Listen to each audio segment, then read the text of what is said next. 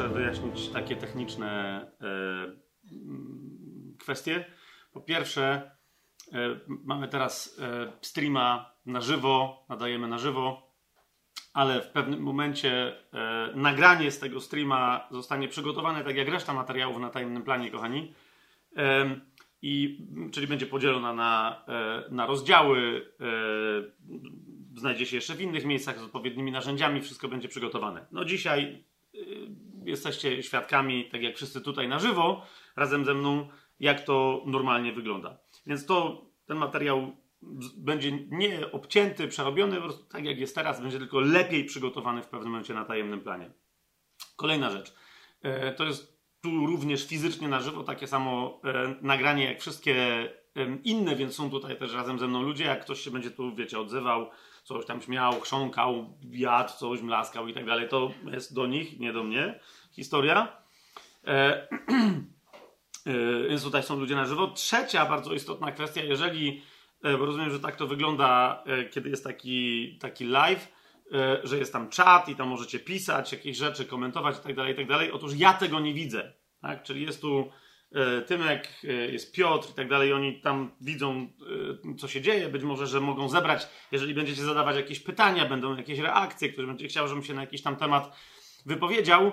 e, To, to prawdopodobnie dzisiaj już nie będzie czasu na to, żebym to zrobił na żywo. Ja też tego nie widzę, więc jeżeli ktoś coś ode mnie chce, do mnie chce coś powiedzieć, może to tam to napisać, ale ja nie zareaguję na to, ponieważ ja tego nie widzę. Temat jest dzisiaj dosyć ym, złożony, yy, jakościowo, e, rozumiecie, emocjonalnie yy, dla wielu z nas, włącznie ze mną, bardzo taki ciężki, więc żeby go udźwignąć, trzeba być dobrze skoncentrowanym i czujnym i taki chcę być, dlatego nie rozumiecie, tu już sam z siebie mam dokumenty Kościoła katolickiego, które będę cytować, plan tego, co mam mówić, Biblię rzecz jasna, więc po prostu nie, nie ma takiej możliwości, żebym jeszcze patrzył na to, co się dzieje na czacie. Ale jeszcze raz, jeżeli to wywoła jakieś refleksje, jakieś mm, pytania, które jeszcze, w których będziecie chcieli, żeby jeszcze się pewnymi rzeczami zająć, jak najbardziej zrobimy to. Pozbieramy, nie zostanie to zupełnie, wiecie, wycięte gdzieś tam, w, w, w, zostawione w jakiejś pustej przestrzeni, tylko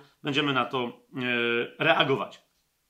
I teraz, kochani, ja nie wiem, ile nam to dzisiaj zajmie, bo. Yy, yy, aha, jeszcze jedna rzecz. Ja czasem w teorii powinienem mówić do kamery, ale ja tu mam konkretnie ludzi na żywo, więc ci, którzy tam są z drugiej strony na, na YouTubie, wybaczcie mi, jeżeli zamiast e, do Was, do Ciebie teraz przez, przez kamerę będę mówił tutaj do ludzi, którzy mnie otaczają, ale no to jest, yy, to jest naturalny sposób rozmawiania, tak? I mówienia, więc mogę czasem pewnie często nie mówić do kamery, tylko do ludzi, którzy tutaj są zgromadzeni. Teraz, kochani, yy, tak, żeby było łatwo śledzić to, co ja robię, ponieważ to jest dokładnie yy, przeze mnie zaplanowane. Temat dzisiejszego tego naszego live'a, całego tego wykładu to jest Pan Jezus, dodałbym prawdziwy, jedyny, żyjący, zmartwychwstały Jezus Chrystus, Pan, Król Królów i Pan Panów, kontra kult eucharystyczny, e, a więc kompletna, nawet nie podruba, coś kompletnie sprzecznego z tym prawdziwym, żyjącym, zmartwychwstałym Jezus, Jezusem, e, bogo-człowiekiem, prawdziwą osobą, czyli tak zwany Jezus eucharystyczny. I wszystko to, co się z tym wiąże, czyli kult eucharystyczny. Kochani, tematy są tam tak złożone, skomplikowane, historycznie, przez rozmaite tradycje, przez nauczanie Kościoła rzymskokatolickiego i tak dalej, że jasne, że my dzisiaj nie zrobimy, wiecie, komplementarnego nauczania na, na, na, na temat wszystkiego tego. E, Powiem wam, co dzisiaj będę, będę robić, yy, których rzeczy chcę dotknąć, w jaki sposób chcę to zrobić, jaki jest plan tej mojej dzisiejszej wypowiedzi, żebyście, czy to będzie trwało 2,5 godziny, czy to będzie trwało 7 godzin dzisiaj. Nie wiem, czy wy tu jesteście gotowi na 7 godzin, ale co, co zrobić? Najwyżej wyjdziecie. To żebyście wiedzieli, w którym momencie tego nauczania ja się właśnie znajduję. A zatem, em, plus ja tu jeszcze gadam, żeby było jasne, tak, bo wiecie, niektórzy mówili, że będziemy punktu 11, a potem wiadomo, że 5 po dalej jeszcze trzeba doprasować koszulę i że coś tam jeszcze uspokoić dziecko, więc jeszcze parę rzeczy mówię dlatego, żeby dać szansę ludziom na, na tym live, żeby, żeby do nas dołączyli. Ale teraz już mówię, jaki jest plan dzisiejszej e, całej tej mojej wypowiedzi. Będę robić wszystko, żeby temu planowi być jak najbardziej wiernym. Otóż, najpierw e, potrzebuję się podzielić z Wami jedną e, uwagą, którą otrzymywałem e, już wcześniej, po, po, odcinkach sprzed pięciu lat na temat kultu maryjnego itd., tak itd., tak którą dost, e, uwagą, którą, która teraz wróciła, którą dostałem i teraz, e, na temat pewnej tam mojej postawy i chcę się do tego odnieść, serdecznie przeprosić, ukajać się i tak dalej. Oczywiście żartuję.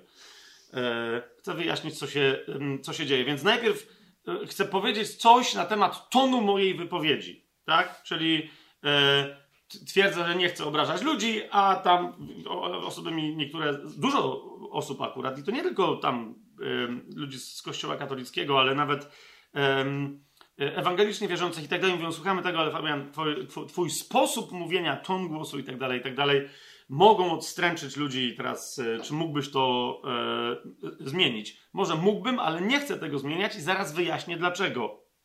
To będzie pierwsza, e, ale to nie jest pierwszy punkt mój, jasne to jest, to nie jest mój pierwszy punkt wypowiedzi, to będzie, to będzie wstępik do, do w ogóle wszystkiego. Dalej, zrobimy właściwy wstęp do dzisiejszego wykładu, to, to będzie kolejny krok. Nadal nie mówię, że to jest numer 1, 2, tylko to będzie kolejny krok. Mianowicie zrobimy sobie szybkie podsumowanie poprzedniego wykładu. Dlaczego? Bo e, ten dzisiejszy wykład, jak go słuchasz od teraz, wszystko gra, wystarczy, ale chcę tylko przypomnieć, że w minioną e, niedzielę, poniedziałek i wtorek publikowaliśmy trzy części poprzedniego wykładu, który z tym jest integralnie związany. Dzisiaj mówimy stricte o kulcie eucharystycznym, tym jednym specyficznym sakramencie i innymi, które są e, Kościoła Rzymskokatolickiego i innymi, które są z tym sakramentami, które są z tym związane, ale ogólnie o sakramentach, o całej tej koncepcji, na czym ona naprawdę polega, mówiłem poprzednim razem, więc jeżeli dzisiaj pierwszy raz tego słuchasz, mówisz, o okej, okay, czy tam coś było, tak, coś było i, i, to jest druga część de facto całej mojej wypowiedzi, więc sobie później tego odsłuchaj, ale żeby wiedzieć, co wtedy mówiłem, dzisiaj zrobię krótkie podsumowanie poprzedniego yy, wykładu. Tak? Mamy to?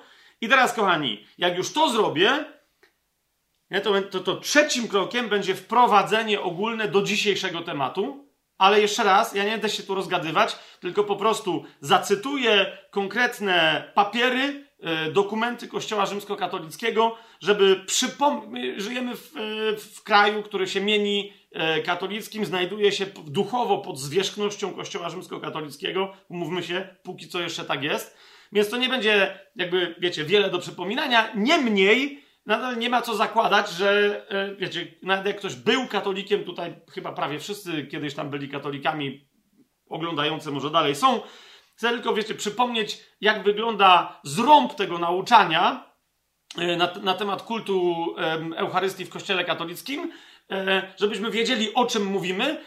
Niektórzy się dowiedzą, o, serio, to rzeczywiście tak wygląda. Inni powiedzą, no okej, okay, to rzeczywiście tak wygląda. To, co ja chcę powiedzieć, to jest wielu nawet katolików, to, co ja przedstawię jako wprowadzenie ogólne do dzisiejszego tematu, uważają, że to jest wyczerpująca wiedza na ten temat. Natomiast co chciałbym zrobić dalej? Wejść głębiej i po, bo dla niektórych już sama ta ogólna wiedza, rozumiecie, taka podstawowa, jest y, czymś, y, co jest absolutnie horrendalne, tak? Y, w porównaniu z Biblią, nie? Mm, jeden brat mi wczoraj napisał, Fabian, wyjaśnij, bo się ostatnio posługiwałeś słowem abominacja i ludzie mogą nie wiedzieć, co to jest. To jest, to jest doświadczenie obrzydzenia lub też coś, co wywołuje doświadczenie yy, obrzydzenia. Więc niektórzy mówią, sama ta koncepcja mszy, transsubstancjacji itd., itd., yy, Eucharystii ogólnie jest, jest abominacją. Jesz jeszcze raz, yy, może idzie mi tylko o to, że chciałbym dzisiaj zwłaszcza rzymskim katolikom, pokazać, że być może pewnych rzeczy na temat całego tego kultu nie wiedzą. Tym, którzy wiedzą, chciałbym też pokazać, e, no, ile tam jest wewnętrznie problemów, e, z którymi my, jako głoszący Ewangelię, musimy się zmierzyć, musimy o tym wiedzieć, zwłaszcza kiedy wiecie, głosimy rzymskim katolikom w różnych miejscach na świecie, żeby rozumieć, z jakimi duchowymi wyzwaniami, y, przekonaniami, twierdzami mentalnymi, oni się muszą w sobie zmagać, nad którymi my, wiecie, przeskakujemy dwoma cytatami, raz, dwa, jak takie sarenki y, lotne, a, tymczasem tam trzeba wejść głęboko, zrozumieć, na, na czym polega ten sposób myślenia, jak on jest skonstruowany, z jakich poszczególnych e, przekonań. Jest to jasne? Więc dlatego najpierw powiem o tonie mojej wypowiedzi, potem podsumuję poprzedni wykład i zrobię wprowadzenie do dzisiejszego wykładu. I teraz, kochani, potem nastąpi właściwy ten dzisiejszy wykład, czyli będziemy rozmontowywać cały ten system myślowy zwany kultem eucharystycznym pod pięcioma tematami, tak? Czyli ja po kolei będę mówił, że jestem teraz w tym korku, w tym, w tym, w tym, ale potem zobaczycie z pięć tematów. Pierwszy to jest transsubstancjacja, czyli e, e, czy nieważne co, za chwilę będziemy o tym mówić. Drugi to, to są hasła wyjściowe, tak? I to będzie pięć zasadniczych części dzisiejszego wykładu. Pierwsze, transsubstancjacja, która po polsku nazywa się przeistoczeniem, tak? Czyli, że masz rzecz, em, którą jest chleb, czy, czy płyn, wino, i teraz to coś zamienia się w żywe ciało żyjącego według tej koncepcji człowieka, którym był i jest dalej Jezus Chrystus. Tak? Ponoć dochodzi do takiej e, zamiany. Teraz, czy rzeczywiście, do, na jakiej podstawie kto w ogóle tak śmie twierdzić i tak dalej. Więc pierwsza część transsubstancjacja. Druga część komunia święta. Tak? E, czyli po pierwsze samo zjawisko przekształcania się rzekomego. Drugie to jest, to jest kwestia jedzenia następnie tego ciała i krwi Y, Jezusa, tak? Czyli jak to tam jest uzasadniane, czy to jest w Biblii i tak dalej, i tak dalej. Trzecia rzecz, y, czyli pierwsze hasło to jest transsubstancjacja, drugie to jest komunia święta lub też po prostu spożywanie ciała i krwi. Trzecie to jest msza rozumiana jako ofiara, czyli trzecie hasło to jest ofiara, tak? A więc, że kiedy się odprawia mszę, składa się Bogu ofiarę za każdym razem. Z czego? Jaką? Po co to jest komu potrzebne? Co na to Biblia, tak? E, czwarta część e, pod ogólnym hasłem kapłaństwo. Okay? Czyli kim są ludzie, którzy są potrzebni do tego, żeby w ogóle, e, jak Kościół rzymskokatolicki mówi, taki sakrament był sprawowany.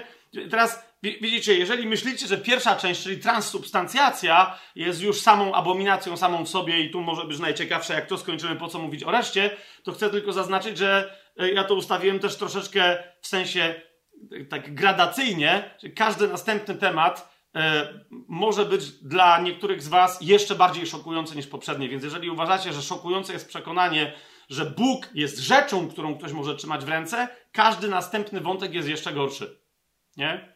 Więc jak widzicie, czwarty temat to jest kapłaństwo, niektórzy mogą być, naprawdę mogą mieć włosy postawione na głowie, jak, jak nagle zobaczą, kim w rozumieniu samego Kościoła rzymskokatolickiego jest ksiądz. Ok? Jaką rolę gra e, wobec ludzi, całego świata i wobec Boga, tak? I wreszcie na samym końcu ostatnie hasło to jest, y, to jest to, do czego kult eucharystyczny tak naprawdę służy. Nie? Bo ludzie mówią, że że msza, że komunia święta, że, że, że coś tam, że łaska uświęcająca, ale piąta część yy, i tam hasłem na tą piątą część jest adoracja. Adoracja. Ok?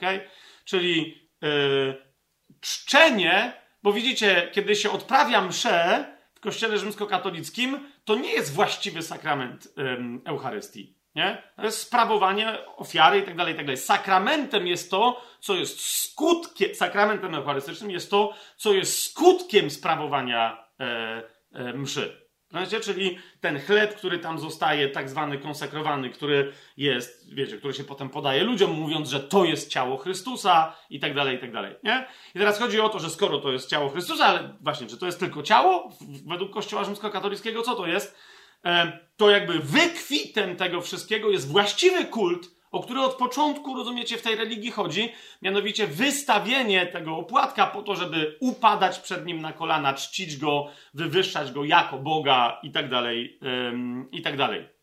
Okay, to jest na samym końcu, symbolem tego jest adoracja, dlatego mówimy o tym dzisiaj. Pan nam, przecież wiecie doskonale, jaka to była historia, że dotarliśmy do dzisiejszego dnia. Pan nam powiedział, e, żeby dokładnie dzisiaj w Boże Ciało, kiedy, kiedy w Polsce po pandemii ludzie na powrót w wielu miejscach będą wychodzić, obnosić, rozumiecie, ten opłatek w monstrancji, w, tej, w, tej, w tych takich słoneczkach złotych, czyli no, e, miniaturą do dzisiejszego live'a jest prawdziwa monstrancja, naprawdę, w którą, w którą jest wkładany tak zwany Najświętszy Sakrament z Niepokalanowa, jak widzicie, która jest w kształcie człowieka, e, ponoć przedstawiające Matkę Jezusa i tak dalej, i tak dalej, jako teraz boginię królową nieba i ziemi, która w środku siebie demonstruje całemu światu najświętszy yy, sakrament. Ok, więc teraz będą ludzie dzisiaj, pewnie nawet jak my mówimy, właśnie wychodzą procesje pierwsze yy, na, na, na ulice wsi i miast, żeby ogłaszać, że my wierzymy, że Bóg to jest ta rzecz zrobiona ludzką ręką tutaj w środku tego, tego metalowego słoneczka. To, jest, to będzie piąty temat, ale kochani, nie na tym się dzisiaj nasze spotkanie skończy. Ponieważ jak ja. Jeszcze raz, pamiętajcie, my nie dotkniemy wszystkich tematów. Też tych, którzy są teraz na live, proszę o to, żebyście rozumieli. Nie dotkniemy wszystkich tematów. One są ze sobą powiązane, tak? Więc po pierwsze, jeżeli ja na jakieś pytania dzisiaj, które macie, nie odpowiem, Zostawcie je, odpowiemy jakimś następnym razem, tak? Z drugiej strony, jeżeli ja w momencie o czymś będę mówił, pójdę jakąś jedną ścieżką myślową, ktoś powie, o, ale tam są jeszcze inne argumenty, posłuchajcie, rozmontowujemy te myśli. Być może, że odpowiem na Twoje pytanie, ale nie w pierwszej części, tylko w drugiej czy w trzeciej, czy w piątej. Jest to, jest to jasne? Więc proszę Was, miejcie cierpliwość, aż dopóki pewnych wątków ze sobą też nie połączymy. I teraz zakończymy dzisiejsze spotkanie. Ja zaraz się zresztą też pomodlę, ale dzisiaj zakończymy nasze spotkanie Yy, ja coś zrobię na koniec. Nie? Yy, jak ktoś z Was oglądał film Claire, mm, nie żebym polecał, ale oglądałem z oczywistych względów. Jak ktoś z Was oglądał film Claire, to spoiler alert dla tych wszystkich, jak ktoś chce obejrzeć ten film, a go jeszcze nie oglądał, to teraz powiem, co jest na samym końcu tego filmu. Ok, więc teraz może zatkać uszy albo coś tam zrobić takiego. Jeden z bohaterów tego filmu, jeden z księży, na końcu tego filmu dokonuje symbolicznego aktu samopodpalenia się. Nie? Podpala się w proteście przeciwko temu, e, czym jest Kościół rzymskokatolicki i tam, jakie tam grzechy kryje i tak dalej, i tak dalej. Nie? Więc e, dla tych z was, co nagle spojrzeli, co ja dzisiaj zrobię na końcu, nie, nie będę się podpalać. Nie? Ale być może to, co dzisiaj ja zrobię i do czego ja was, was też zaproszę, tu obecnych i wszystkich, którzy są z nami na live, być może, że będzie podpaleniem Bóg by dał, żeby, żeby to było podpalenie e, mm, tego narodu. E, I nie samo spalenie, ale podpalenie do tego, żeby się wreszcie przeciwstawić e, duchowej niewoli. Zaczynamy? Zaczynamy? Zaczynamy. Ok, więc pierwsze, kochani, ton mojej wypowiedzi. Nawet, rozumiecie, tu nawet ekipa tajemnego planu, jedna czy druga osoba mi powiedziała, zwróciła mi na to uwagę, Fabian, mówisz, ostatnio, na przykład na początku ostatniego jak pamiętacie wykładu, powiedziałem, że wszystko, cokolwiek powiem, wszystko, cokolwiek powiem, zwróćcie uwagę na to, jak mówię, wszystko, cokolwiek powiem, nie ma na celu obrażenia żadnej konkretnej osoby, tak itd., tak ale ma na celu dotknięcie religii, filozofii pewnej, teologii, pseudoteologii, która stoi e, za instytucją Kościoła rzymskokatolickiego. I teraz, jeżeli to, co ja mówię, kogoś obrazi, yy, urazi i tak dalej, bo on czuje, że reprezentuje te wartości, to ja na to nic nie poradzę. Wiecie o co mi idzie? Ja na to nic nie poradzę. Jeżeli moja żona e, e, parę lat temu była na misji e, w Nepalu, tak? I ona po prostu nie potrafiła ukryć obrzydzenia w trakcie tam jednego w Nepalu hinduistycznego święta, gdzie wiesz, wiecie, rozumiecie, ludzie wychodzą, dla nich absolutnie największa świętość. Nie? Wychodzą na ulicę, zażynają jakieś zwierzę, oblewają krwią tego zwierzęcia, które tam dogorywa, a oni w tym, a oni w tym momencie zale, zalewają jakieś figurki krwią tego zwierzęcia i tak dalej, i tak dalej. Macia, która tam widziała, moja żona, która tam widziała złe traktowanie psów na przykład i tak dalej, i tak dalej, jak już to zobaczyła, po prostu ona nie była w stanie, wiecie o co mi chodzi, po prostu unikała tych, i to były ceremonie, procesje na ulicach, dla ludzi tam wychowanych w tej religii, wiecie o co mi idzie? Absolutnie najświętsze, to było jedno z największych, to był wrzesień, e, więc nie wiem, jakie to tam święto wypada, ale w każdym razie to było jakieś jedno z największych świąt hinduistycznych, wiecie, największa świętość dla nich, nie? I ona dlatego próbowała unikać tych ludzi, bo się bała, że jak zobaczy, wiecie, coś takiego, po prostu będzie, po pierwsze, jako chrześcijanka wie, że to jest kult demonów, zwyczajnie i tak dalej, ale jej zachowanie mogłoby kogoś urazić. Rozumiecie, o co mi idzie, że ktoś powie, no, ale jak to, to jest świętość, a ty, no, biała kobieta e, tam się brzydzi, nie? A to jest świętość.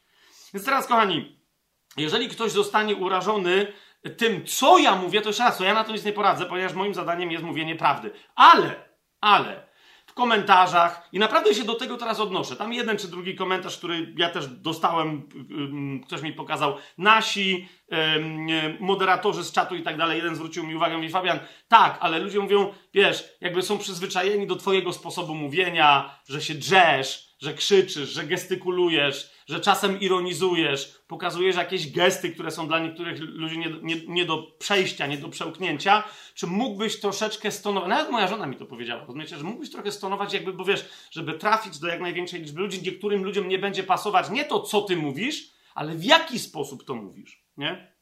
I oni naprawdę e, przed poprzednim wykładem do tego podszedłem i teraz to jest bardzo istotne, co teraz powiem. Chcę, żebyście usły. Ktoś powie, no to przejdźmy już do, do wykładu. Nie, nie, to jest istotna część tego wykładu. Bardzo was proszę, żebyście mnie dobrze teraz zrozumieli, dobrze usłyszeli, co mówię.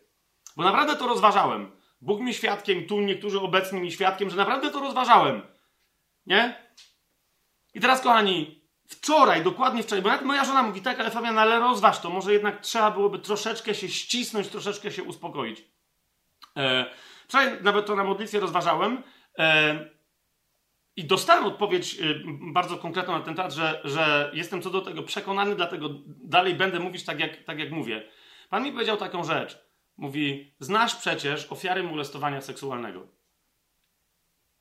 Ofiary, e, ofiary bicia, przetrzymywania niezgodnego z czyjąś wolą i tak dalej. Znasz? Mówię, no znam. I teraz pan, co mi pan pokazał? Teraz pozwólcie, że dokończę to, co mam, co sądzę, że Pan mi wczoraj powiedział. Jestem przekonany, e, aż i dojadę do samego końca, nie? Po, powiem Wam dwie historie. Ja celowo nie będę za dużo szczegółów podawał. Takich historii znam niestety dość sporo. Okay? Jedna historia. E, mm, e, znane, znanego mi księdza, Y, którego brat w pewnym momencie zaczął mieć bardzo poważne problemy, zaczął się moczyć w nocy, zaczął się zachowywać jakby był chory psychicznie i tak dalej, i tak dalej. Trwało to bardzo długo. Dopiero kiedy ten mój znajomy ksiądz już był księdzem, dowiedział się od tego swojego brata, właśnie przed swoimi święceniami, czego się dowiedział, że jego, ten, ten, ten ksiądz, o którym wam teraz mówię, dowiedział się od swojego brata, że kiedy był mały, był molestowany przez przyjaciela rodziny, który był księdzem. I on do niego przyszedł i mu powiedział: Posłuchaj, ja nie umiem się cieszyć razem z tobą, że ciebie teraz święcą. Mówię, dalej jestem katolikiem i tak dalej, ale nie umiem, proszę cię, pozwól mi, żebym nie był na twoich e, święceniach, na prymitcjach i tak dalej.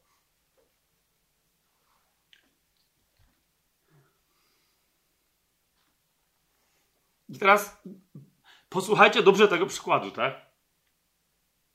Ten ksiądz był przyjacielem rodziny, przycho- oni rozumiecie, chodzili, cała rodzina chodziła na jego msze i tak dalej, i tak dalej. On przychodził e, e, do nich i czasem tylko przychodził wieczorem, żeby się, była impreza, czy coś przychodził do niego, żeby go pobłogosławić, żeby się z nim pożegnać. No wiecie, cała reszta rodziny piła i tak dalej. Ale co w tym wszystkim było najgorsze?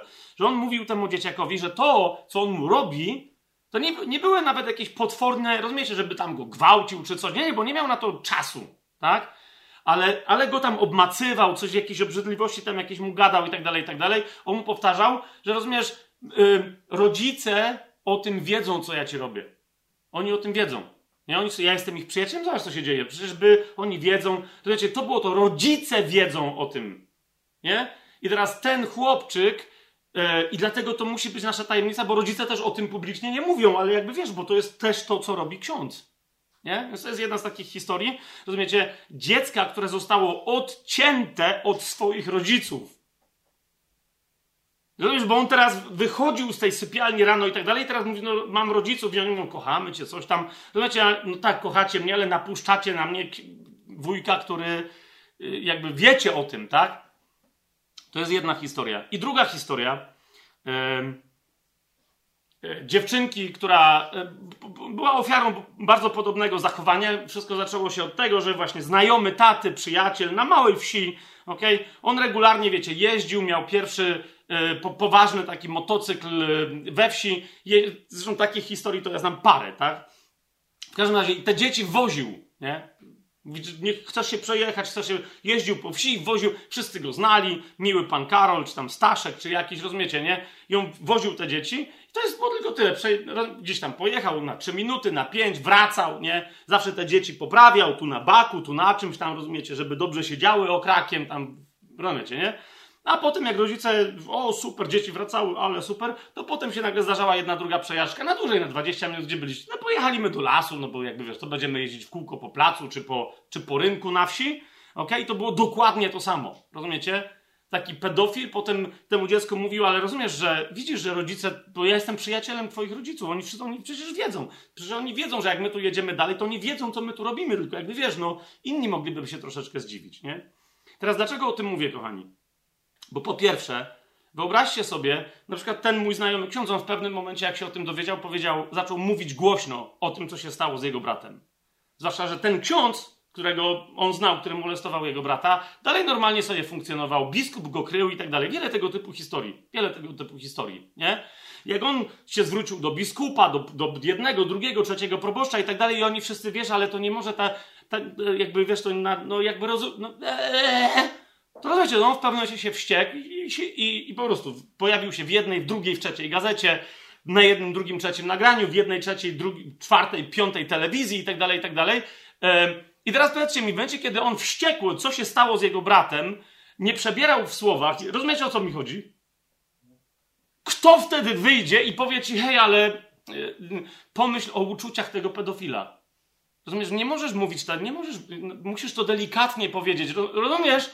Musisz to delikatnie powiedzieć. Nie, nie będę tego delikatnie mówić, tylko zaraz, żebyście mnie dobrze zrozumieli, nie chodzi mi o grzechy ludzi Kościoła katolickiego, tak? Zaraz wyjaśnię dokładnie o co mi idzie. Ale jeszcze raz zauważcie, nikt nie ma wtedy problemu, że wyjdzie taki ksiądz i tam się niektórzy mówią, o, mimo że wciąż nadal byli tacy, że to są sprawy Kościoła, po co on wychodzi i publicznie jakieś rzeczy załatwia. Nie? W tej jednej wsi, o której mówię, wyobraźcie sobie, e, że ludzie zaczęli, e, dzieci zaczęły mówić w pewnym i dorastające dzieci, nastolatki zaczęły mówić swoim rodzicom, że pan Karol, czy tam Staszek, jak on się tam nazywał, tak? Że, że tak naprawdę to ich obmacywał i różne inne złe rzeczy z nimi robił, nie?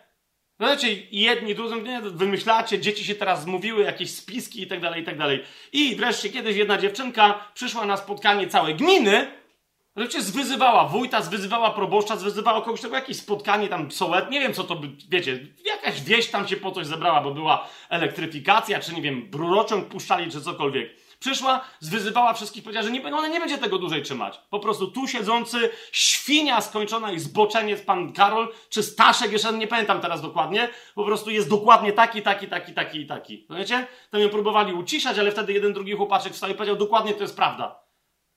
I wtedy do ludzi zaczęło docierać, że nikt nie wstał i powiedział, do okej, okay, może byłaś molestowana, ale jakby weź to powiedz delikatnie. Weź to, wiesz o co mi chodzi, no bo przecież pan Staszek tu siedzi, jakby nie uraź go czasem, no nie, bo powiedz to delikatnie, żebyśmy zrozumieli, delikatność się już skończyła tej dziewczynce. Dziewczynie wtedy już. Wiecie o czym mówię? Teraz, popatrzcie kochani, ja raz, drugi, trzeci, tu i ówdzie nawiązywałem, jasne, w jakichś tam komentarzach do takiego czy innego grzechu ludzi Kościoła. Ale zwróćcie uwagę, nie robimy materiału i nie będziemy robić materiału na kanale Tajemny Plan. Ja nie będę się przyłączał do, rozumiecie, jakichś tam wypowiedzi. Wielokrotnie byłem do tego zachęcany przez różne media antyklerykalne i tak dalej. O, skoro ksiądz odszedł, a teraz jeszcze gada jakieś takie rzeczy, to przyatakujmy Kościół katolicki. Nie, rozumiecie, bo, ale w jakich tematach? Bo tu i co chwila ktoś chce, żebym coś komentował, bo tam jakieś y, siostry zakonne miały, y, miały jakiś y, cmentarz dla niemowląt, tak, we Francji czy, czy w Kanadzie. Tam jakieś dzieci były zniewalane przez jakichś tam zakonników. To, rozumiecie, w kółko te jakieś tam historie, teraz jakie, w jakiś tam, w jakimś domu pomocy społecznej siostry zakonne, jakieś niedorozwinięte dzieci tam ponoć biły, czy coś tam, czy coś tam robiły. Księża pedofile i tak dalej, i tak dalej. Co, co chcę powiedzieć, kochani? Nie dotykam tego tematu, tych tematów i nie mówię teraz o tym. Dlaczego? Ponieważ człowiekowi zawsze się może zdarzyć grzech. Wiecie o co mi idzie? I zawsze Kościół katolicki, myślę, że dokładnie, w momencie, kiedy teraz są te skandale i tak dalej, to jest dokładnie to, co ta instytucja robi. Mówi, no tak, mówi, no ludzie są słabi, musimy zrobić wszystko, żeby te ich słabości ograniczyć, żeby, wiecie, ale, ale, mówi, ale to jest ich grzech. My, jako religia, jesteśmy święci. Nasza teologia jest święta. To, co mówimy o Bogu i tak dalej, jest jedyno zbawcze na całym świecie. To jest przeczyste i przepiękne. I teraz, kochani, co chcę powiedzieć? Tak, jak nikt nie zwróciłby uwagi, I niech nie śmie zwracać uwagi ludziom, którzy byli molestowani seksualnie, bici, czy w jakikolwiek inny sposób po prostu gnębieni. Kiedy wreszcie z nich jako z ofiar wychodzi głos i mówią, byłam ofiarą, byłem ofiarą. Okej, okay, potem jeszcze muszą udowodnić, ale w momencie, kiedy to jest prawda, rozumiesz, niech nikt nie śmie takiej osoby yy, cenzurować, że jej nie wolno mówić takim czy innym tonem. Wiecie o co mi chodzi? To jest część jej uzdrowienia, żeby się wypowiedzieć. Natomiast, kochani, ja dzisiaj mówię wam, e, jako osoba i mówię w imieniu osób, jak mówię wam jako ofiara, mówię wam jako oprawca. Od razu się do tego muszę przyznać. Dzisiaj to jest dla mnie też pewien rozrachunek. I mówię w imieniu ofiar, które, jak często bywa z ofiarami, też się stały oprawcami, ale także wielu innych ofiar, które nigdy się nie stały oprawcami. Ofiara czego i oprawca w ramach czego? Nie seksualna, bo nie wykorzystywałem dzieci, nie miałem nawet do czynienia świadomie, nigdy nie spotkałem księdza, o którym bym wiedział, że wykorzystuje dzieci. Nie, nie o tym mówię. Okay? Nie, nie o tym mówię. Mówię wam o tym, że istnieje coś jeszcze gorszego niż przeklinanie dziecka, pozostawienie go samotnym, czy w ogóle jakiegoś człowieka, bicie go, czy nawet molestowanie seksualne. Istnieje coś jeszcze gorszego. Wiecie co? Molestowanie religijne molestowanie religijne, dziecko, które nie wie, rozumiecie, co się, nie ma możliwości, ufa swoim rodzicom, a oni ufają innym autorytetom i tak dalej, rozumiecie, od małego jest wciskane w, w jakąś koncepcję religijną, która kłamie na temat Boga. I to jest, rozumiecie, to jest dokładnie to. Ja nie chciałem pójść, żeby mnie ochrzcili w kościele katolickim. Chciałem, ktoś z was chciał, jakby uchrzczony jako niemowlę. Wiecie, co, nie, po prostu ty musisz tam zanieść. Rodzice czasem nie wiedzą, co jest grane. Pierwsza spowiedź, pierwsza komunia, bierzmowanie, wszystkie inne historie. Dzisiaj mówię jako ofiara, Wiecie, ja potem odszedłem od kościoła katolickiego, takie jest moje świadectwo. E, odszedłem od kościoła katolickiego jako nastolatek, prawie że satanistą się stałem, ale w momencie, kiedy miałem, i to chcę jasno powtórzyć, realne, prawdziwe doświadczenie nowonarodzenia, spotkania z prawdziwym, na, y, zmartwychwstałym Chrystusem, miałem doświadczenie duchowe, potem ze względu na to molestowanie religijne, któremu byłem poddany od małego, co się stało, wróciłem do kościoła katolickiego, bo stwierdziłem, skoro ja spotkałem żywego Jezusa, to gdzie jest Jezus? W kościele katolickim. Wiecie o co mi chodzi? Więc dlatego byłem molestowany religijnie, i potem co się stało w momencie, kiedy ja sam miałem doświadczenie, poszedłem tam, a z czasem stałem się molestującym religijnie innych. Bo mając swoje doświadczenie, nie mówiłem prawdy e, o tym, jakie mam doświadczenie. Mówiłem, tak? Ale zawsze tę prawdę dostosowywałem do czego? Do prawdy Kościoła rzymskokatolickiego, do dogmatów Kościoła rzymskokatolickiego, doktryn i tak dalej, bo Kościół rzymskokatolicki jest nieomylny. Wiecie, to był wynik mojego molestowania, tego, że byłem molestowany religijnie jako małe dziecko. Kto w tym kraju nie był ministrantem w pewnym momencie, kto nie chodził w procesjach bożociałowych sypiąc kwiatki i tak dalej, i tak. Więc mówię w imieniu ofiar tego systemu religijnego, będąc sam tą ofiarą, a potem będąc oprawcą, chcący czy niechcący, powodującym, że inne, rozumiecie, bo ludzie przylgnęli dzięki mojej posłudze jako nowonarodzonej osoby, ale także jako księdza katolickiego, przylgnęli do kościoła katolickiego i teraz mówię, e, właśnie, wiesz, teraz zdradził, są tam dalej w tych okowach i ja, to jest jedna z, naj, z najgorszych rzeczy, z jaką ja się codziennie zmarzam, to, z, zmierzam, to jest myślenie dokładnie o tych ludziach, czyli jest to jasne, co, mówię teraz, kochani, y, y, ale dalej, bo teraz, rozumiecie, więc dlatego mówiąc jako ofiara i jako ten, który, który stworzył następne ofiary, w ramach tego błędnego, diabelskiego koła, rozumiecie, nie będę, nie będę się ograniczać. Bo nie ograniczałbym się i, i, nie będę się ograniczał, jeżeli się dowiem o kimś, kto krzywdził dzieci i tak dalej. Wiecie o co mi chodzi? To tak samo tu się nie będę ograniczać po prostu. I, i, i, I myślę, że sam Pan Jezus mi po prostu dał jasne prawo, powiedział: Nie, nie, nie. Musi wyjść prawda z ciebie, musi wyjść prawda i to będzie, to będzie ze mnie wychodzić. Poza tym, kochani, w kraju, w którym od prawie tysiąca lat, rozumiecie, Kościół rzymskokatolicki przez usta swoich reprezentantów, kardynałów, biskupów, księży i tak dalej, staje buńczucznie i wszystkich poucza. Rozumiecie? E, pytam się przez ostatnich parę dni, czy kiedyś słyszałeś księdza, który mówił z ambony o kimś, no dosłownie prywatnie, z imienia, nazwiska, o tym, że ktoś nie przyszedł sprzątać kościoła, a był wyznaczony, że nie przyjął kolendy, że na kolendzie dał tyle czy tyle, że żyje e, nie ze swoim mężem, czy nie ze swoją żoną, czy ktoś z was czegoś takiego nie słyszał? Rozumiecie, ludzie mówią, no oczywiście, albo sami to bezpośrednio słyszeli, albo słyszeli, że ktoś to słyszał i tak dalej. Nie? I teraz wychodzi ksiądz, rozumiesz, i on ma prawo niszczyć ludzi publicznie z ambony. Wychodzi biskup, ma prawo niszczyć ludzi, rozumiesz? Wychodzi jeden z drugim, a teraz w imieniu świętego Kościoła katolickiego 500-lecie reformacji było i teraz rozumiecie, jeden, drugi kłamliwy wykład na kulu na temat tego, kim był Marcin Luther, zupełnie jakieś brednie, film jeden, drugi, trzeci. Rozumiecie, nikt nie ma prawa powiedzieć, że hej, ale to jest trochę jakby po pierwsze kłamstwa, po drugie to jest nienaukowe podejście, po trzecie co się tu w ogóle dzieje, tego Luther nie mówił, tego nie robił. Nikt nie ma prawa tego dotknąć. Wiecie o co mi chodzi? Kompletne hamstwo, buńczuczność, bufonada, przekonanie o tym, że mamy prawo mówić. Rozumiesz, nawróci się ktoś. Wiesz o co mi chodzi? Nawróci się ktoś, jest biblijnie wierzący. Pierwsze co, mama kogoś takiego, rodzice, babcia. Wiecie o co mi chodzi? Od razu, ona wie od razu z góry. Jesteś w sekcie. Wie, wiesz o co mi chodzi? No jesteś w sekcie, idzie do księdza, a co tam się dzieje? No przestała chodzić córka na msze, e, zaczęła czytać Biblię. To jest sekt, to jest sekta! Rozumiesz, nie ma żadnego dalej, to jest sekta, to jest, nie ma żadnego dalej pytania, nie? Urodził się nam teraz synek, ktoś tam się pyta, będziecie go chrzcić, co ty głupi jesteś, jestem ewangelicznie wierzący. A, okej. Okay nacisk, rozumiecie, znam ludzi, którzy są niewierzący, są ateistami, dla, żeby mieć święty spokój z rodziną, która jest, rozumiecie, nawet nie to, że z księdzem, z rodziną, idą chrzcić dzieci, żeby mieć święty spokój. Mówią, o dobra i tyle, już niech się odwalą. Ale za chwilę przychodzi co? Pierwsza komunia i znowu dla świętego spokoju prowadzają to dziecko, rozumiecie, prowadzają gdzie? Do centrum molestowania religijnego, bo sami po prostu w tym byli wychowani. I nikt nie ma prawa tego zakwestionować, ale jak to? Ja mówię, czekaj, ale co ty robisz? Po co to dziecko tam prowadzisz? Przecież wy do kościoła nie chodzicie, ale wiesz, i dziesięć osób na mnie skacze, ty jesteś sekciarzem, ty jesteś zdrajcą, byłeś księdzem, a coś tam. Rozumiesz? I tu nikt się nie przejmuje, czy urazi moje uczucia. Wiecie o co mi chodzi? Nikt nie, nie, ma, nie ma żadnej tego typu kwestii, tak? Publicznie, z ambon, w telewizji i tak dalej, i tak dalej. Wychodzi biskup i on, on wie, on, on, on tłumaczy. Rozumiecie? Więc jeszcze raz, jeszcze raz, yy, czas najwyższy, żeby odezwały się ofiary. I tu jest ostatni moje, e, mój punkt w tej, w tej kwestii. Kochani, ja sobie zdaję sprawę, że to, co ja dzisiaj mówię, to, co do tej pory mówiłem, to, co dzisiaj mówię, jeszcze będę mówił, to ja nie, rozumiecie, ja nie jestem zbawcą narodu polskiego.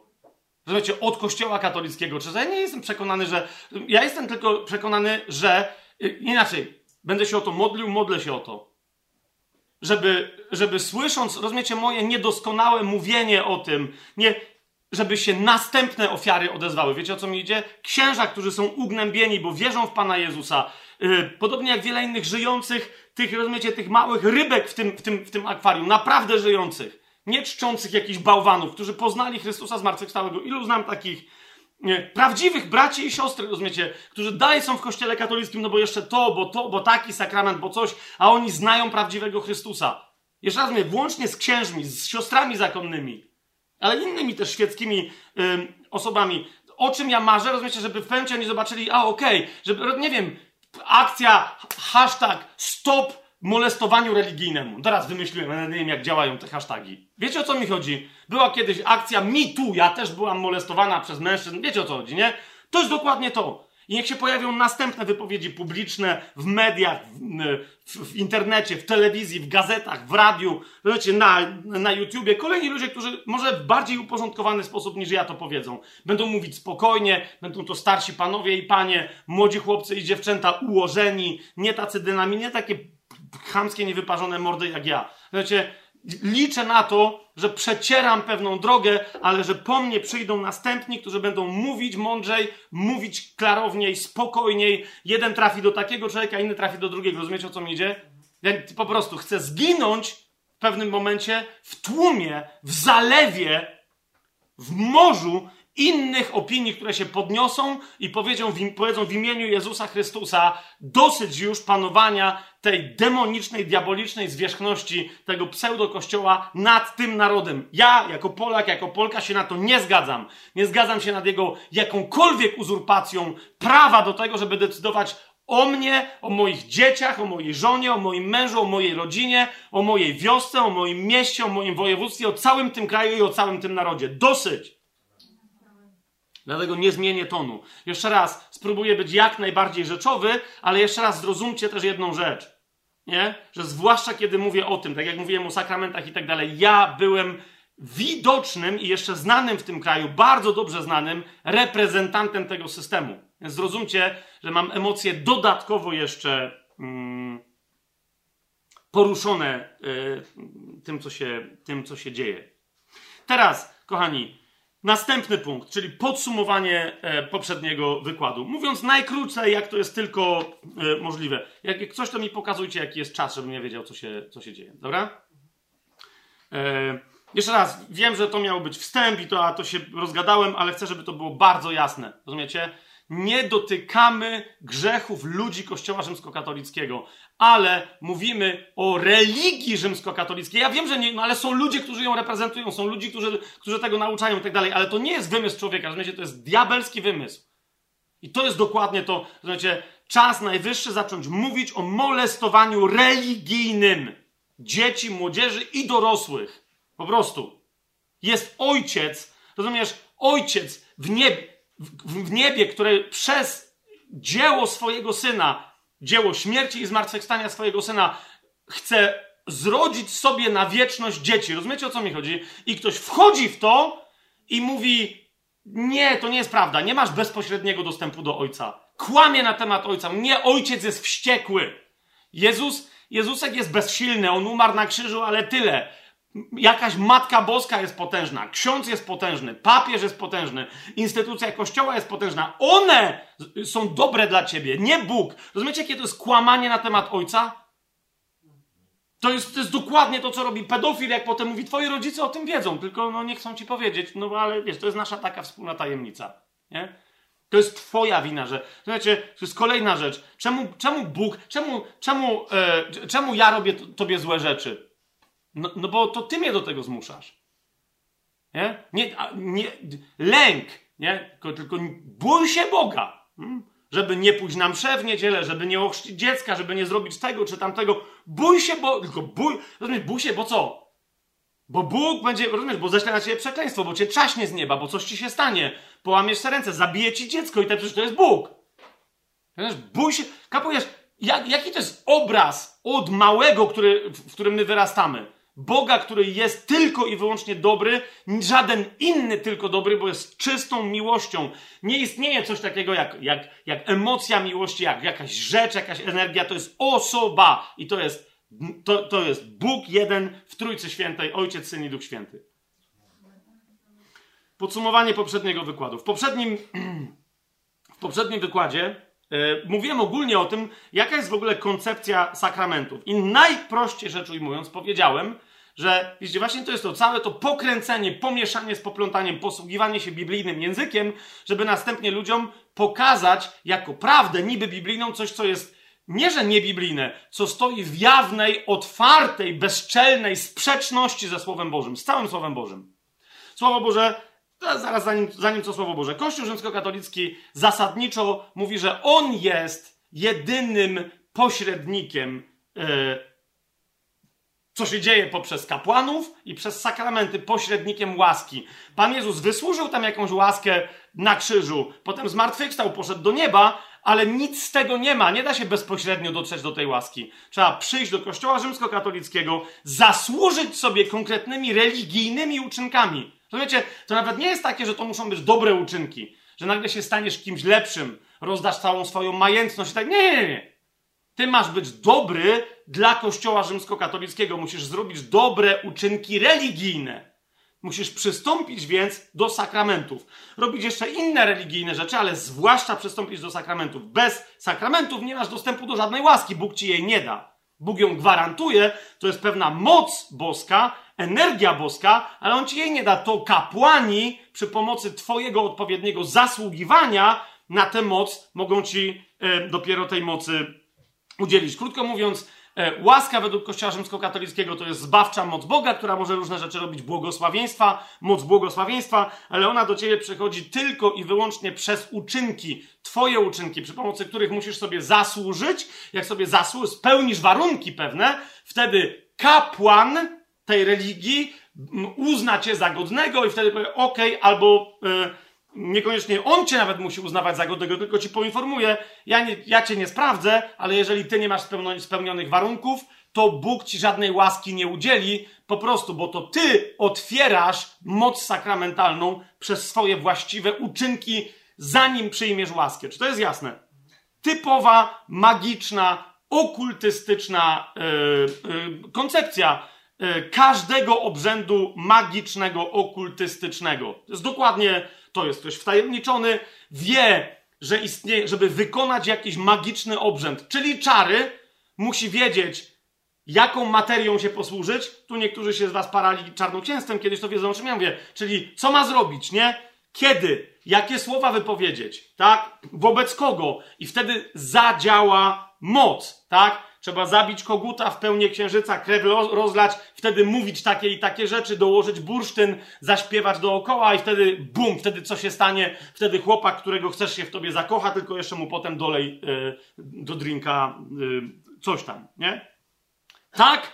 I jeszcze raz, prawie 5 godzin o tym na, ostatnio e, rozmawiałem. Tam ktoś potem powiedział, że o, to było dosyć takie skomplikowane i tak dalej. Nigdzie Kościół katolicki tak wprost. Myślę, że dostarczyłem wielu, wielu, wielu dowodów ostatnio. Ale kochani, zwłaszcza, że dzisiaj mi ten katechizm będzie potrzebny, e, żeby streścić, że to jest po prostu naprawdę, tak, to jest nauczanie Kościoła rzymskokatolickiego.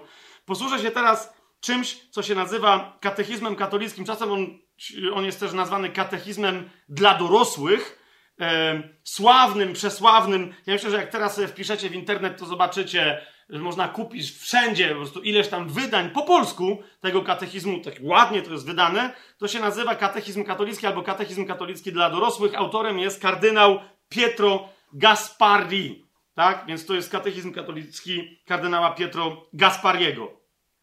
Otóż, kochani, e, w tym katechizmie ja będę potem, jak będę mówić Gaspari, to znaczy, że to jest ten katechizm, że się na niego powołuję. Tam to jest, to jest, to jest dla dorosłych, tym lepiej, bo dzieciom można tam jeszcze mieszać w głowach, a dorosłym trzeba jasno powiedzieć, wierzymy w to i w to. Więc ten katechizm to jest, to jest typowy z początku XX wieku katechizm w pytaniach i odpowiedziach. Jest pytanie, jest odpowiedź, ale on cały czas do dzisiaj jest kompletnie ważny, no bo mówi o nauczaniu Kościoła rzymskokatolickiego, które przecież jest niezmienne przez wieki. Tak? Więc to jest cały czas to samo. I teraz w rozdziale dziewiątym tego katechizmu kardynała Pietro Gaspariego, który się nazywa O sakramentach, w części pierwszej, która mówi o sakramentach w ogólności, tam jest parę pytań, które teraz wam przeczytam. Zobaczcie w tych krótkich pytaniach i odpowiedziach, że Gaspari dokładnie to, co ja przez ostatnie pięć godzin udowadniałem, że Kościół katolicki tego naucza i w to wierzy, każe w to wierzyć. Gaspari mówi dokładnie tak jest. Popatrzcie. Pytań, jeżeli ktoś chce, może to znaleźć w internecie. Ja będę od razu podawać jakieś w miarę, jeżeli to jest możliwe, yy, namiary, numery i tak dalej, i tak. Więc w tym rozdziale, w części pierwszej o sakramentach w ogólności, kardynał Gaspari yy, pisze, to jest pytanie numer 325. Co to jest sakrament nowego zakonu, czyli nowego przymierza? Odpowiedź E, jest to e, sakrament nowego zakonu, jest to znak zewnętrzny, ustanowiony przez Jezusa Chrystusa, uważajcie, dla oznaczenia łaski i udzielenia jej tym, którzy sakrament godnie przyjmują. E? Czyli co to jest sakrament? To jest coś, co oznacza łaskę Bożą i co udziela łaski. Jest to jasne? Tu jest oczywiście tym, którzy go godnie przyjmują, że łaska jest dostępna dla wszystkich. Zaraz, zaraz. Pytanie numer 326 brzmi: Jakie części składają się na sakramenty? Biblia mówi wyraźnie, że łaska, Bóg jest łaskawy i udziela łaski jak chce, komu chce, tym zasadniczo kto wierzy, temu, kto wierzy w Pana Jezusa. Tak? Chyba, że masz koncepcję magiczną, wtedy musisz mieć materię, formę, zaklęcie, sprzęt, przy pomocy którego. Zgadza się? Jakie części, pytanie 326, kardynał Gaspari mówi, jakie części składają się na sakramenty? Odpowiedź na sakramenty, zwłaszcza na to, na każdy sakrament. ok? Ale zwłaszcza na Eucharystię. Na sakramenty składają się trzy części. Cytuję. Rzecz, która stanowi ich materię, słowa, które stanowią ich formę i osoba tego człowieka, który udziela sakramentów. Jeżeli brakuje bodaj jednej z tych części, wówczas sakrament w ogóle nie przychodzi do skutku. Po prostu. Rozumiesz, jest gnostyk, on ma wiedzę, jest czarnoksiężnik, ma właściwą materię, nie? E, wi wino, ale to musi być właściwe wino, z odrobiną wody, w odpowiednim momencie dolanej. Jeżeli chleb, w kościele rzymskokatolickim to musi być niekwaszony i tak dalej, i tak dalej. tak dalej.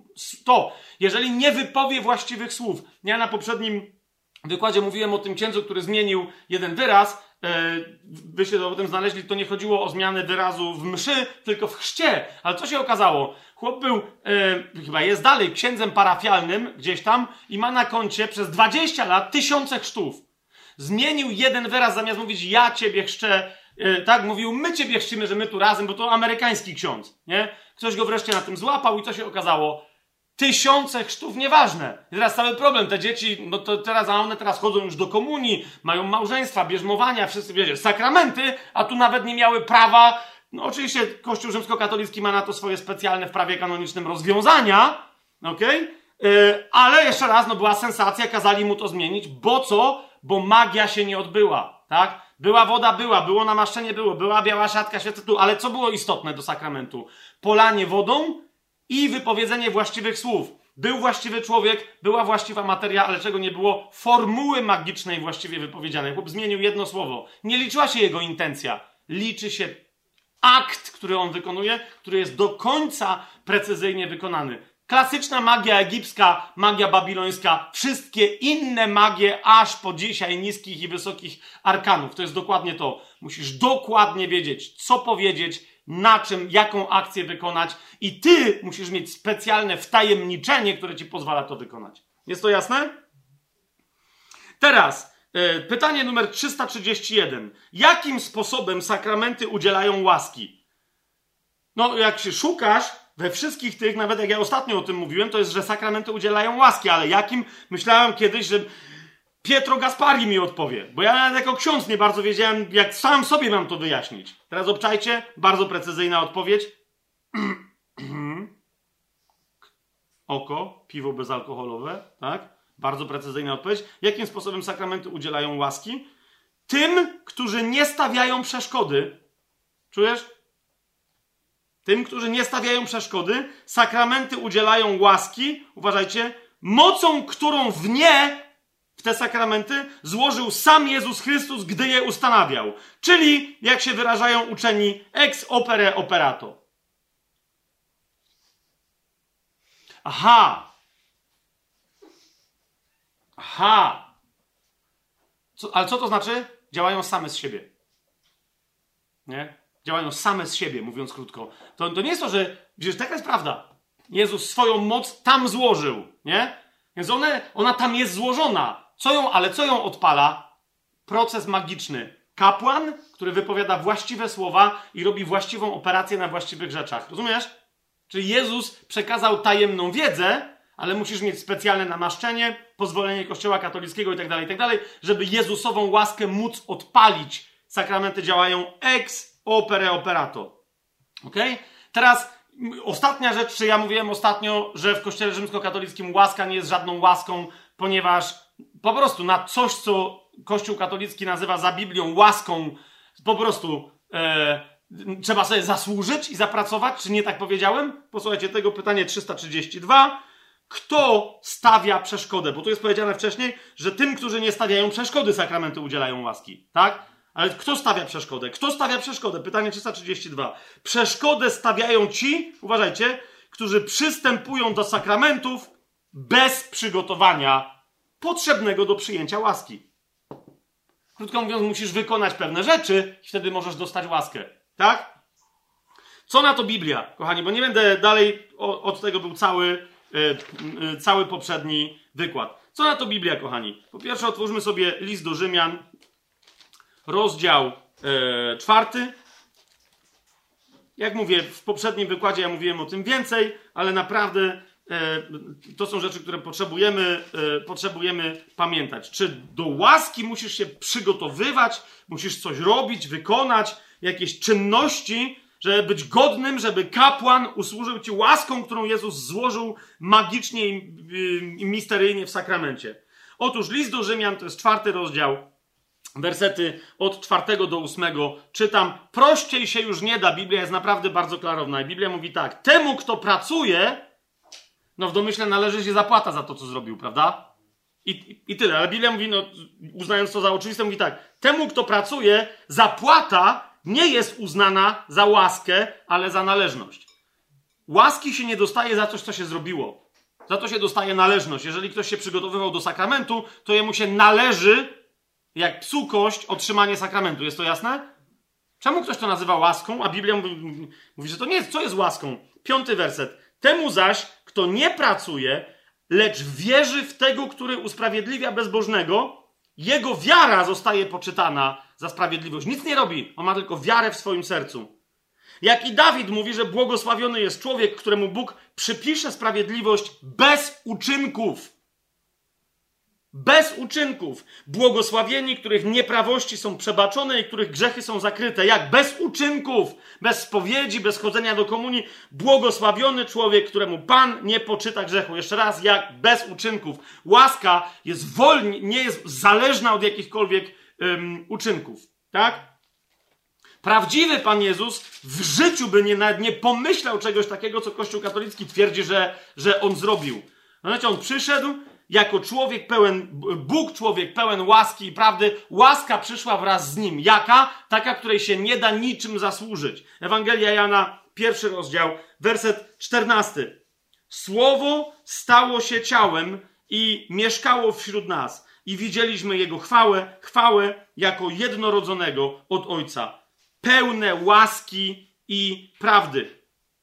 Słowo stało się ciałem. Jakie pełne łaski i prawdy. Swoją drogą, jak ktoś będzie opowiadał jakieś historie, że jakaś Matka Boska jest pełna łaski, z całym szacunkiem, nigdzie w Biblii nie ma ani pół takiego słowa, ani pół takiej koncepcji. Jedyna osoba tu, na tej ziemi, która przyszła bez grzechu, to nie była żadna Matka Jezusa, mimo że bardzo ją szanujemy, ale nie tę postać wymyśloną w kościele rzymskokatolickim, tak?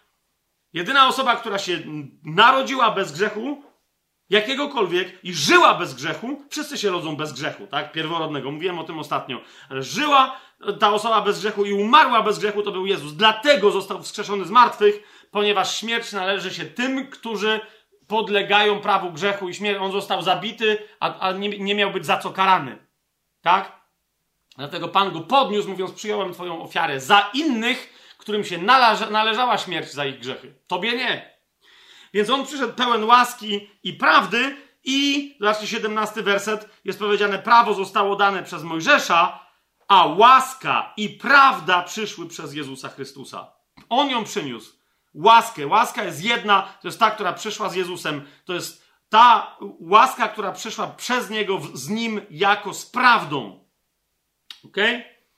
Eee, w 12-13 wersecie, jak się przyjmuje tę łaskę i prawdę? Ewangelia Jana cała o tym od początku do końca, tylko i wyłącznie bym powiedział, że mówi. 12 werset, ok? To słowo Boże, logos, który zstąpił. Pierwszy rozdział Ewangelii Jana, 12-13 werset. Wszystkim tym, którzy go przyjęli, dał moc, aby się stali synami Bożymi. Którzy co? Przyszli do kościoła, ochrzcili się, mieli głowy polane, chodzą do spowiedzi, robią jakieś inne religijne rzeczy nie. Komu dał moc, aby stali się synami Bożymi? Tym, którzy wierzą w Jego imię. Którzy są narodzeni nie z krwi, zwróćcie uwagę, więc nie chodzi o narodzenie fizyczne. Dwa, ani z woli ciała, swojego czy kogokolwiek innego. Wola ciała zawsze się zamienia w uczynki cielesne. Jest to jasne? Nie są narodzeni z tego. Ani z woli mężczyzny. A właśnie jak to jest interesującą rzeczą, jak w kościele rzymskokatolickim tylko mężczyźni mogą być specjalnymi pomazańcami bożymi. Nie? Kobiety nie mogą. Ale z Boga, z Boga się tylko można narodzić. Jak? Przez Jezusa Chrystusa, wierząc w Jego imię. Wtedy otrzymujesz łaskę. On, jako prawda, droga, prawda i życie przychodzi z łaską. Nie ma żadnej, yy, żadnej innej koncepcji w Biblii. Otwórzmy sobie pierwszy list do Koryntian. Zobaczcie, e, to, to jest jeden tylko z takich przykładów. Pierwszy list do Koryntian zaraz na, e, na początku. Pierwszy list do Koryntian, pierwszy rozdział. E, jedno z najczęściej powtarzanych w Biblii pozdrowień. Pierwszy rozdział, trzeci werset. Łaska wam i pokój od Boga, naszego Ojca i Pana Jezusa Chrystusa, a nie łaska wam przez sakramenty. Nigdzie w Biblii niczego takiego nie ma. Przez działanie, przez coś tam. Łaska jest niczym niezasłużona nigdy. Tak? I czwarty werset, zobaczcie, to jest coś, co myśl, która się powtarza w prawdziwym, biblijnym kościele zawsze i wszędzie. Zawsze dziękuję mojemu Bogu za was, za łaskę Bożą, która została wam dana w Chrystusie Jezusie. Nie w jakichś uczynkach, bo on, w których On swoją łaskę zawarł. Czy to jest jasne? Chrystusa przyjmuje się osobiście, bezpośrednio, tylko i wyłącznie przez wiarę do swojego serca, bez pośrednictwa ludzi, formuł magicznych, czy sprzętów, czy rzeczy. Wróćmy do Ewangelii Jana. E, w Ewangelii Jana Pan Jezus mówi wyraźnie w trzecim e, rozdziale od 14 e, do 18 wersetu. W całej Ewangelii to się w kółko ta myśl powtarza, ale do tego jeszcze dzisiaj będziemy wracać. Trzeci rozdział od 14 do 18 wersetu. A jak Mojżesz wywyższył węża na pustyni, tak musi być wywyższony syn człowieczy na krzyżu. Aby każdy, kto w niego wierzy, nie zginął, ale miał życie wieczne. Jak Mojżesz wywyższył węża na pustyni, co ludzie mieli coś robić, czy coś nie wystarczyło? Patrzenie, patrzenie na węża i wiara w to, że ten znak tak? Jest, jest, że to jest tylko i wyłącznie, nie, że ten wąż ma magiczne właściwości, ale to jest znak tego, że ja, Pan, ja, Jachwę, będę waszym lekarzem. Kiedy was będą kąsać węże, po prostu przypomnijcie sobie, patrząc na ten znak, kim ja jestem i dokładnie w tym momencie będziecie cudownie uzdrowieni. I tak było. Ten wąż stał wywyższony, żeby przypominać im, ukąsił cię wąż, pamiętaj, nie musisz się niczym przejmować. Po prostu zaufaj Jachwę, ufam, bam, jesteś uzdrowiony. Ok? Jezus mówi, tak, szesnasty werset dalej, tak, Bowiem Bóg umiłował świat, że dał swojego jednorodzonego syna, jeszcze raz, aby każdy, kto w niego wierzy, nie zginął, ale miał życie wieczne. 17 werset. Bo Bóg nie posłał swojego syna na świat, aby potępił świat, czy to w imieniu ojca, czy we własnym, czy jego, lecz aby świat był przez niego zbawiony. Jak? 18 werset. Kto wierzy w niego, nie będzie potępiony. Znaczy kluczowe, i to jest w kółko, ta wypowiedź jest, prze, tą wypowiedzią jest przepełniona Ewangelia, ja na całe Pismo Święte, Nowy Testament. Kto wierzy w Niego, nie będzie potępiony. Tyle! Jeszcze musi coś zrobić? Nie! Kto wierzy w Niego? Tyle! Nawet nic nie musi powiedzieć. Może być niemową. Ok? Ale kto nie wierzy, musi wiedzieć, że co, że już jest potępiony. Po prostu. Bo nie wierzy. Teraz, zwłaszcza po tym, jak Pan dokonał tego, czego to nie musi niczego innego robić z żadnymi swoimi konkretnymi uczynkami. Kto nie wie, że już jest potępiony, bo nie uwierzył w imię jednorodzonego Syna Bożego. Syn Boży nikogo nie potępia, to jest w rękach ludzi. I dlatego mówię Ci teraz, e, jeżeli tego słuchasz, jeszcze tego nigdy w życiu nie zrobiłeś, to jest pytanie, co Ty masz w sercu? Czy chcesz zaufać komuś lub czemuś innemu niż Jezus sam we własnej osobie i jego dziełu, dokończonemu dziełu krzyża? Temu, że on umarł i zmartwychwstał, żyje, siedzi po prawicy Ojca, a wszyscy czekamy, kiedy wreszcie wróci, tak jak nam powiedział, że wróci, na tą ziemię, żeby wreszcie zaprowadzić pokój, prawo, sprawiedliwość w pełni swojej, w pełni y, swojej łaski. W liście do Rzymian, bo ja tylko teraz, wiecie, Podsumowuję to, co też ostatnio mówiliśmy w liście do Rzymian w trzecim rozdziale od 20 wersetu. Czytamy, jeszcze raz, tak jak powiedziałem, cała Biblia jest tym przepełniona, zwłaszcza Nowy Testament, calusieńki. List do Rzymian, trzeci rozdział od 20 wersetu do 28 będę czytał. Dlatego z uczynków prawa nie będzie usprawiedliwione żadne ciało w jego oczach, gdyż przez prawo jest tylko poznanie grzechu. Lecz teraz, bez prawa, została objawiona sprawiedliwość Boga, poświadczona przez prawo i przez proroków. Wcześniej, w sensie, że zapowiedziana, tak? Jak, jak ona się objawiła? 22 werset. Jest to sprawiedliwość Boga przez wiarę Jezusa Chrystusa dla wszystkich i na wszystkich wierzących. W kogo? W Jezusa. Tyle. Nie robiących coś jeszcze. Nie ma bowiem różnicy, pisze dalej Paweł. Wszyscy bowiem zgrzeszyli i są pozbawieni chwały Boga, a zostają usprawiedliwieni darmo z Jego łaski przez odkupienie, które już jest w Jezusie Chrystusie. Tylko i wyłącznie wierząc. Zobaczcie, co jest dalej napisane. Jego to Bóg, 25 werset, Jego to Bóg ustanowił przebłaganiem przez wiarę w Jego krew. Nie przez jakieś jedzenie, picie Jego krwi, jedzenie jakichś ciał, jakichś chlebów, win i tak dalej. Nie, przez wiarę w Jego krew. I dzisiaj więcej o tym będziemy mówić. Okej? Okay? 27 werset. Gdzież więc jest powód do chluby? Został wykluczony. Przez jakie prawo? Prawo uczynków? Nie, przez prawo wiary. Tak więc twierdzimy, 28 werset, że człowiek zostaje usprawiedliwiony przez wiarę bez uczynków prawa. Tak, list do Rzymian, piąty rozdział, pierwszy i drugi werset. Całe to znowu tu wraca w piątym rozdziale w innym kontekście, ale piąty rozdział streszcza tę wypowiedź z trzeciego rozdziału, mówiąc tak: Będąc więc usprawiedliwieni, zwróćcie uwagę, przez wiarę. Nie przez uczestnictwo w jakichś obrzędach, czynach i tak tylko i wyłącznie przez wiarę. Będąc więc usprawiedliwieni przez wiarę, mamy pokój z Bogiem przez naszego Pana Jezusa Chrystusa. Dzięki któremu też otrzymaliśmy dostęp, uważajcie, przez wiarę do tej łaski, w której trwamy i chlubimy się nadzieją chwały Boga. Przez wiarę, przez wiarę. Łaska przychodzi przez wiarę w żaden inny sposób, tylko i wyłącznie przez wiarę. Wiarę, w której zwracasz się w imieniu Jezusa, przez Jezusa Chrystusa do Ojca. Amen? W żaden inny sposób. Liście do Rzymian, w dziesiątym rozdziale, dalej cały list do Rzymian w ogóle o tym mówi, ale to jest, y, to jest inna historia. W liście do Rzymian, e, w dziesiątym rozdziale, od dziewiątego wersetu czytamy, jak więc ktoś ma doświadczyć tego y, przyjęcia łaski, nie musi nic więcej zrobić, tylko wierzyć w swoim sercu w wyniku tej wiary potem dopiero zaczyna wyznawać, ale nadal jak wyznaje ustami, nie musi nic więcej robić. Zobaczcie, 10 rozdział, 9 werset. Jeżeli ustami wyznasz Pana Jezusa i uwierzysz w swoim sercu, że Bóg wskrzesił go z martwych, będziesz zbawiony. Dziesiąty werset wyjaśnia dynamikę, co jest. Najpierw mówi, sercem bowiem wierzy się ku sprawiedliwości. To jest to. Wiara w sercu powoduje usprawiedliwienie, a wyznawanie jej ustami ku zbaw- a, wy- a ustami wyznaje się ku zbawieniu. Ponieważ w momencie, kiedy człowiek jest usprawiedliwiony, zmierza do pełni zbawienia, pełni odkupienia, do zmartwychwstania swojego, tak jak Pan Jezus zmartwychwstał, aby żyć wiecznie razem z Nim w nowym zmartwychwstałym ciele. Mówi bowiem Pismo, każdy, kto w Niego wierzy, nie będzie zawstydzony. Nic nie musi robić, wystarczy, że w Niego wierzy. Dwunasty werset. Gdyż nie ma różnicy między Żydem a Grekiem, bo ten sam Pan wszystkich jest bogaty względem wszystkich, którzy go wzywają. Każdy bowiem, kto wezwie imienia Pana, będzie zbawiony.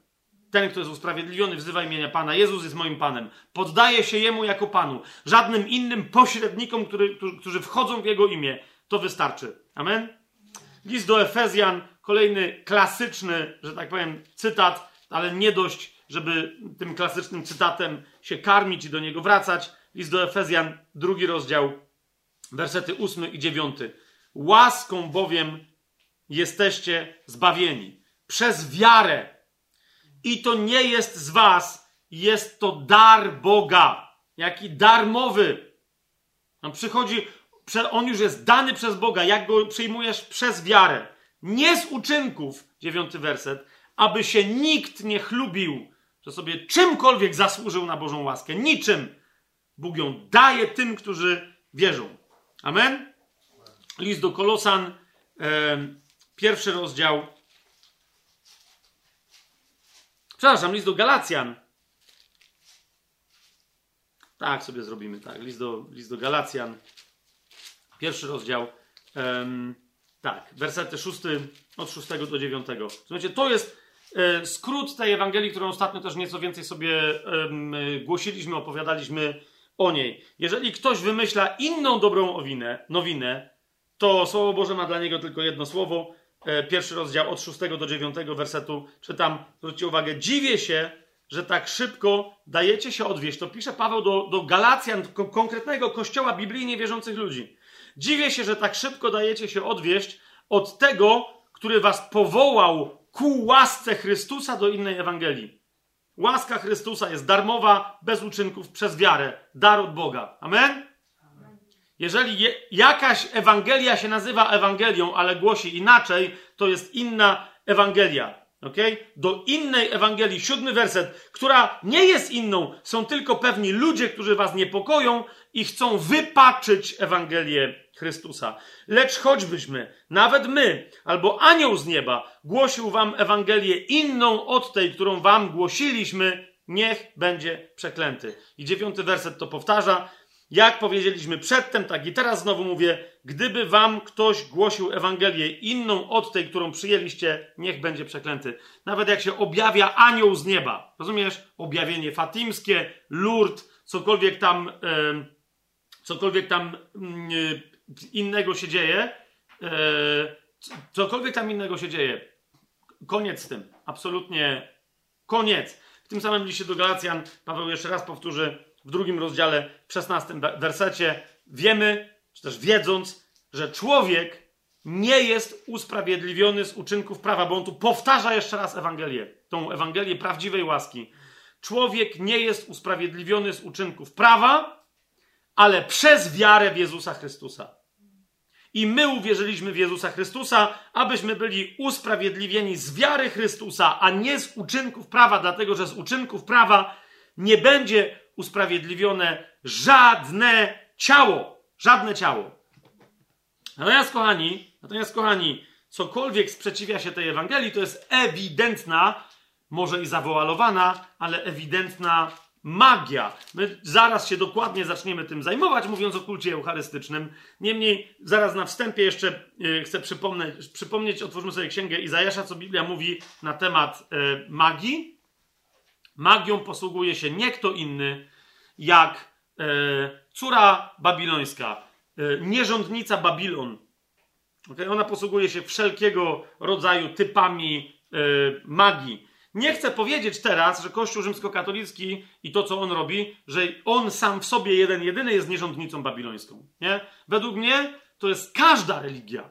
Każda religia, tak? Która, bo ona zwraca ludzi od prawdziwego Boga. Wszyscy ludzie w sercu mają pra, pra, pragnienie żywego, prawdziwego Boga, bycia, pragnienie bycia dziećmi tego Boga. Rozumiecie? Wypacza to, co religia, każda możliwa. Pokazuje obrazki, coś tam, figury, obrzędy, a za tym wszystkim stoją demony. Nie? Więc według mnie w Biblii córa babilońska, nierządnica babilońska, ta tajemnica babilońska, to jest po prostu, to jest, to jest religia każda i w tym sensie także religia katolicka. Co do, do religii, jak prorokuje już prorok Izajasz. Rozdział 47 Izajasza, trzeci werset. Twoja nagość będzie odkryta i twoja hańba będzie widoczna. Dokonam pomsty, żaden człowiek mnie nie powstrzyma. Twoja nagość będzie odkryta i Twoja hańba będzie e, widoczna. Cały 47 rozdział sobie możecie przeczytać, ale to, co dzisiaj będziemy mówić, zwłaszcza o kulcie eucharystycznym, to jest część tego proroctwa.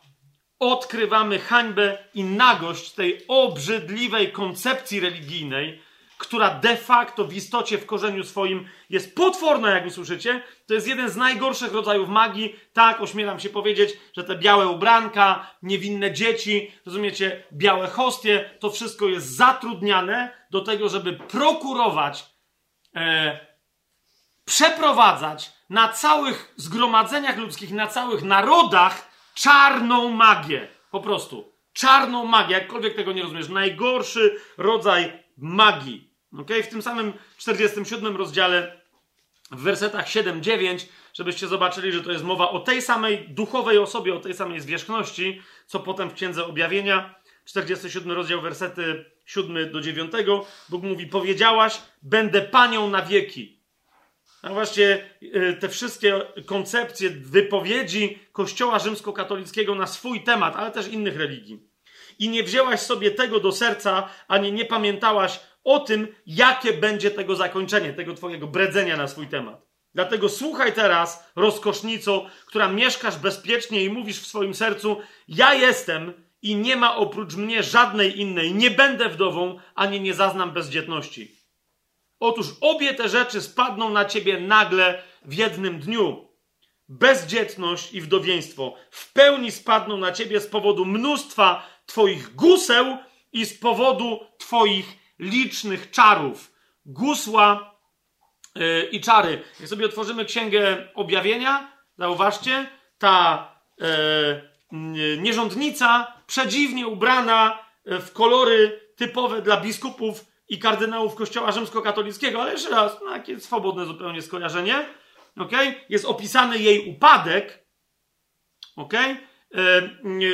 jest mowa o jej związkach, o jej morderstwach, o zabijaniu ludzi naprawdę wierzących w Boga. Na samym końcu 18 rozdziału Księgi Objawienia, jak jest opisany upadek Babilonu, jest tam, jest tam napisane 23 werset i światło lampy nie zabłyśnie już w tobie i głosu oblubieńca i oblubienicy nie będzie już słychać w tobie, bo twoi kupcy byli możnowładcami ziemi, bo twoimi czarami zostały zwiedzione wszystkie narody. W nim też znaleziono krew proroków i świętych i wszystkich zabitych na ziemi. religie są przyczyną zabijania ludzi, ale zwłaszcza yy, świętych, yy, zwłaszcza świętych Bożych. Wróćmy do yy, księgi yy, Izajasza. Księdze Izajasza w drugim yy, rozdziale w,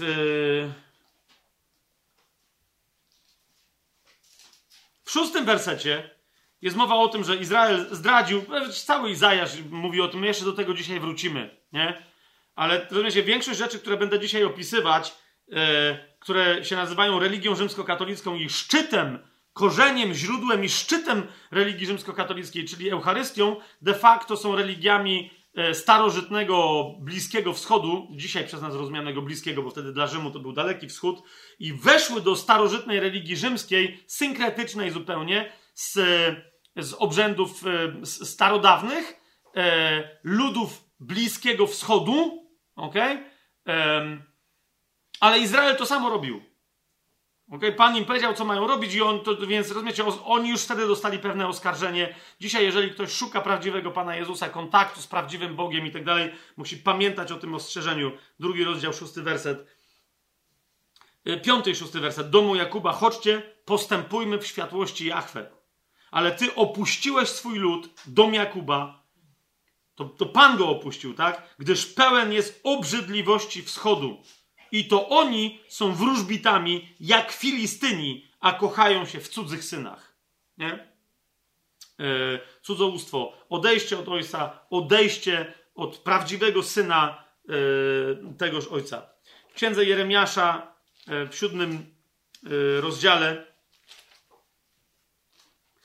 przeczytamy, rozumiecie, to co dzisiaj robi Kościół katolicki, to z czego sobie ukuł, ulepił religię, bo co to są ci, ci wróżbici ze wschodu, Filistyni i tak dalej, tak dalej, których zaczęli naśladować, e, których zaczęli naśladować Żydzi, e, Izraelici. Słuchajcie, to są wyznawcy wielkiej bogini, dla której robi się różne rzeczy, pali się kadzidła, piecze się ciasto, chleby specjalne, pokładne, placki z rodzynkami itd., tak itd. Tak po co? Żeby ona w imieniu ludu przebłagała wściekłego na ludzi Boga. Nie?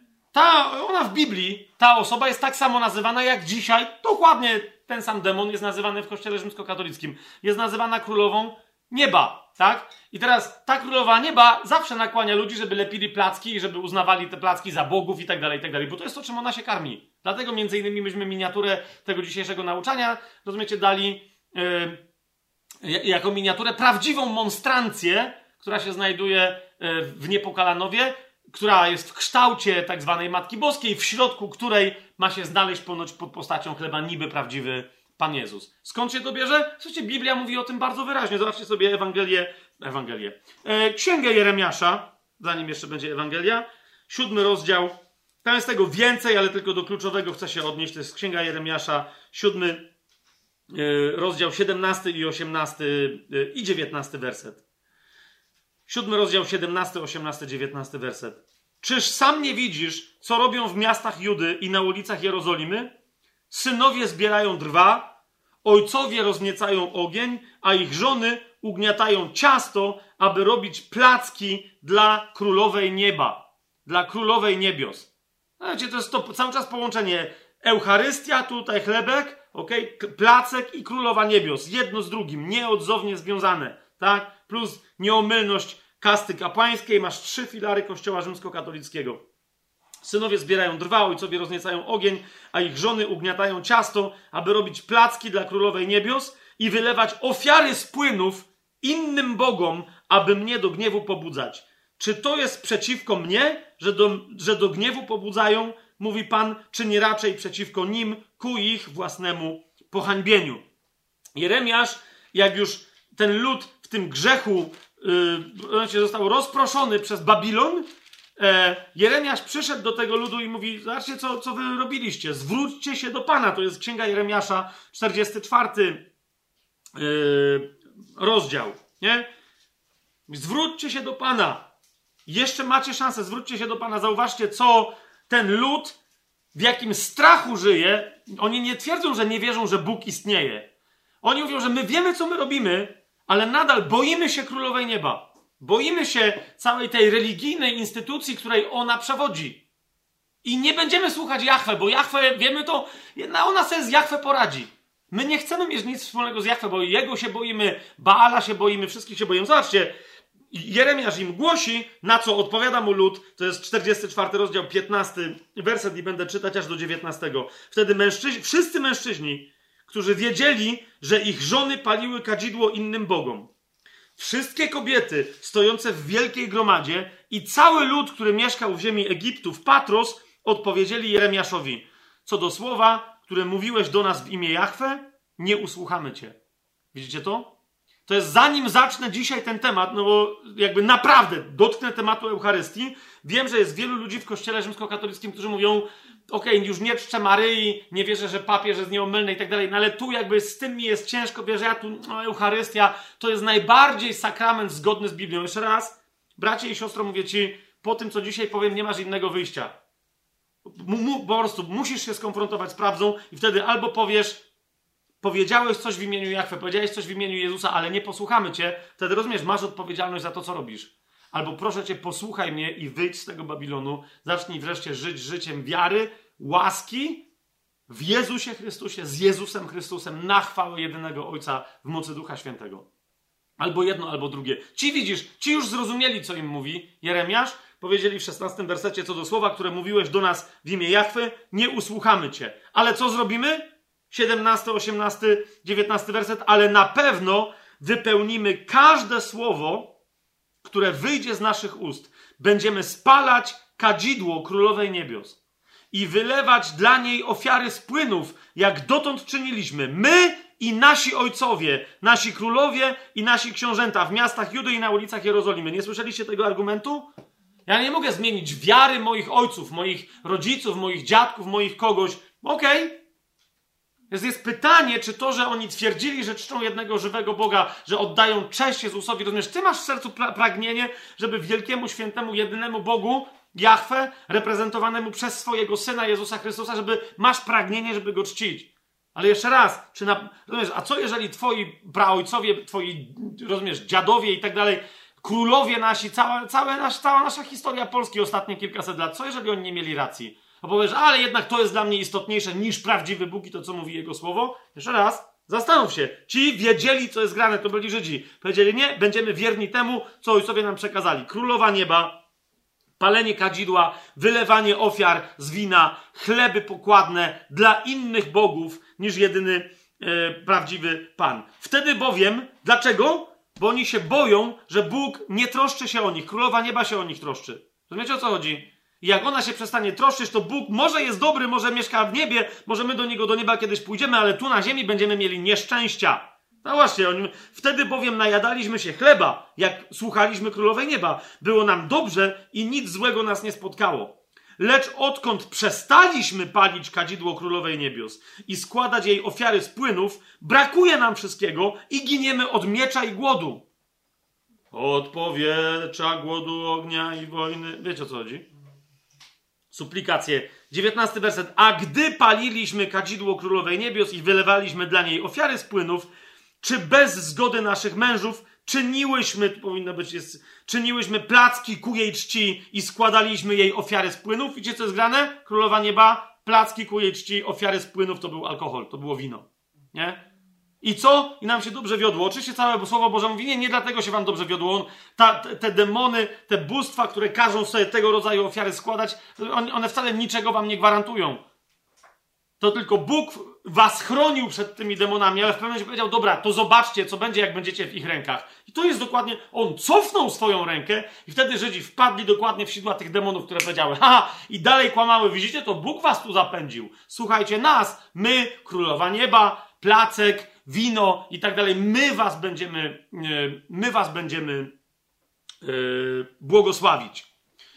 Nie? Mówię o tym teraz, ponieważ być może, że ktoś teraz powinien przestać słuchać, ponieważ to, co dalej, dalej będzie mówił, będę mówił, będzie jasnym dowodem na to, że wszystkie te rzeczy związane w kościele rzymskokatolickim z kultem eucharystycznym są nieprawdziwe, e, są niezgodne, nie tylko, że niezgodne ze Słowem Bożym, to dwa, sprzeczne ze Słowem Bożym, trzy, w istocie swojej, uważajcie na to, co powiem, nieprawdopodobnie duchowo perwersyjne, zboczone duchowo, perwersyjne duchowo, duchowo i złe, ktokolwiek z nimi ma do czynienia, wcześniej czy później, a raczej wcześniej niż później zacznie doświadczać złych rzeczy w swoim życiu, właśnie dlatego, że ma z nimi do czynienia. Nie tylko duchowo, ale nawet, yy, ale nawet fizycznie. Więc teraz, kochani, wprowadzam do dzisiejszego tematu, tak? Już prawie półtorej godziny minęło, a ja dopiero wprowadzam do dzisiejszego tematu, ale myślę, że wszystko, co do tej pory powiedziałem, było też. Yy, mam nadzieję, że wszystko, co do tej pory yy, powiedziałem, było yy, istotne. Kochani, teraz, dlaczego. Widzicie, ja marzyłem o tym, żeby. Nie, nie marzyłem. miałem nadzieję, że, że kiedyś przyjdzie taki dzień, że wreszcie o tym powiemy. Jak mówiliśmy o o tak zwanej Matce Boskiej, o nieomylności Kościoła, niby całej ciągłości Kościoła katolickiego od samego Pana Jezusa i tak dalej. Pięć lat temu to myślałem sobie, dobra, jeszcze powiemy o Eucharystii i tyle, koniec już mam z głowy. Byłem zdziwiony, że przez pięć lat Pan mnie, nas, jako służbę tajemnego planu powstrzymywał. Yy, dzisiaj rozumiem dlaczego.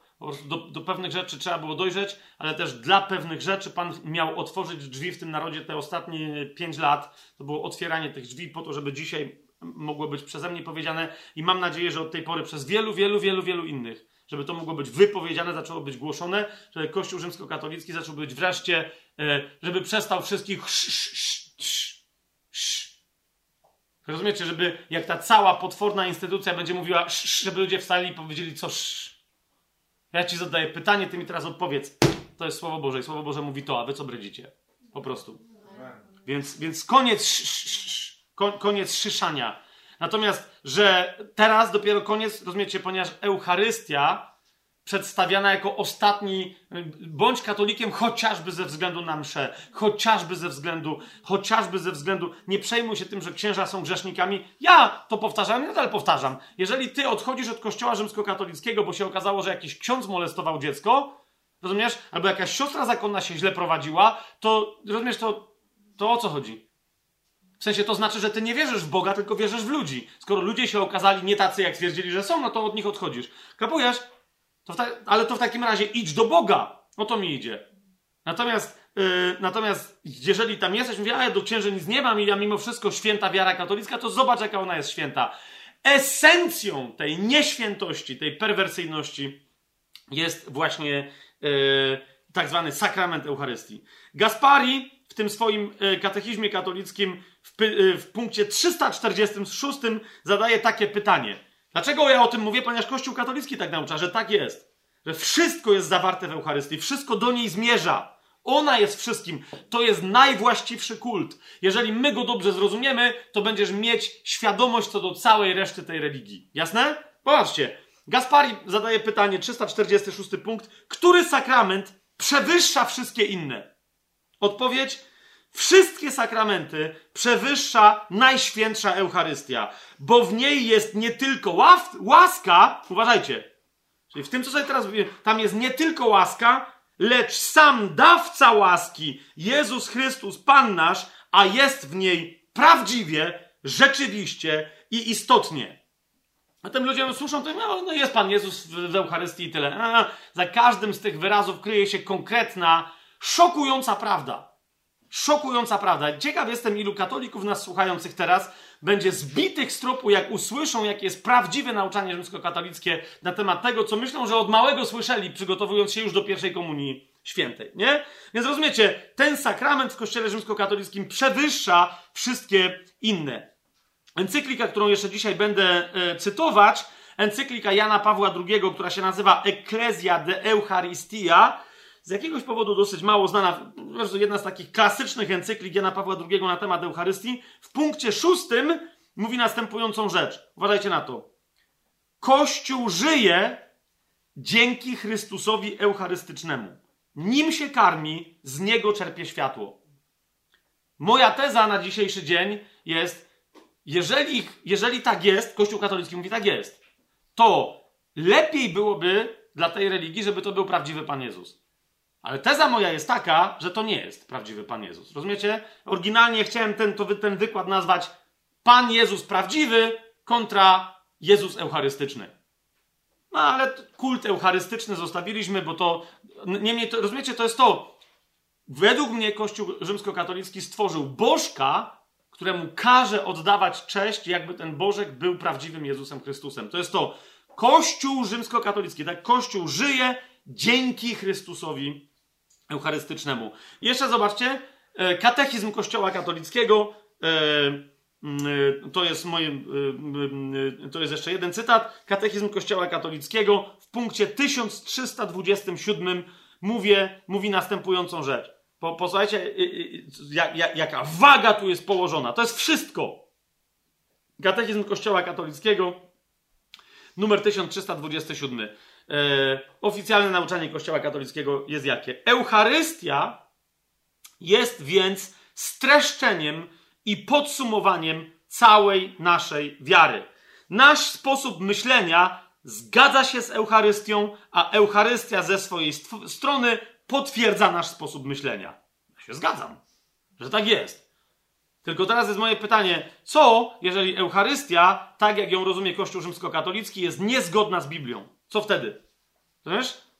Wtedy jako rzymski katolik, co ty dalej zrobisz? Będziesz mówić, ale religia ojców, ale coś tam, ale... Jeszcze raz, masz czas. Ja byłem, księ... ja byłem nowonarodzony, e, zaczynałem ewangelicznie wierzyć i poszedłem, chcąc jak najlepiej służyć Bogu, poszedłem do zakonu jezuitów. I tkwiłem w nim, jak mówię, prawie 20, no tam 18 lat chyba, tak? Bo tam już pod koniec to mnie tam nie było w domu zakonnym i tak dalej, ale w każdym razie, nie? I rozumiecie? I, I, ja tyle lat się zastanawiałem, jak to jedno z drugim pogodzić. Nauczanie Kościoła Rzymskokatolickiego z moim żywym doświadczeniem prawdziwego zmartwychwstałego Jezusa i tym, co czytam w Biblii. Koniec końców wreszcie stwierdziłem, tego się nie da. Po prostu no nie da się. Tego się nie da albo jedno, albo drugie. Po prostu. A więc musiałem nie tylko odejść z zakonu, nie tylko odejść z kościoła katolickiego, ale po prostu jasno zakończyć sprawę, z, rozumiecie, z wszystkimi teoriami, doktrynami i tak dalej związanymi z tą religią. Po prostu. Mimo, że one posługują się cytatami z Biblii i tak dalej, ale w tak pokrętny sposób, że no właśnie, dzisiaj to, yy, dzisiaj to zobaczymy. Mottem do dzisiejszego naszego E, te, tego rozważania e, są słowa, które dzisiaj prawdopodobnie wszędzie w Polsce są śpiewane. Idą procesje eucharystyczne w Polsce i ludzie śpiewają Jezu miłości Twej, ukryty w hostii tej, wielbimy cud, że się pokarmem stał. Teraz chodzi mi o to, że ja nie za dobrze śpiewam, nie chcę tego, ale jest druga rzecz, że tak się śpiewa na procesjach. Dlaczego o tym mówię? Bo procesja pokazuje, że to jest przepiękna rzecz. Zobacz, ma, idą malutkie, niewinne dzieci. To jest jedna z najgorszych rzeczy w tym. Malutkie, niewinne dzieci. Dziewczynki sypią kwiatki, krzyczą, że to jest ten Bóg, którego Izajasz widział w Biblii i, i słyszał, że aniołowie mówią do niego święty, święty, święty, Pan Bóg zastępów. Dziewczynki idą, sypią, idą mali chłopcy, dzwonią dzwonkami na cześć Boga, którego oprowadzamy po ulicach jakiś taki jest coś, nie mowa, ale oprowadzamy go po ulicach. I ludzie, rozumiecie, w tej jednej pieśni streszczają całą tą prawdę. Jezu, miłości Twej, ukryty w hostii tej, wielbimy cud. Wielbimy cud Twojej miłości, ukryty w tej hostii, tak? Jaki? Że się stał, żeś się pokarmem stał, żeś nam swe ciało dał, żeś skarby łaski zlał na wierny lud. Przez co? Przez ten, tą, tą monstrancję, te, tą, to ciało, ten chleb, co się je nam mszy i tak dalej, i tak dalej. Dlaczego chcę, żeby to było motto? Bo to streszczam, to wszystko pamiętamy. Natomiast wiecie, historia samej tej piosenki jest dosyć taka, jak cała reszta tego wszystkiego, o czym dzisiaj by, żeśmy mówili. Otóż, kochani, ta melodia, którą celowo tu zaśpiewałem, ok, jest ukradziona. Na początku XX wieku, e, na wykorzystanie któregoś z kongresów eucharystycznych. Dlaczego? Bo wtedy nie było internetu, e, ale ta piosenka dzisiaj jest bardzo łatwa do sprawdzenia. Okay? To jest po prostu hymn korony brytyjskiej. To jest hymn Wielkiej Brytanii. God save the king, albo jak jest królowa, God save the queen, czyli Boże zachowaj króla, albo Boże zachowaj królową. Zgodnie e, z pierwszym listem do Tymoteusza, gdzie Paweł mówi nie tylko w tym liście, żeby się modlić za królów, czy za królowe, za władców, tak? Dokładnie, rozumiecie? Jak sobie sprawdzicie, tekst tam to jest, to jest dobra, porządna, biblijna, protestancka modlitwa za królową albo za króla. Boże, zachowaj królową, niech żyje jak najdłużej. Niech, niech głosi Twoje dzieła, żeby ten naród był wolny od przekleństw, które mogą pochodzić nie od Ciebie. Rozumiecie, to jest modlitwa do jedynego prawdziwego Boga zgodna ze Słowem Bożym. I ona dokładnie ma, ma taką melodię. Rozumiecie? Ta, ta, ta, ta, God save the Queen. Niektórzy, potem niektórzy, ja, ja pamiętam znajomych z Wielkiej Brytanii, jak, jak kibice śpiewali, mówią, czekaj, ale co oni śpiewają? Co to jest? Pieśń eucharystyczna? Nie, to jest hymn Wielkiej Brytanii. Łosiu, od zawsze. Od zawsze. Zerżnięty i przerobione słowa, że to są, rozumiecie, modlitwa protestancka i melodia nabożna, nawet nie wiadomo, jakiś autor po prostu, że nie śpiewajmy to wszyscy, protestanckiej Wielkiej Brytanii, ktoś w kościele katolickim uznał, że a, pff, kto tam słucha piosenek od jakichś dziadowskich protestantów angielskich? No a potem się okazało, przyszedł internet i wszyscy nagle mogą posłuchać. Sprawdźcie sobie, nie? Nawet sprawdziłem na polskiej Wikipedii. Polska Wikipedia już bez żadnego obciachu, na szczęście mówi e, o, jak sobie sprawdzicie hasło, chyba hymn brytyjski, czy coś takiego, God Save the Queen, ma tam jeden punkt, że na melodię tej piosenki, tylko już na zupełnie inne słowa, na przykład śpiewa się pieśń Jezu miłości Twej, e, czyli e, hymn któregoś tam kongresu eucharystycznego. Po prostu. Zrozumiecie, inny tekst, zgodny ze Słowem Bożym, ta sama melodia, ukradziona, żeby zaśpiewać zupełnie inną rzecz, brednie, które są zupełnie niezwiązane z Biblią. Więc to jest motto. Nie słowa tej piosenki, tylko jakby cała historia związana z tymi słowami. Prawdziwe słowa są zupełnie, yy, zupełnie inne. I teraz, kochani, zanim przejdziemy do tych pięciu tematów, szybciutko wam przeczytam, żeby wam przypomnieć, tym, co byli katolikami, tym, co są katolikami, żeby zobaczyli, czy naprawdę tak wierzą, co to jest Eucharystia. Czytam znowu yy, z tego katechizmu dla dorosłych Gaspariego tak? Czyli to jest Gaspari. Jak macie pootwierane w internecie, to i tak dalej, możecie sami to razem ze mną śledzić. Będę czytać pytania, żeby to szyb, szybciej nam zajęło. W ramach odpowiedzi na pytanie yy, Gaspari powtarza pytanie, więc niekoniecznie będę yy, czytał, czyli co to jest Eucharystia. Eucharystia to jest i tak dalej, i tak dalej. Nie chodzi o to, że niekoniecznie wstępy będę czytał, ale będę czytać kluczowe wypowiedzi. I teraz zobaczcie, czy jak byliście katolikami, tak wierzyliście. Nie? Czy jeżeli ty teraz jesteś katolikiem, czy tak wierzysz? No jak jesteś katolikiem i mówisz, że jesteś świadomym katolikiem, to lepiej, żebyś tak wierzył, bo inaczej to się w ogóle okaże, że jesteś jakimś katolickim buddystą co najwyżej. Tak? Teraz przypomnę to, co nam się wszystkim wydaje, że jest całą nauką na temat sakramentu Eucharystii, a potem wejdziemy w jej mroczne e, i coraz mroczniejsze tajemnice. Ok? Otóż punkt 371. Gaspari w tym swoim katechizmie pyta, co to jest Eucharystia. Ok?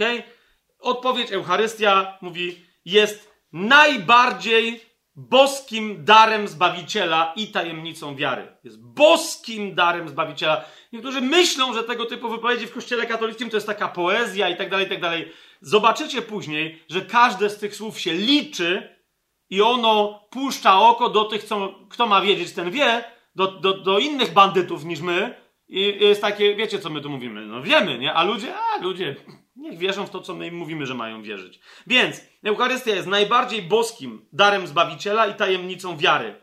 Pod postaciami chleba i wina w Eucharystii jest sam Jezus Chrystus. Ofiaruje się i jest ofiarą.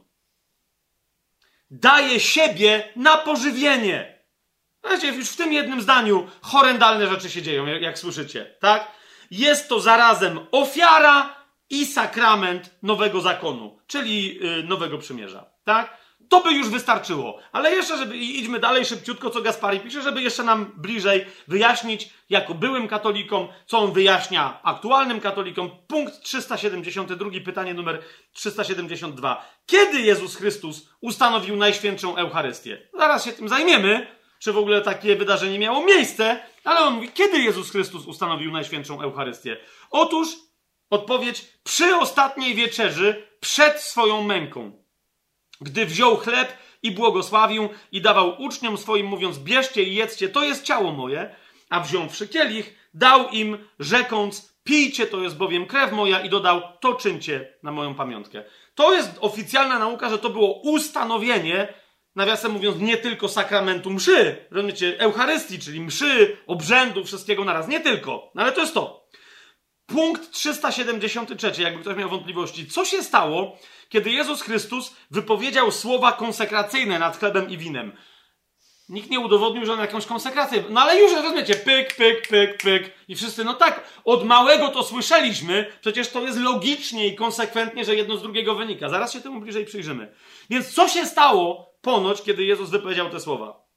Uwaga, dokonała się cudowna i osobliwa przemiana całej substancji chleba w ciało i całej substancji wina w krew Jezusa Chrystusa a pozostały tylko postacie chleba i wina. Czy to wyglądało? Ale rozumiecie, co się dzieje? Więc był jeden taki moment, to jest niezwykle istotne dlatego, jak dzisiaj Kościół rzymskokatolicki nadal rozumie mszę. Czy rozumiesz? Według nich Jezus siedział tu i jednocześnie cała jego krew była tu.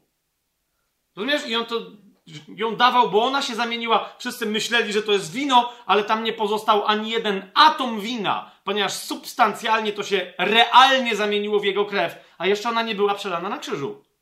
Czy on naprawdę coś takiego zrobił? Czyli on tu siedział, a oni go gryźli, rozumiesz, on im dał chleb i oni go jedli, ale on tu siedział i on jednocześnie w środku był jedzony, ale to był cały. Rozumiesz, więc niechcący były dwa cuda. Jedno, że Jezus w chlebie był jedzony, a z drugiej strony, że po nim nie było widać, że go jedzą.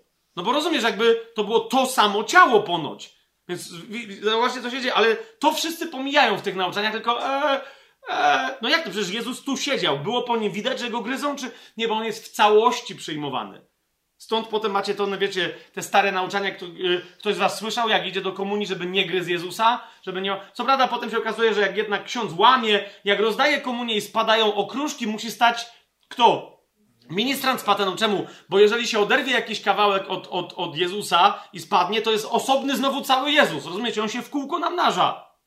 No jeszcze raz z całym szacunkiem, rozumiecie, ja, ja wiem, że ale to jest świętość, nie wolno, ale dlaczego nie rozumiecie, no to jest proste, Gdybym, gdybyśmy my w tym kraju w życiu tak tych bredni nie słyszeli, to przecież każdy by zadał pytania, no ale to, ale to, ale to, nie zadajemy ich, bo od małego jesteśmy wychowywani, to jest świętość, to jest logiczne, to jest konsekwentne, ale jak? Nie? Pytanie 374. Jak się nazywa ta, ta przemiana? Rozumiecie, którą ponoć Jezus sam na sobie zrobił, że on nagle się stał chlebem i winem. Tam w czasie ostatniej wieczerzy i to się potem ponoć dzieje w każdej mszy świętej. Ta przemiana nazywa się transsubstancjacją, czyli przeistoczeniem. Nie? Jest bardzo istotny, jest konkretny, techniczny termin w kościele katolickim, nie? który ma swoją, nie możesz go inaczej rozumieć, źle rozumieć. To jest zamienienie się chleba i wina kompletnie w ciało i krew Jezusa Chrystusa. Ok? 376 punkt, tam 370 pomijam, ale bo chodzi mi o to tylko, żeby to streścić. Co postanowił Jezus Chrystus, gdy dodał słowa: To czyńcie na moją pamiątkę? Dzisiaj Sara zaproponowała przed tym naszym live'em, tak? Zaproponowała, a może pamiątka, tak? I połamaliśmy się chlebem. Okazało się, że jest też wino, tak? Połamaliśmy się. Dlaczego? Bo Pan Jezus powiedział, to czyńcie na moją pamiątkę. Amen? E, ja nie wiem, tu już nawet nie trzeba Biblii wykryć, no bo nic więcej Pan Jezus tam nie powiedział. Ale Kościół rzymskokatolicki wie, co autor miał na myśli. Wiecie, bo to jest specjalna poezja i teraz on jeszcze raz kpie. No a jak można nie kpić, skoro tu jest... Znaczy, co postanowił Jezus Chrystus? Postanowił, ale nikomu nic nie powiedział, tylko wtajemniczeni wiedzą? Jezus Chrystus przez dodanie słów to czyńcie na moją pamiątkę, uważajcie na to. Nagle pada takie bezczelne sformułowanie. Ustanowił apostołów kapłanami Nowego Przymierza i rozkazał im oraz ich następcom w kapłaństwie, żeby również konsekrowali, sprawowali ofiarę i rozdawali jego ciało i krew pod postaciami chleba i wina. Pan Jezus powiedział, to co właśnie teraz robimy, róbcie dalej na moją pamiątkę, dopóki nie wrócę. Rozumiesz, a tu jest nagle sukcesja apostolska, papież, biskupi, księża, parafie, msze, obrzędy, rozumiesz, liturgia, rozumiesz, to wszystko w tym jednym zdaniu, to czyńcie na moją pamiątkę, to dokładnie miał nam, jakby nie powiedział, proszę bardzo, bierzcie, jedzcie, pijcie i, i to teraz róbcie na moją pamiątkę. Nagle, o, to wszystko miał na myśli. Zważcie, gdzie jest dowód? Pytanie 377. Kiedy kapłani wykonują tę władzę i spełniają to przykazanie? Ty, bo nagle się okazuje, że to jest przykazanie. Że oni mają być księżmi, mają to odprawiać, te, te nabożeństwa i tak dalej. Kapłani wykonują tę władzę, odpowiedź, i spełniają to przykazanie wtedy, gdy biorąc na siebie osobę Jezusa Chrystusa, odprawiają ofiarę mszy świętej. Myślicie, że w kościele rzymskokatolickim Chrystusem w całości jest tylko i wyłącznie opłatek? To tu macie już mroczną zapowiedź czegoś absolutnie sensacyjnego. Absolutnie sensacyjnego. Żeby opłatek mógł się stać Bogo człowiekiem Jezusem Chrystusem w swoim ciele i w swojej krwi, ksiądz musi wziąć na siebie, co to będzie znaczyć? Zobaczycie, odlot. Musi wziąć na siebie odprawę, y, osobę Jezusa Chrystusa. Musi wziąć na siebie, rozumiecie? Musi wejść w niego, bo on sam. No właśnie, zaraz zobaczycie, to jest, to jest czarnoksięstwo najgorszej, przeklętej, brudnej wody. Punkt 378. Cóż się wtedy dzieje, gdy kapłan we mszy świętej nad chlebem i winem wymawia słowa konsekracji? Odpowiedź brzmi: wówczas pod postaciami chleba i wina staje się obecne, i teraz uważajcie, bo niektórzy mówią, że po prostu chleb i wino zamieniają się w ciało i krew Chrystusa. To nie jest prawda. Co wy wierzyliście, jak byliście katolikami? Bo to nie jest prawda. Odpowiedź pełna brzmi: pod postaciami chleba i wina staje się obecne prawdziwie, rzeczywiście i istotnie. A więc pod każdym możliwym względem staje się obecne prawdziwie, rzeczywiście i istotnie. Co? Ciało i krew Pana naszego Jezusa Chrystusa razem z Jego duszą i bóstwem. Razem z Jego duszą i bóstwem. To nie jest tylko zamiana cielesna chleba i wina w ciało i krew ponoć Pana Jezusa. Rozumiecie? Ale całe bóstwo skoncentrowane wchodzi, jak niegdysiejsza żydowska szekina, dokładnie w to miejsce i wypełnia to miejsce e, boską obecnością. Pytanie moje brzmi, gdy pamiętam, kiedyś małe dziecko zadało na katechezie, ja potem zadałem to na sakramentologii jednemu z naszych wykładowców. Mówię, czy my nie uczymy dzieci, że Bóg jest wszędzie? Oczywiście, bo Bóg jest wszechobecny. A potem ja na przygotowaniu do pierwszej komunii mam powiedzieć dzieciom, że cały Bóg następnie skoncentrował to jakby za, skoncentrował się w chlebie. Całe bóstwo, absol, rozumiecie, o, prawdziwie, rzeczywiście i istotnie. To jest pytanie, czy jak on się tam skupił, to czy zaraz obok chleba go nie ma? I obczajacie, że wtedy ja zaczęliśmy coś rozważać, na co wykładowca machnął ręką i mówi, dobra, z tego nie będę pytał na egzaminie. To jest wielka tajemnica wiary. Idziemy dalej. Jakby to było jak, co za różnica? Skoro on jest wszędzie, to jak nagle on tu istotowo, czyli wszędzie jest nie naprawdę, nie rzeczywiście, nie istot, jakby co się dzieje? Bóg jest duchem, jakby tu jest lepiej, jest gorzej, co tu się w ogóle odwala? Co tu się odwala? Nie? Widzicie, to, zauważcie, ja teraz przeczytałem wam, to jest tyle, parę prostych pytań, to jest tyle. Teraz będziemy robić pięć tematów, czyli transsubstancjacja, komunia święta, ofiara, kapłaństwo i adoracja. Ok? Będziemy teraz się dokładnie tymi, e, tymi rzeczami e, zajmować po kolei. Mam nadzieję, że w miarę, ale po prostu musimy to dzisiaj zrobić, choćby nie wiem, ile to miało trwać, musimy to dzisiaj zrobić. Najwięcej czytania pewnie będę miał z dokumentów katolickich, ale jeszcze raz chcę, żebyśmy to wszyscy bardzo jasno, bardzo jasno usłyszeli. Okay? Transsubstancjację, wejdźmy głębiej. Czyli pierwsza rzecz to jest pytanie o ciało.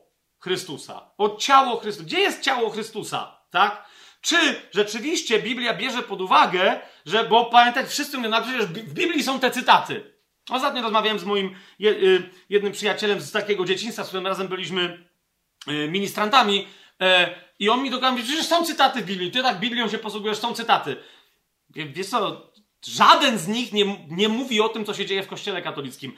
To, że zostaliśmy sprytnie wmanewrowani, zaraz wam pokażę jak, w takie rozumienie tych cytatów, no okej, okay, ale wystarczy tylko przeczytać nieco wcześniej, nieco później, po prostu zobaczyć, co tam jest naprawdę napisane i nagle widzisz, ej, tu nie jest napisane to, co nam mówili, że tu jest napisane. Pan Jezus nie powiedział, te, jak to nie powiedział, to jest moje ciało? Oczywiście, że powiedział. Ale czy mówił to o chlebie? Czy on, a nie powiedział, to jest moja krew? Jest dobre pytanie. Czy, jak, czy, mówi, czy kiedykolwiek powiedział o winie w kielichu, że to jest jego krew? Czy też, że to jest kielich nowego przymierza w jego krwi? A nie, że. Jeszcze raz, co tam naprawdę jest napisane? Nie jest jeszcze parę innych cytatów. Wszystkimi nimi dokładnie się zajmiemy. Ale zauważcie, jak brzmi dokładna ex katedra wypowiedziana przez Kościół rzymskokatolicki yy, prawda. Pierwsze, co będę cytował, i cytuję w to w tym wypadku, jeżeli E, bo możecie mieć problem pewien z szukaniem tych cytatów, ale to będę cytować za breviarium fidei. To jest ta taka, wiecie, księga, gdzie wszystkie prawdy doktrynalne, niepodważalne, nauczanie Kościoła rzymskokatolickiego jest zawarte. E, w Breviarium Fidei to będzie punkt 409 i 410, z tym, że jest to bezpośrednio wyciągnięte, te punkty, te fragmenty są wyciągnięte z Soboru Trydenckiego. Sobór Trydencki raz na zawsze, na wieki wieków amen, jak niektórzy powiadają, ustalił, jak ma msza wyglądać, jak należy rozumieć, co się dzieje w mszy, kim jest kapłan, co to jest Eucharystia, co to jest transsubstancjacja, komunia, jak ma wyglądać, wszystko poustalał. Nie? I Sobór Watykański II, katechizm, następne, zauważycie cały czas, ja jeszcze dzisiaj będę to cytować, wszyscy mówią, że zasadniczo tam mają różne, rozwijają wiarę, ale nikt nie śmie się w kwestii Eucharystii sprzeciwić Soborowi Trydenckiemu. Nie? Więc sięgam do Soboru Trydenckiego, a potem wam pokażę, że to jest cały czas nauczanie, które się ciągnie. Sobór Trydencki, w, ramach Soboru Trydenckiego to był tak zwany dekret o sakramencie Eucharystii. Tam on ma różne tłumaczenia. W tym dekrecie jest rozdział trzeci, który się nazywa Wyższość Najświętszego Sakramentu nad innymi sakramentami. Nie? I teraz czytamy w Breviarium Fidei, znajdziecie sobie w punkcie 409, to jest nie wiem, któryś tam punkt tego rozdziału trzeciego, cytuję dosłownie, jest napisane tak. Jeszcze bowiem apostołowie nie otrzymali Eucharystii z ręki Pana. Co się dzieje tutaj? Udowodnijcie, ale jeszcze, rozumiecie, czyli on miał Eucharystię już w ręce. Rozumiecie? Zauważcie, jaka jest dynamika. On to miał. On wypowiedział słowa konsekracji, a więc chleb stał się jego ciałem w jego własnych rękach, jego własnego ciała. Tak? Jeszcze bowiem apostołowie nie otrzymali Eucharystii z ręki, czyli on już trzymał Eucharystię, tak zwaną. Już pomijam, że Eucharystia e, w Biblii to oznacza po prostu dziękczynienie. Jezus jak łamał, rozdawał chleb, złożył, dziękował i to jest Eucharystia. Jest, to jest cały związek z całym tym obrzędem. Rozumiecie? Wzięte greckie słowo nie na temat. Ale niech będzie. Więc jeszcze bowiem apostołowie nie otrzymali Eucharystii z ręki Pana, uważajcie, gdy im prawdziwie sam oznajmił, że ciałem Jego jest to, co im dawał. Słyszycie to? Żeby to, czyli krótko dynamika jest taka, Jezus przemienił chleb w swoje ciało i następnie zanim im to dał, powiedział, daję wam moje, to jest moje ciało. Co? To, ten chleb, co trzymam w ręce, to jest moje ciało. Jedzcie moje ciało. Widzicie, takie stwierdzenie? Jasne, jasne to jest? Okej. Okay. A w Kościele Bożym stale wierzono, że zaraz po konsekracji prawdziwe ciało naszego Pana i prawdziwa Jego krew przebywa pod postaciami chleba i wina razem z Jego duszą i bóstwem. Jeszcze raz, tak? Rozdział czwarty tego dekretu o sakramencie Eucharystii, yy, który ma tytuł po prostu Transsubstancjacja. Zauważcie, co tu jest napisane. Ponieważ zaś Chrystus, nasz Odkupiciel, powiedział, że to, co podawał pod postacią chleba, jest prawdziwie Jego ciałem, i teraz możecie sobie to sprawdzić. Nawet w dokumentach soborowych, co jest podane? Wszystkie fragmenty biblijne, które za, którym się za chwilę przyjrzymy, czy Jezus tam to mówi, co oni twierdzą, że on to powiedział. Ciekawe jest, że można było zacytować, ale tylko podają tu, to jest udowodnione w Biblii. Gdzie? No tam. A, okej. Okay. Co tam jest powiedziane? No Jezus wziął chleb i powiedział, to jest moje ciało. Przecież tam to jest tak napisane. Okej? Okay? Więc Chrystus, nasz Odkupiciel, powiedział, że to, co podawał pod postacią chleba, jest prawdziwie jego ciałem. Te przemiany dalej na końcu trafnie i właściwie święty katolicki kościół nazwał przeistoczeniem, nie? E, czyli chodzi o konsekrację chleba i wina, dokonuje się przemiana całej substancji chleba w substancję ciała Chrystusa naszego Pana. I teraz zwróćcie uwagę, i całej substancji wina w substancję jego krwi. Dlaczego na to zwracam uwagę? Bo za chwilę zobaczycie, że Kościół rzymskokatolicki dostał uwagę od protestantów, od katolików, którzy, teologów, którzy rozmawiali z protestantami, oni nagle stwierdzili, ups, machnęliśmy się, trzeba jeszcze jedną rzecz rozwiązać, ale sobie zapomnieli, co już napisali w tym dekrecie. Ok? Więc jeszcze raz, posłuchajcie, co się dzieje według tej doktryny, żeby nie było Kościół rzymskokatolicki z jego własnymi sprzecznościami wewnętrznymi. Tak? Ten święty sobór narodowy wyraża przekonanie Kościoła, że co? Że przez konsekrację chleba i wina, uważajcie, dokonuje się przemiana całej substancji chleba w co? w substancję ciała Chrystusa, naszego Pana, i całej substancji wina w co? W substancję Jego krwi. Całej substancji wina w substancję czego? Jego krwi. Mamy to? Cool. Dlaczego? Bo potem się pojawi problem, to czemu w takim razie nie dajecie krwi rzekomej Jezusa ludziom? I nie dawali przez kilkaset lat. Oni wtedy na Trydencie już długo to trwało. I nagle wtedy było, o, ups, to musimy coś zmienić, no nie? Ale na razie napisali, co napisali. Myślicie, że to się zmieniło do dzisiaj? Wracam do encykliki Jana Pawła II, Ecclesia de Eucharystia. Znaczy najpierw tak, no nie? W, w encyklice Ecclesia de Eucharystia Jan Paweł II to jest oficjalne nauczanie Kościoła rzymskokatolickiego. Sprawdźcie sobie sami w drugim punkcie, tam Jan Paweł II pisze, że on miał to szczęście, że jako kapłan sprawował Eucharystię tam, gdzie Pan Jezus pierwszy sprawował Eucharystię, czyli w wieczerniku. Ja pomijam, że ten wieczernik to nie jest ten, ale nieważne. Niemniej dwie interesujące rzeczy Jan Paweł II bardzo uczciwie i muszę mu to oddać Karolowi Wojtyle, napisał. Otóż posłuchajcie, w drugim punkcie encykliki Ecclesia de Eucharistia Jan Paweł II pisze w jubileuszowym roku 2000 dane mi było sprawować mszę świętą w jerozolimskim wieczerniku, tam, gdzie, uważajcie na to, według tradycji została ona odprawiona po raz pierwszy przez samego Chrystusa. Czyli odprawiałem mszę tam, gdzie według tradycji Chrystus coś odprawiał. Nie? I niektórzy mówią, nie, nie, że, bo jest taka tradycja, że on tam odprawiał, a nie, że to tylko tradycja udowadnia, że on coś odprawiał. Serio? No bo ponoć wiecie, jak Jezus powiedział, to czyńcie na moją pamiątkę, no to oni wiedzieli, że to jest teraz, oni są kapłanami, będą święcić następnych, sukcesja i tak dalej, i tak dalej. W tym samym drugim punkcie, gdzieś tam pod koniec, Jan Paweł II zadaje pytanie, że jak Jezus tam robił to, co robił i wypowiedział słowa, które wypowiedział, obczajcie, cytuję Jana Pawła II z oficjalnego nauczania ex. Jan Paweł II pyta, czy apostołowie, którzy uczestniczyli w ostatniej wieczerzy, byli świadomi tego, co oznaczały słowa wypowiedziane wówczas przez Chrystusa? Znak zapytania. Odpowiedź na Pawła II? Chyba nie. U, proszę was, zobaczcie to sobie czarno na białym. No, chyba nie. Dlatego, że jego prawą ręką był Ratzinger. Ratzinger potem sam został papieżem, ale rozumiecie, on, on w swojej pracy tam magisterskiej czy doktorskiej teologicznej mówił, że jak Jezus mówi o skale, na której będzie zbudowany Kościół, to jemu nie chodziło o papieża, tylko jemu chodziło o jego samego. To samo tu. Ewidentnie słychać, że Ratzinger to poprawił i mówi, nie, naprawdę pewnych rzeczy nie ma w Biblii, także uspokójmy się, nie? I to samo tu nie ma dowodów w Biblii na to, że, że Jezus, jak powiedział, to, to czyńcie na moją pamiątkę, to coś, oraz, że ktokolwiek wtedy rozumiał, to, to, to, to czyli co się stało? No myśl jest taka, że później Kościół doznał objawienia. Bo Jezus no, gadał jakieś takie rzeczy niejasne, potem, na, no ale rozumiecie, to czemu, to czemu ewangeliści nie zapisali, co Jezus miał na myśli? To znaczy, że ani apostołowie, ani potem ewangeliści, rozumiecie, dopóki Biblia była pisana, nikt dalej chyba nie wiedział, o co Jezusowi chodzi. Dopiero Kościół katolicki się kapnął w V wieku, czy tam w IV. Sarkazm? Ależ oczywiście! Cytuję Jana Pawła II. Na litość boską, jak nie być sarkastycznym. A potem ktoś wy, wystawią 50, po, 500 pomników Jana Pawła II w Polsce. Tu człowiek, mądrość, tu nieomylność. Paweł, mhm. No to napisał nieomylnie. Chyba nie wiedzieli. Ale cały Kościół katolicki każe ci wierzyć jako katolikowi, że oczywiście, że wiedzieli. To to oznacza, wszystko jest jasne, Biblia o tym mówi. Zaraz zobaczymy, gdzie Biblia o tym mówi. I dalej, tego nie cytuję za breviarium fidei, Dlaczego? Ponieważ w Breviarium Fidei, tym w każdym razie wydaniu, które, które ja czytałem, nie ma tak zwanych kanonów.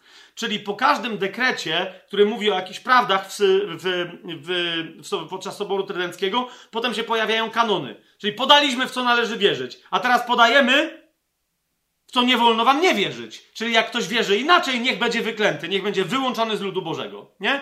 I w ten sposób jeszcze raz jest podkreślone, w co masz wierzyć. Otóż kanon pierwszy wracam do, do tego dekretu o sakramencie Eucharystii. Kanon pierwszy mówi, jeżeli ktoś przeczy temu, że w Najświętszym Sakramencie Eucharystii zawarte są prawdziwie, rzeczywiście i substancjalnie, zaraz będziemy się tym więcej zajmować, ciało i krew wraz z duszą i bóstwem Pana naszego Jezusa Chrystusa, a więc cały Chrystus, i twierdzi, że tam jest tylko jako w znaku, w obrazie lub przez swoją moc, niech będzie wyłączony ze społeczności wiernych. Rozumiecie? Trzeba nie tylko wierzyć, że tam jest Pan Jezus ciało i krew. Nie, nie. Tam jest Jego dusza, tam jest Jego bóstwo. On jest tam cały, kompletnie. E, a w niebie, jakby, zaraz się dowiemy, no, co, co się dzieje w niebie. Kanon drugi. Jeżeli ktoś twierdzi, że w Najświętszym Sakramencie Eucharystii pozostaje substancja chleba i wina razem z ciałem i krwią Pana, no bo, czyli rozumiecie, no bo jest takie no tak, to się zamieniło w ciało i krew, ale jakby to jest dalej chleb i wino, prawda? No i wiecie, ilu katolików nie mówi, ale to pachniało jak wino. No tak, no bo wiesz, no bo to jest dalej wino, tylko jakby tam jest, w tym winie jest schowany Pan Jezus. Rozumiesz? Jeżeli jesteś katolikiem i tak wierzysz, masz przerąbane. Jesteś wykluczony, rozumiesz, jest anatema, jest ekskomunika, jest wszystko naraz. Dlaczego? Posłuchajcie, że jeżeli ktoś twierdzi, że w Najświętszym Sakramencie Eucharystii pozostaje substancja chleba i wina razem z ciałem i krwią Pana naszego Jezusa Chrystusa, a więc przeczy tej prawdziwej i osobliwej przemianie całej substancji chleba w ciało i całej substancji wina w krew, przy zachowaniu jedynie postaci chleba i wina, którą to przemianę katolicki Kościół najwłaściwiej nazywa przeistoczeniem, niech będzie wyklęty. Rozumiesz? Jedyne co, to nie jest chleb. Rozumiesz? Ty dotykasz, to jest tylko postać pewna, która się jawi twoim zmysłom, ale tam nie zostało nic z chleba, rozumiesz? Tam nie ma odrobiny, jak ty to jesz, nie, ty po prostu gryziesz, jesz Jezusa, tam nie zostało nic z chleba. On nie reprezentuje, nie zawiera, nie symbolizuje, nie ma w sobie Jezusa. To jest Jezus, tylko ty tego nie możesz rozpoznać, to samo z winem. To jest Jego krew, rozumiesz? Utoczona z żyły to jest Jego krew. I jeżeli uważasz, że tam zostało coś z chleba lub z wina substancjalnie, wy, anatema sunt. Po, po prostu apage satanas. Koniec. Ekskomunika. I wreszcie wrócę jeszcze, bo tu jest bardzo istotna rzecz, która nam będzie teraz potrzebna a propos ciała Chrystusa. Tyle. Ja wiem, że jest masę innych tam. Jeszcze raz, chcę tylko dotknąć paru aspektów dzisiaj, jak będziemy o tym wszystkim mówić. Mianowicie wracam do Gaspariego, yy, który w, w, takie pytanie, jakby już nie było dosyć to wyjaśnione, w punkcie 397, w tym katechizmie dla dorosłych. W punkcie 397 zadaje ni stąd, ni zowąd nagle takie pytanie, po to, żeby sprytnie odpowiedzieć na inne pytanie logicznie myślących ludzi. Mianowicie, po co Jezus Chrystus ustanowił sakrament Eucharystii? Jakby, no to już przecież było, że łaska, że coś tam, że i tak dalej, i tak dalej, nie? Ale dowiadujemy się, uważajcie, Jezus Chrystus ustanowił sakrament Eucharystii po pierwsze, bo tam jest więcej, zdaje się, z tego co pamiętam, tych odpowiedzi, ale to się liczy, żeby w nieskończonej miłości ku nam, uważajcie, ustawicznie mieszkać między nami, i byśmy go wzajemnie miłowali i oddawali mu cześć. Gdzie? Między nami.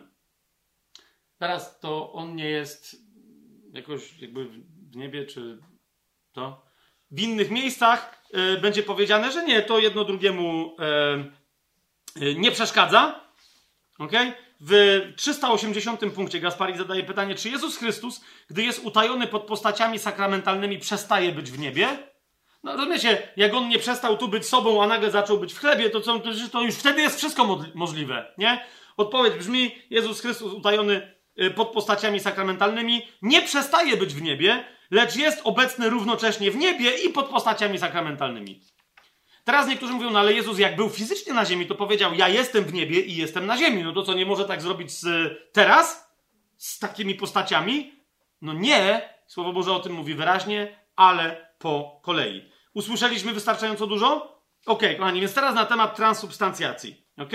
Czyli, bo niektórzy powiedzą, Jezus powiedział przy Jezus to, Jezus tam, to Jezus. Jeszcze raz, zauważcie, pierwsza rzecz, nie? Pierwszy problem, który się pojawia z taką koncepcją, jaką przedstawia od półtora tysiąca lat Kościół rzymskokatolicki. Mianowicie, jest to problem, to ile jest w końcu ciał Chrystusa? I jeszcze raz niektórzy mówią, to jest jedno i to samo. No ale zaraz, rozumiesz, przełamiesz opłatek i teraz ja zaniosę gdzieś, tu jest Jezus, tam jest Jezus. On jest fizycznie cały, jest, jest w niebie, jest na ziemi. No okej. Okay. Wtedy, kiedy na ziemi był fizycznie, to nie było go w niebie fizycznie. On jak swoją, swoim bóstwem był w niebie, ale nie był fizycznie. Zwróćcie uwagę. Jezus fizycznie nie był w dwóch miejscach naraz nigdy. Ojciec Pio ponoć mógł być w dwóch miejscach. Miał, wiecie, jakieś dualizmy e, czasoprzestrzenne, e, kwantowe, ale Jezus jak był tu, to był tu, jak był tam, jak się chciał gdzieś przenieść, bach, to się przenosił naraz, pamiętacie z łodzią po rozmnożeniu chleba, tak? Ale fizycznie nie był wszędzie, był tam, gdzie było jego fizyczne ciało. Niemniej, niemniej pada pytanie, to ile jest tych ciał Chrystusa w innym kontekście? Bo widzicie, Biblia mówi wyraźnie, że tu na ziemi Ok? Teraz, kiedy on fizycznie jest w niebie, że tu na ziemi Jezus ma tylko jedno swoje ciało, którego on fizycznie jest głową. Ok? On fizycznie jest głową czegoś, co jedno, jedyne ma prawo nazywać się na ziemi ciałem Chrystusa. Nie? A Kościół rzymskokatolicki, wiedząc o tym, w pewnym stwierdził, tak, tak, ale zrobił dwa ciała Chrystusa. Ok? Jakie jest to jedno ciało? Jedno ciało to jest Kościół. I zaraz sobie wyraźnie, i nie ma w Biblii żadnego innego ciała. Jezus fizyczny, z całą swoją fizyczną postacią, z włosami, z paznokciami, ze zmartwychwstałym ciałem, z kośćmi, z tym, rozumiecie? Ze swoją duszą, ze swoim bóstwem jest w niebie, siedzi po prawicy Ojca, według Biblii, a jego ciałem na ziemi jest wspólnota wierzących w niego, jest Kościół. I Biblia mówi, że nie ma możliwości, żeby coś innego było równocześnie jego ciałem na ziemi. Czy to jest jasne? Gdzie Biblia nam o tym mówi? Natomiast, bo jeszcze raz, najpierw musimy sobie udowodnić, że Biblia tak mówi. Jak to zobaczymy, to wtedy rozumiecie, jeżeli więc ktoś twierdzi, że Pan Jezus wymyślił sobie jakieś drugie ciało, to ma problem. Bo Pan Jezus nie jest wewnętrznie sprzeczny. Jak mówi jedno, to mówi jedno, a nie mówi to, a potem sam sobie przeczy i tak dalej, i tak dalej. Zresztą tego rodzaju dziwnego, sprzecznego, paradoksalnego dualizmu zobaczymy mnóstwo par, jak będziemy się przyglądać temu tak zwanemu sakramentowi Eucharystii. Rozumiecie? Mnóstwo takich, że, że yy, bo oczywiście od czasów Lutra, a nawet jeszcze wcześniej, tak, yy, Wycliffe'a, Jana Husa, Lutra, Zwinglego, Kalwina i tak dalej, wszystkich tych, rozumiecie, reformatorów rozmaitych, E, co i róż, jak Kościół katolicki usłyszał, że dobra, ale to co wy gadacie to jest brednia, ponieważ Biblia mówi zupełnie inaczej. Wtedy operacja zawsze jest taka sama. Kościół katolicki to bierze i mówi, o rzeczywiście, no przynajmniej na poziomie teologów, no a teraz już w ogóle, no nie możemy zaprzeczyć, że tak tu jest napisane. Więc tak, zgadzamy się, tak tu jest napisane. Ale i mówię, ale jednocześnie to, co my mówiliśmy, też jest prawdą, więc tylko potem chodzi o to, że rozumiesz, wiele z tych prawd jest albo jedno, albo drugie a Kościół rzymskokatolicki mówi i jedno, i drugie. Gdzie to jest tajemnica wiary? To jest paradoks. Wszystko jest paradoksem, to jest, rozumiesz? Na to zwracajcie uwagę, dlatego dzisiaj tak bardzo mało będę cytować ku niektórych zdziwieniu e, katechizm Kościoła katolickiego, ten niebieski. Dlaczego? Bo gdy chodzi o te rzeczy, o których my teraz mówimy, to jest, rozumiecie, szczyt manipulacji tego, co się tam wyprawia. Cytowania Biblii, podawania kolejnych punktów. Raz mówią, że tak, raz inaczej, raz mówią, że nie ma inaczej jak tylko tak, za chwilę nie ma inaczej jak tylko inaczej. Jeszcze raz, słuchajcie, yy, więc będziemy sięgać do poważniejszych jeszcze niż katechizm Kościoła katolickiego źródeł ex katedra, żeby pokazać te sprzeczności, że Kościół katolicki raz gada tak, raz inaczej, a koniec końców mówi, że w zasadzie to chodzi nie o to, co pisze Biblia, tylko o to, co my mówimy, a więc ostateczną prawdą jest coś, co jest kompletnie sprzeczne yy, z Biblią. Otóż problem pierwszy to ile jest ciało Chrystusa. Jest jedno ciało Chrystusa. Jezus umierał fizycznie na krzyżu, aby następnie stworzyć dla siebie na ziemi społeczność ludzi, którą nazywa On w swoim słowie yy, swoim ciałem ciałem Chrystusa Słowo Boże nazywa Kościół i tylko i wyłącznie Kościół. W liście do Efezjan w drugim rozdziale, w 14, od 14 do 16 wersetu, czy, czytamy o Chrystusie napisane: On bowiem jest naszym pokojem. On, który z obydwu uczynił jedno. Części ludzkości uczynił jedną nową ludzkość. Zburzył, i zburzył stojący pośrodku mur, który był przegrodą, znosząc przez swoje ciało nieprzyjaźń, prawo przykazań wyrażone w przepisach, tak a propos, jak się następnie pojawiają, że Pan Jezus, Pan Jezus zniósł taką koncepcję religii. Prawo przykazań wyrażone w przepisach. Aby z dwóch stworzyć w samym sobie jednego nowego człowieka, czyniąc pokój. Ten nowy człowiek to jest jego oblubienica, czyli Kościół. Amen?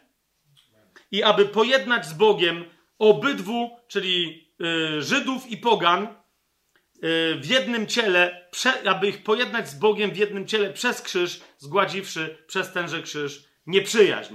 Dalej w. Y, I teraz ktoś powie, no ale to tu jest mowa o, o jego ciele, które, które umierało na krzyżu, a nie, że z tego powstało jedno nowe ciało na ziemi. Otwórzmy sobie, otwórzmy sobie list do Kolosan, którym Paweł e, pisze, to jest pierwszy rozdział e, od 19 wersetu. O Chrystusie upodobał sobie Ojciec, aby w nim zamieszkała cała pełnia i żeby przez niego pojednał wszystko ze sobą, czyniąc pokój przez krew jego krzyża. Przez niego, mówię, to, co jest na ziemi, jak i to, co jest w niebie. To jest nie tylko połączenie między ludźmi, Żydami i nieżydami, ale też między tym, co duchowe i niebieskie, a tym, co ziemskie i upadłe. Jest to jasne? Jezus wszystkiego dotknął. Kiedy? Na krzyżu. W momencie swojej śmierci. A nie, żeby teraz dopiero jakieś rzeczy się miały dziać.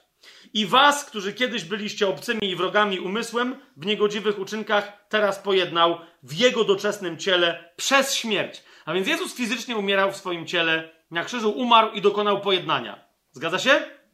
Więc skąd się bierze koncepcja, że teraz jego ciałem na ziemi jest Kościół? Po pierwsze, zauważcie, że jest parę takich rzeczy w chrześcijaństwie, które nie mają liczby mnogiej.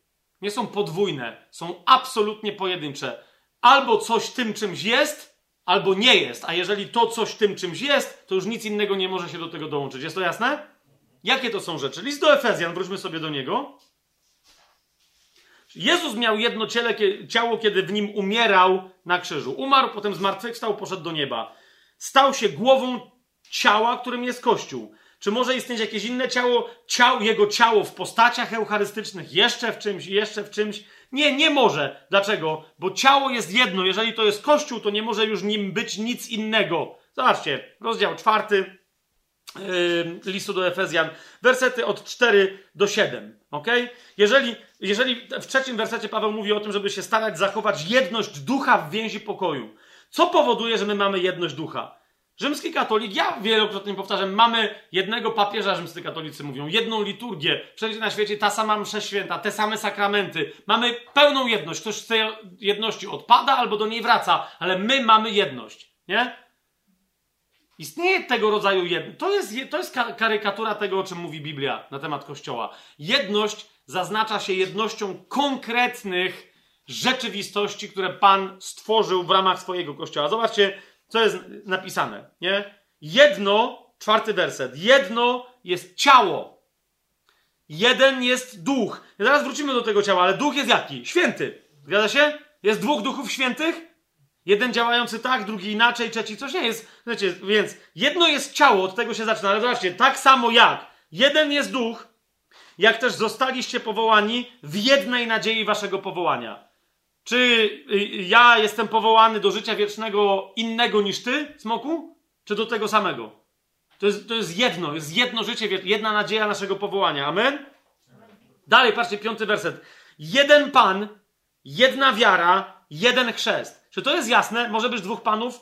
Mogą być dwie różne wiary? Może... Nie, jest jeden. Jeden Bóg i Ojciec wszystkich, który jest ponad wszystkimi, przez wszystkich i was wszystkich. I teraz zauważcie, że w ramach tych rzeczy, które są pojedyncze, nie ma, nie ma dwóch panów, nie ma dwóch y, wiar, nie ma dwóch chrztów, zgadza się?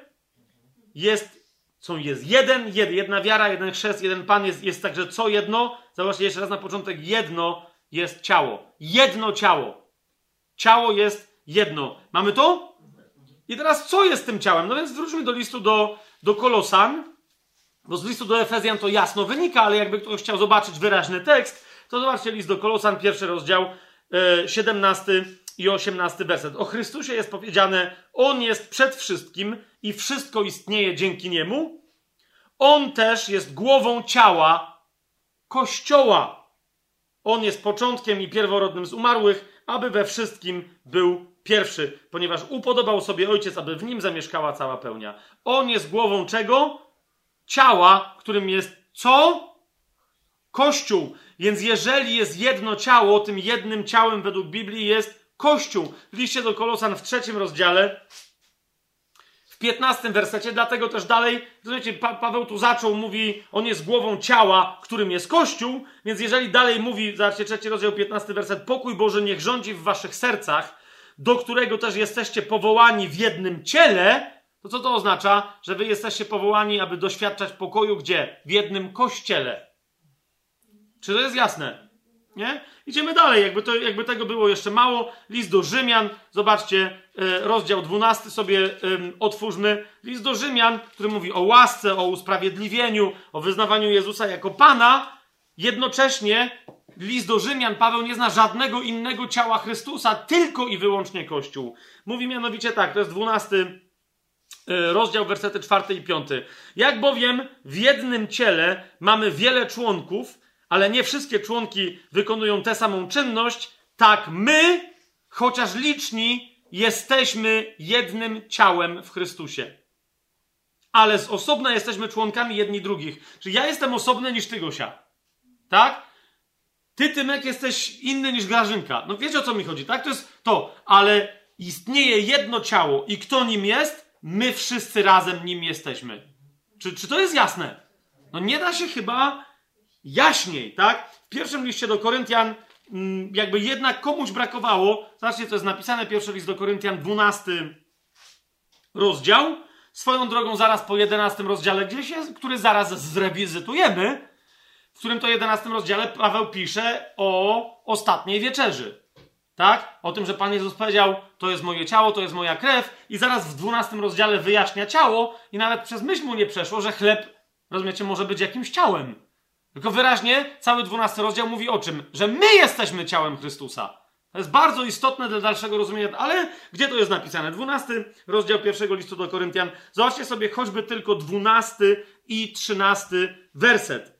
Jak bowiem ciało jest jedno, a członków ma wiele i wszystkie członki jednego ciała są, choć jest ich wiele, są jednym ciałem, tak i Chrystus. Czy to widzicie? Taki jest Chrystus, ma wiele członków, ale ma jedno tylko i wyłącznie ciało. I teraz niektórzy mówią, no tak, tak, tak, chodzi o to, że te członki są różnorodne, ale jakby yy, yy, one się jednoczą w jednym ciele. Nie, jest jedno ciało i trzynasty werset o tym mówi wyraźnie, bo wszyscy przez jednego ducha zostaliśmy ochrzczeni, czyli zanurzeni w jedno ciało. Ok? Czy to Żydzi, czy Grecy, czy niewolnicy, czy wolni, wszyscy zostaliśmy napojeni w jednego ducha. Jest jeden duch, jest jedno ciało. Ten jeden duch włącza nas w jedno ciało. Nie ma żadnego innego ciała. Jakby jeszcze były wątpliwości, kto, co jest ciałem, 27 werset. Wy jesteście ciałem Chrystusa, a z osobna dla siebie członkami. Wy jesteście ciałem Chrystusa. Więc jeżeli Jezus mówił, to jest moje ciało, a cała Biblia potem mówi, no, ciałem jest Kościół, to może co innego miał na myśli, niż że on jest w chlebie. Ok?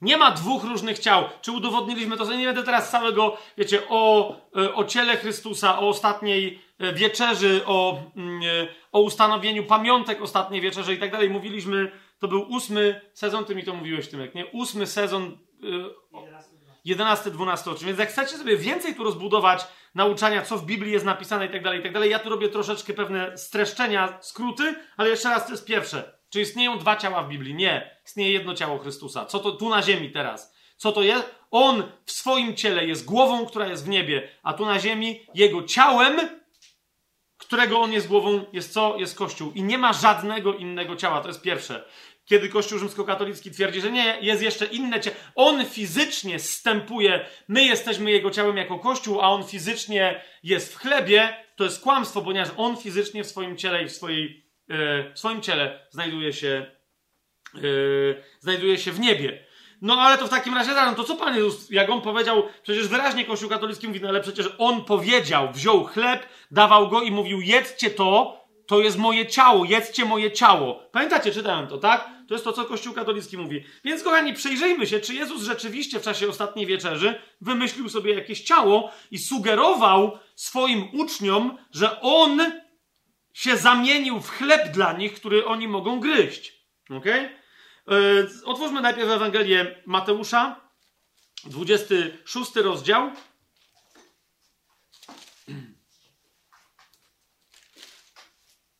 To jest jeden z bardzo ważnych problemów. 26 rozdział, wersety tam są od 26. Czytam, co tu jest napisane od wersetu 26 do wersetu 20. Dobra, na razie 26 do 28. Ok? Bo naj, najczęściej w kościele katolickim, nawet jak się czyta w Ewangeliach, go w niedzielę i tak dalej, to jest dokładnie ten fragment. Rzadko kiedy pojawia się dalsza część tego fragmentu. Nie? I, I ten fragment brzmi tak. A gdy jedli, Jezus wziął chleb, pobłogosławił, połamał i dał uczniom, mówiąc: Bierzcie, jedzcie. To jest moje ciało. Potem wziął kielich, złożył dziękczynienie i dał im, mówiąc: Pijcie z niego wszyscy. To bowiem jest moja krew Nowego Testamentu, która wylewa się za wielu na przebaczenie grzechów. I tyle. I teraz, kochani, no i wszyscy mówią, no i, no przecież tu jest jak byk rzeczywiście napisane, Kościół rzymskokatolicki ma rację. Okej, okay, zobaczcie teraz na to, co, co ja będę robił. Kościół rzymskokatolicki ma rację, Dlatego, że od małego, jak żeśmy chodzili do kościoła, nosili nas do kościoła, chodziliśmy do kościoła na mszę, całe to, to jest to, najważniejsza jest msza, msza, msza, msza, na mszy, patrz na mszy, co się dzieje na mszy? Ksiądz bierze chleb, nie? I zaczyna czytać te słowa, nie? Tej nocy, której był wydany, wziął chleb, pobłogosławił, połamał, ale zauważcie, że ksiądz w czasie nie łamie opłatka. Niektórzy, żeby było, że a okej, okay, ja na przykład tak robiłem, żeby być jakoś zgodnym z tym, co właśnie czytam, to go przełamywałem lekko, ale potem ci nie wolno, rozumiesz, on musi być cały, więc jakby tam coś kliknęło, ale nie do końca, bo ty musisz mieć całą hostię, no to rozumiesz, a więc połamał, ale nic nie łamią, tylko mówią, że on wziął, połamał, mówiąc bierzcie i jedzcie i dalej, rozumiecie, zauważcie, nikomu nic nie dają, tak? To jest ciało moje. I wtedy a kiedy się je to ciało? Bo Jezus powiedział, bierzcie i jedzcie. 20 minut później, pół godziny później, jak jest komunia. Na razie co? Na razie upadnij na kolana ludu czcią przejęty. To jest, to jest to. Więc rozumiecie, a teraz moje pytanie brzmi, czy tak wyglądała akcja tutaj? To samo z winem, nie? Kielich i tak dalej. Bierzcie i pijcie. To jest moja krew. I podnosi, nie? Wszyscy klęczą i mówią, tak jest, to jesteś Boże, to jesteś Ty, to jest Twoja krew, to jest Słuchajcie, ale jest moje pytanie. I teraz wszyscy mówią, no przecież to tu jest napisane jak byk. Naprawdę? Bo dopiero się dowie... Zauważcie, jeżeli my wiemy, że jest jedno ciało, a nim jest wspólnota, i zaraz udowodnię to więcej jeszcze, tak? Ale po, po, najpierw zobaczcie tu, czy tu jest napisane, że Jezus powiedział, hej, to jest, moje, to jest moje ciało, czy wy to rozumiecie? Czy może Jezus zrobił tak? Popatrzcie na to. Jezus wziął chleb, pobłogosławił, bo jedli. To była pascha, więc rozumiecie, tam się w kółko, chleb jest specjalne błogosławieństwo chleba. Więc odmówił to błogosławieństwo, połamał, nie będę teraz łamał, no się złamało akurat, nie? Połamał, ok? I dał uczniom. Gosia, podejdziesz? Patrzcie, daje, pyk. Drugi, Grażynka, proszę cię bardzo, pyk, nie? Daje, dał uczniom, nie? Więc widzicie, co jest grane? Mam chleb? Nie. Mam. Powiedziałem, tak jak Sobór Trydencki mówi, że Jezus im powiedział, że to jest moje, trzymał jeszcze zanim otrzymali. Jeszcze raz, połamał, dał uczniom, dał, mówiąc, a więc oni to mieli, nie? I Jezus wtedy powiedział, bierzcie, rozdzielaj, bierzcie to, nie? Jedzcie. I oni, kapujecie, to jest, jak zobaczycie, jak wygląda Pascha, cała ta, rozumiecie, Hagada właściwa nawet dzisiaj, to jest to, że ludzie od razu jak dostają, łamią, jedzą, w momencie, kiedy dają następnemu, już jedzą, nie? No mówię, bierzcie, jedzcie. Więc oni łamią, jedzą, następnemu, rozumiecie, łamią, łamią, jedzą. Oni jedzą, już mają w rękach, oni mają w rękach ten chleb i jedzą. I Jezus mówi, to jest moje ciało. To czyńcie na moją pamiątkę. Co? Łamanie chleba. Dlatego zauważcie od tej pory wszędzie w Biblii dzieje apostolskie nie mówią o sprawowaniu jakichś sakramentów, tylko mówią o łamaniu. Ludzie się spotykali na czym? Na łamaniu chleba. Dlaczego? Bo oni jako ciało Chrystusa spotykali się na łamaniu chleba. Mieli to jako ciało Chrystusa, ciało oblubienicy posłusznej swojej głowie, swojemu Panu. On im powiedział, to róbcie na moją pamiątkę, to robimy to na, na jego pamiątkę. Co robimy? Łamiemy się chlebem. A nie Jezus nie powiedział, konsekrujcie, ściągajcie mnie z nieba, rozkazujcie mi, żebym ja wstąpił w chleb i żryjcie mnie następnie. Z całym szacunkiem. To jest w ogóle tutaj nie napisane.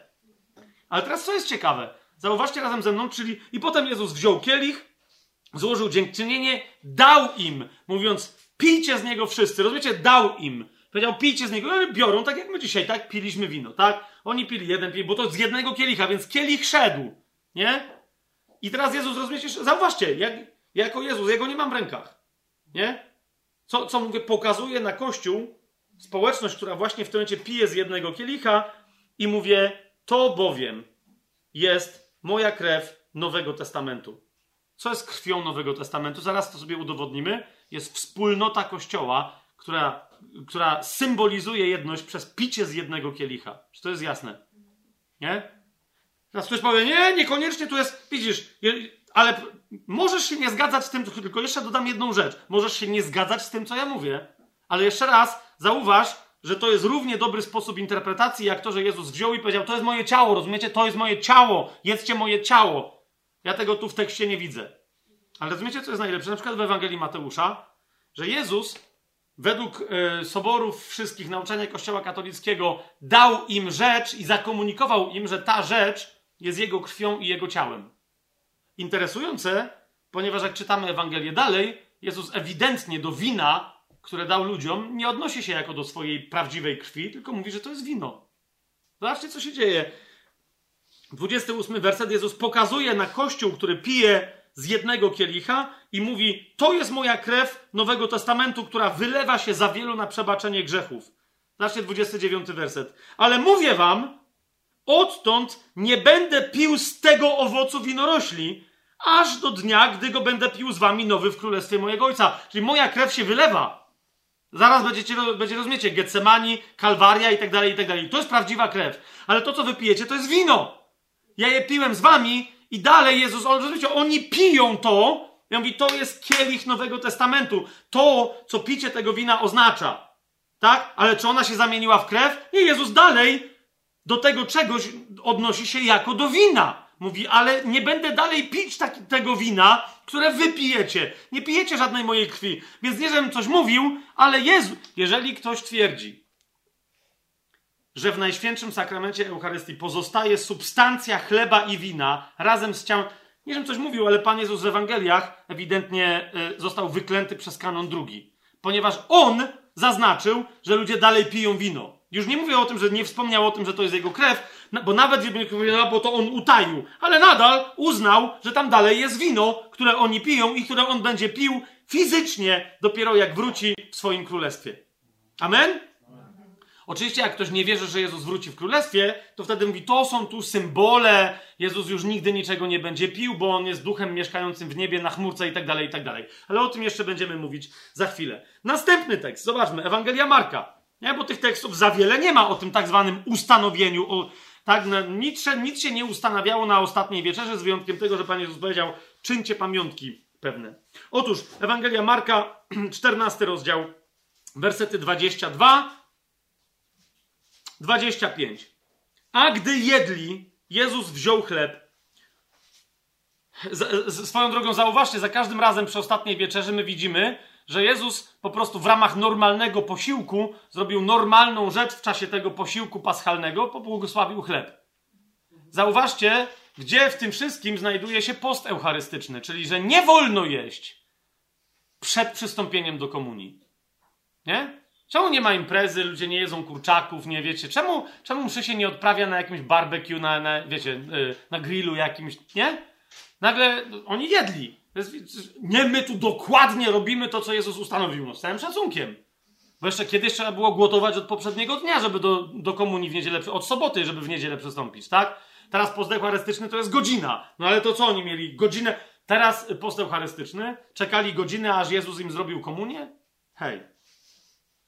A gdy jedli, 22 werset, 14 rozdziału Ewangelii Marka i dalej, Jezus wziął chleb, pobłogosławił, połamał i dał im. Wiecie, to jest to samo. Mówiąc, bierzcie, jedzcie.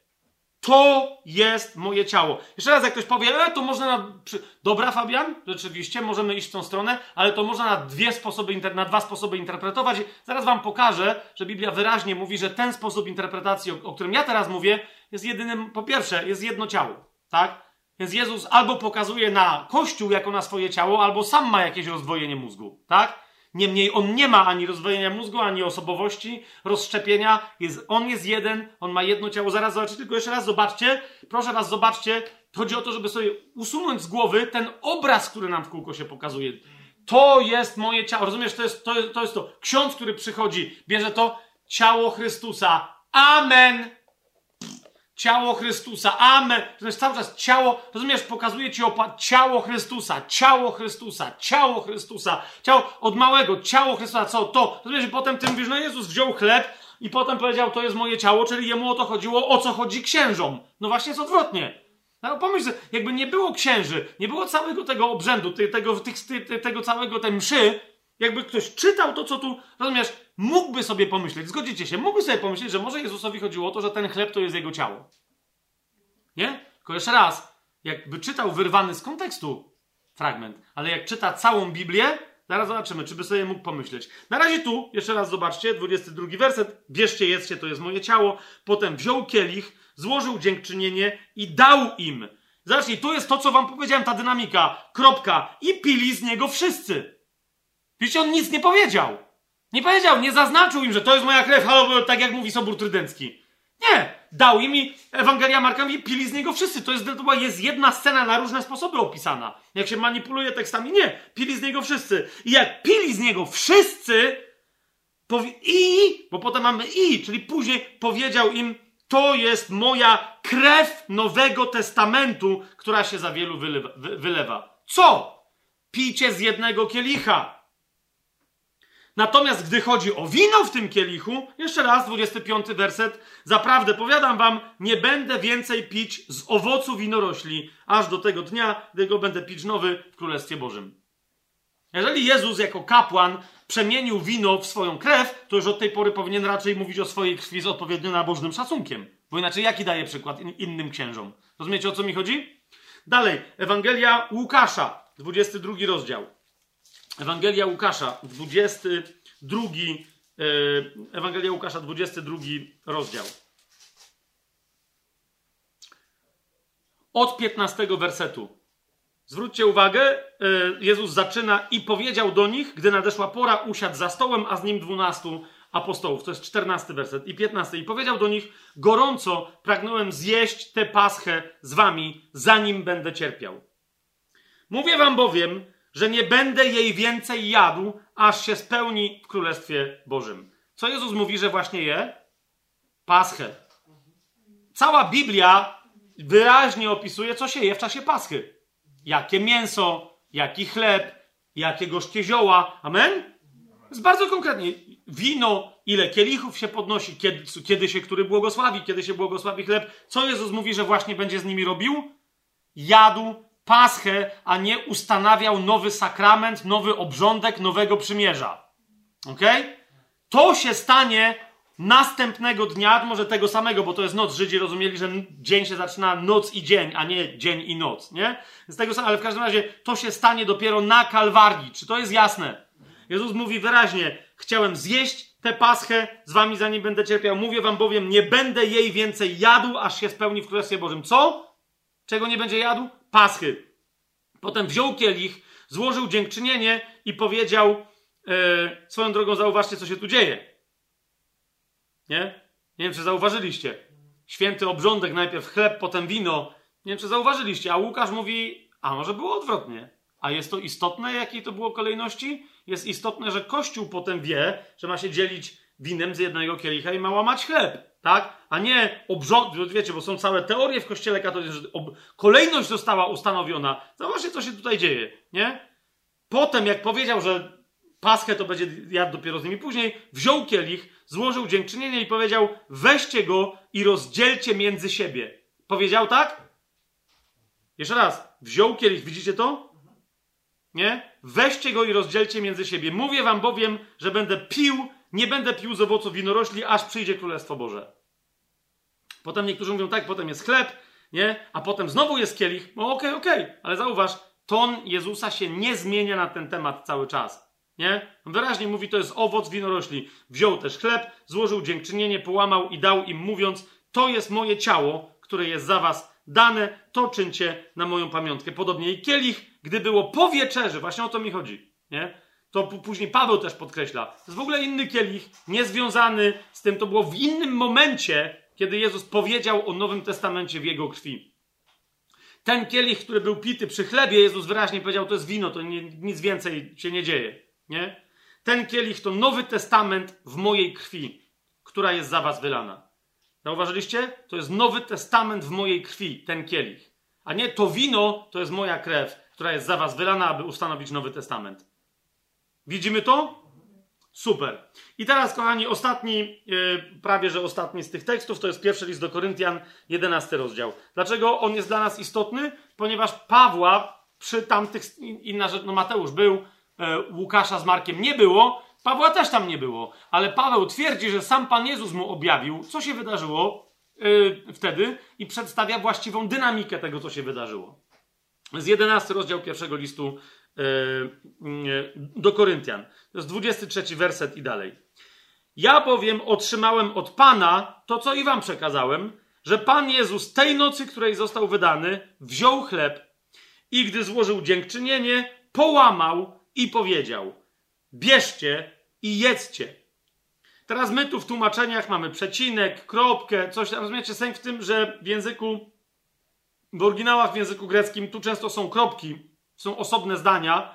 W niektórych y, rękopisach tego nie ma, dlatego że kropki ani przecinka w zasadzie nie musi być. Kropki mogą być w tekście greckim, ale nie muszą być. Nie? Idzie mi tylko o to, y, że cały ten ciąg to nie jest jedno zdanie, tylko to są konkretne zdania rozkazujące. Bierzcie i jedzcie, nie? Kiedy Jezus wydaje. Natomiast w momencie, kiedy ktoś wykonuje rozkaz, nie? Bo Paweł to precyzyjnie opisuje Koryntianom, którzy dobrze rozumieją grecki, nie? Kiedy ktoś wykonuje rozkaz, to, to wtedy, jeżeli nie ma następnego rozkazu, bierzcie, jedzcie, bierzcie, pijcie. To są zdania rozkazujące. Po nich jest wykrzyknik, tylko w języku greckim nie było wykrzykników, tak? W momencie, kiedy ktoś wykonuje rozkaz, następuje wyjaśnienie tego rozkazu. Co się teraz dzieje, nie? I jeszcze raz zobaczcie, gdy złożył dziękczynienie, połamał i powiedział: Bierzcie i jedzcie. Więc oni musieli wziąć i zacząć jeść. Jeszcze raz na to mówi: To jest moje ciało, które za was jest łamane. To czyńcie na moją pamiątkę. Łamcie moje ciało? Nie! Kościół, który się łamie chlebem, reprezentuje ciało Chrystusa, które będzie połamane na krzyżu. Czy to jest jasne? I dalej Podobnie po wieczerzy, Paweł to również podkreśla, że to było po wieczerzy, dokładnie tak jak Łukasz, a nie zaraz obok siebie. Wziął też kielich, mówiąc: Ten kielich, zwróćcie uwagę, to jest świadectwo Pawła, ten kielich to nowy testament w mojej krwi, a nie ten kielich to jest moja krew. Okay? To jest nowy testament w mojej krwi. Nie? I teraz Zauważcie, on tu nie powiedział bierzcie i pijcie. Podobnie powiecie, że wziął kielich, mówiąc ten kielich to Nowy Testament w mojej krwi. Tylko tyle. Co oni wtedy robili? My wiemy, że oni brali i pili. Ale zauważcie, Jezus tu nic nie mówi. Według Pawła. Natomiast co według Pawła mówi?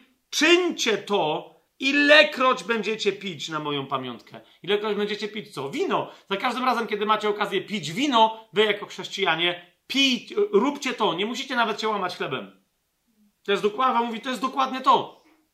Nie upijajcie się winem, ale po prostu na pamiątkę Jezusa napijcie się wina z jednego kielicha jako bracia yy, i siostry. Ilekroć bowiem będziecie jedli... I zauważcie, komentarz Pawła brzmi, nie ilekroć bowiem będziecie jedli ciało Chrystusa i będziecie pić krew Chrystusa, ale brzmi ilekroć bowiem będziecie jedli ten chleb i pili ten kielich, śmierć Pana zwiastujecie, aż przyjdzie. Oczywiście w rzymskim katolicyzmie zaraz ktoś przyjdzie i powie, jakiś co bardziej rozgarnięty ksiądz, że te, ale zaraz, ten, kto je ten chleb albo pije ten kielich pański niegodnie, będzie winny ciała i krwi Pana. Zgadza się.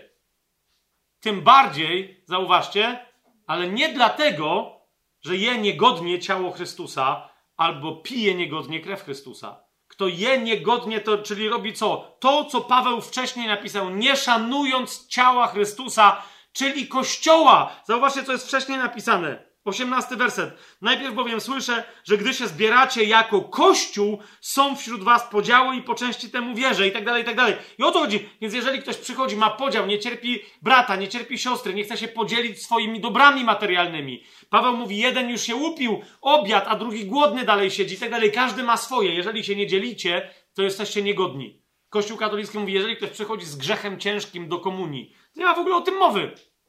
Jeżeli ktoś przychodzi i wprowadza podział i kultywuje podział w kościele, ale udaje, że go nie ma i łamie się z braćmi i siostrami chlebem i piją z jednego kielicha, to jest tak samo, jakby ukrzyżował Jezusa na Golgocie, jakby go rozpłatał na tym krzyżu, przybił go do krzyża i przelał jego krew. Czy rozumiecie o co chodzi? Nie? Czyli Paweł przyrównuje jedzenie, łamanie się chlebem z braćmi i siostrami niegodne, czyli tak naprawdę z brakiem szacunku do nich, jako do ciała Chrystusa, przyrównuje do zabijania prawdziwego Pana Jezusa na krzyżu. A nie mówi, że kto je ten chleb, yy, je ciało Chrystusa, tylko go kąsa niegodnie. Rozumiecie, bo to by znaczyło, że inny może gryźć Jezusa, ale godnie? Jeszcze raz, no zastanów się, to jest w ogóle o co innego przecież tutaj chodzi. Niemniej, kochani, w dwunastym rozdziale, zauważcie, my już tam byliśmy, tam się dowiadujemy, że ciało Chrystusa, jakby ktoś miał, ale czyli ciało Chrystusa to jest chleb. Nie, cały dwunasty rozdział wyraźnie mówi, że ciało Chrystusa to jest Kościół. Zgadza się? W jedenastym rozdziale przeczytaliśmy, że Jezus ustanowił dwie pamiątki wieczerzy, pamiątkę wieczerzy i pamiątkę po wieczerzy, jedzcie na moją pamiątkę, pijcie, zgadza się? Ale słuchajcie, te rozważania są poprzedzone wyraźnym stwierdzeniem, że chleb jest chlebem, a ciałem jesteśmy my pierwszym liście do Koryntian, gdzie jeszcze jeden rozdział wcześniej. Dlatego Paweł snuje te rozważania w 11 rozdziale i w 12, ponieważ w 10 rozdziale pisze następującą rzecz. To jest 10 rozdział, 16 yy, i 17 werset. Paweł tam mówi o bałwochwalstwie różnego rodzaju, my tu jeszcze wrócimy, ale zauważcie w momencie, co on mówi. Kielich błogosławieństwa, który błogosławimy. Gdyby Kościół rzymskokatolicki miał rację, co powinno tu być napisane? Kielich błogosławieństwa, który błogosławimy, czy nie jest krwią Chrystusa? Zgadza się? Zobaczcie, co jest napisane. Kielich błogosławieństwa, który błogosławimy, czy nie jest wspólnotą krwi Chrystusa? Chleb, który łamiemy, czy nie jest wspólnotą ciała Chrystusa? Widzicie to? Chleb łamie. My bowiem 17 werset. No powiedzcie mi, czy da się jeszcze jaśniej to wyrazić? My bowiem, chociaż liczni, my bo jesteśmy jednym chlebem i jednym ciałem, bo wszyscy jesteśmy uczestnikami jednego chleba. Ci, którzy mają prawo łamać się chlebem, oni są jednym ciałem i oni są chlebem, który ma być jedzony. Rozumiecie? Kościół ma być pokarmem dla siebie nawzajem. Miłość braterska. Czy, czy widać to tutaj wyraźnie? Czy widać to tu wyraźnie? My jeszcze ten fragment również zrewizytujemy, ale rozumiecie, to jest jasne i potem, czy Paweł mówi, my jesteśmy ciałem Chrystusa. Jak więc, więc rozumiecie, jak potem po tym dziesiątym rozdziale jest jedenasty werset, to jest oczywiste, skoro my jesteśmy wspólnotą krwi Chrystusa, kiedy pijemy wino i wspólnotą ciała Chrystusa, bo my jesteśmy ciałem, kiedy się, czego znakiem jest łamanie się chlebem, to w momencie, kiedy Paweł pisze o łamaniu się chlebem, ostatnią rzeczą, która by mu przyszła do głowy, to jest, że chleb jest ciałem. Bo, bo wyraźnie najpierw mówi, że my jesteśmy ciałem. Czy to jest jasne?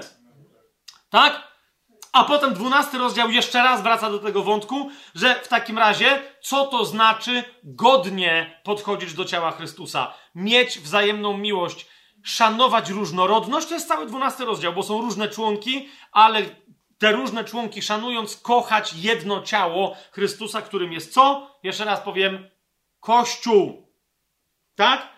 Te, to nauczanie, jeszcze raz na tajemnym planie tego nauczania było więcej, na tym e, skończę. Mamy to roztrzaskane? Oczywiście zaraz ktoś powie, no a co jak Pan Jezus powiedział, kto nie je mojego ciała, nie pije mojej krwi. O tym zaraz w części drugiej pod tytułem Komunia. ok?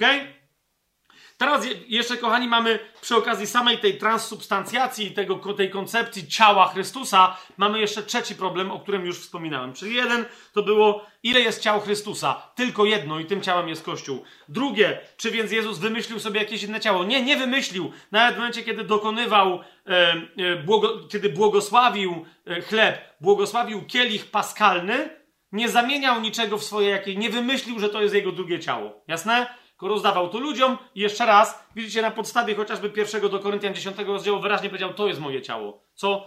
Wspólnota, społeczność ludzi zbawionych przez moją śmierć i moje zmartwychwstanie, przez moje wydane na krzyżu ciało i rozlaną krew. Ludzie, którzy są tym zbawieni, to jest moje ciało, to jest, to jest, to jest krew mojego przymierza. Jasność? Natomiast, kochani, istnieje jeszcze jeden problem. Mianowicie, e, że skoro to jest jego ciało, czyli nasza społeczność fizycznie na ziemi, a on fizycznie jest w niebie, to jedynym reprezentantem Jezusa fizycznym na ziemi może być ciało Chrystusa, czyli Kościół, dopóki on nie wróci fizycznie na ziemię. Rozumiecie? A więc Jezus fizycznie, od momentu, kiedy w niebo wstąpił, nie może się pojawić na ziemi nigdzie. Jeżeli więc ktoś twierdzi w taki czy inny sposób, pokrętny i manipulacyjny, że Jezus gdzieś naprawdę w swoim ciele i krwi się znajduje, ja już pomijam pewien problem z, z tym, że on się miałby pojawiać po zmartwychwstaniu w ciele i krwi. ok? Ale na razie, gdyby tylko w swoim ciele się miał pojawiać, to jest problem, ponieważ Jezus powiedział, że się więcej w swoim ciele On, jako głowa na ziemi, nie pojawi. A w kółko ci mówią, no jak to tu jest, tam jest, w kościele jest, w monstrancji jest, ty, idzie Upadnij na kolana. Idzie w monstrancji, ksiądz go niesie po ulicy. Tu idzie Pan Jezus, niosą go do chorych, żeby go jedli. Wszędzie jest przecież Pan Jezus prawdziwy w swoim ciele. Czy to jest możliwe? Otwórzmy sobie pierwszy list do Koryntian. Zauważcie, kiedy uważnie czytamy same opisy ustanowienia e, pamiątek, a nie żadnej e, Eucharystii, ale zwłaszcza kiedy, kiedy uważnie czytamy, to tu jest wprost napisane. Pierwszy y, list do Koryntian, 11 rozdział, 26 werset. Kiedy łamiemy się chlebem, kiedy pijemy wino, Paweł mówi, że to mu Pan Jezus objawił, bo to jest ten 11 rozdział cały czas. Paweł mówi, ilekroć bowiem będziecie jedli ten chleb i pili ten kielich, uważajcie, śmierć Pana zwiastujecie, aż przyjdzie. Krótko mówiąc, rozumiesz, my jemy chleb i jemy wino i nie możemy bredzić, że Jezus właśnie tu jest obecny pośród nas, ok? Pamiętacie to, to, to, to, to co cytowałem? Jezus tu jest obecny, On jest w niebie, ale jest też, trwa nie tylko w chwili pożywa, nie przestaje być w niebie, lecz jest obecny równocześnie w niebie i pod postaciami sakramentalnymi tutaj na ziemi. Serio? To co, jaki powrót my jego mamy głosić, jak on z nami mieszka? Pamiętacie, czytałem to, nie? Że on się pojawił, po co Jezus Chrystus ustanowił sakrament Eucharystii. Jezus, żeby w nieskończonej miłości mieszkać między nami. Fizycznie. A, a to, to, jaki powrót my jego mamy ogłaszać? Możemy ogłaszać, że on nagle bym się pojawi, ale skąd on ma wracać, jak on w kółko z nami mieszka i jest? I rozumiecie? To jest niezgodne z Biblią. Idziemy dalej. Dzieje apostolskie, pierwszy rozdział, kochani, mówią wyraźnie, że fizycznego Jezusa mamy prawo się spodziewać w pewnym momencie, ale na pewno nie w każdej chwili, jak tylko chcemy przez jakieś magiczne obrzędy sakramentalne. Okay? Dzieje apostolskie, pierwszy rozdział, w szóstym wersecie, zebrani y, po zmartwychwstaniu wokół Jezusa apostołowie pytają go, Panie, czy w tym czasie przywrócisz królestwo Izraelowi? Nie, bo on tam im mówi, że stąpi na was Duch Święty. E, a on im odpowiedział: Nie do was należy znać czasy i pory, które ojciec ustanowił swoją władzą. Przyjdzie w będzie moje królestwo, tak? Potem co się dzieje? E, dziewiąty werset. Kiedy to powiedział, a oni patrzyli, został uniesiony w górę i obłok zabrał go sprzed ich oczu. A gdy się wpatrywali w niebo, jak wstępował, Oto stanęli przy nich dwaj mężowie w białych szatach i powiedzieli: Mężowie z Galilei, dlaczego stoicie wpatrując się w niebo? Ten Jezus, który został od was wzięty w górę do nieba, przyjdzie tak samo, jak go widzieliście wstępującego do nieba. A więc go tu nie ma. A więc tak jak widzicie, że wstępował, on tak wróci. Zresztą Słowo Boże mówi, że stąpi z nieba na obłoku. Pamiętaj, dokładnie to samo, tylko w drugą stronę. Nie?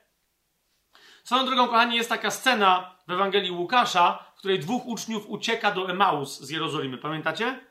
E, ja nie będę teraz tam specjalnie przechodził, ale zwróćcie uwagę na to. Jezus im się objawia zmartwychwstały, jeszcze zanim poszedł do nieba. Tak? Przed, przed swoim... Ten sam autor, Dzieje Apostolskie, to jest druga księga Łukasza. Tak? W Biblii. Więc Jezus się im pojawia i teraz zauważcie. Jezus bierze chleb, łamie, da, błogosławi i oni go poznają po tym. Pamiętacie? Dobra, otwórzmy to sobie, bo, bo to jest dosyć yy, interesujące.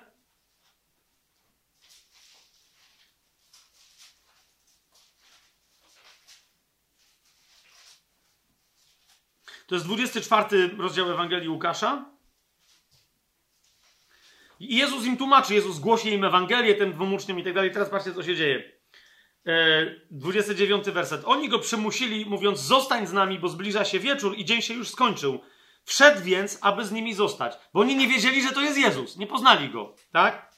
A gdy siedział z nimi za stołem, wziął chleb, pobłogosławił i łamiąc, podawał im.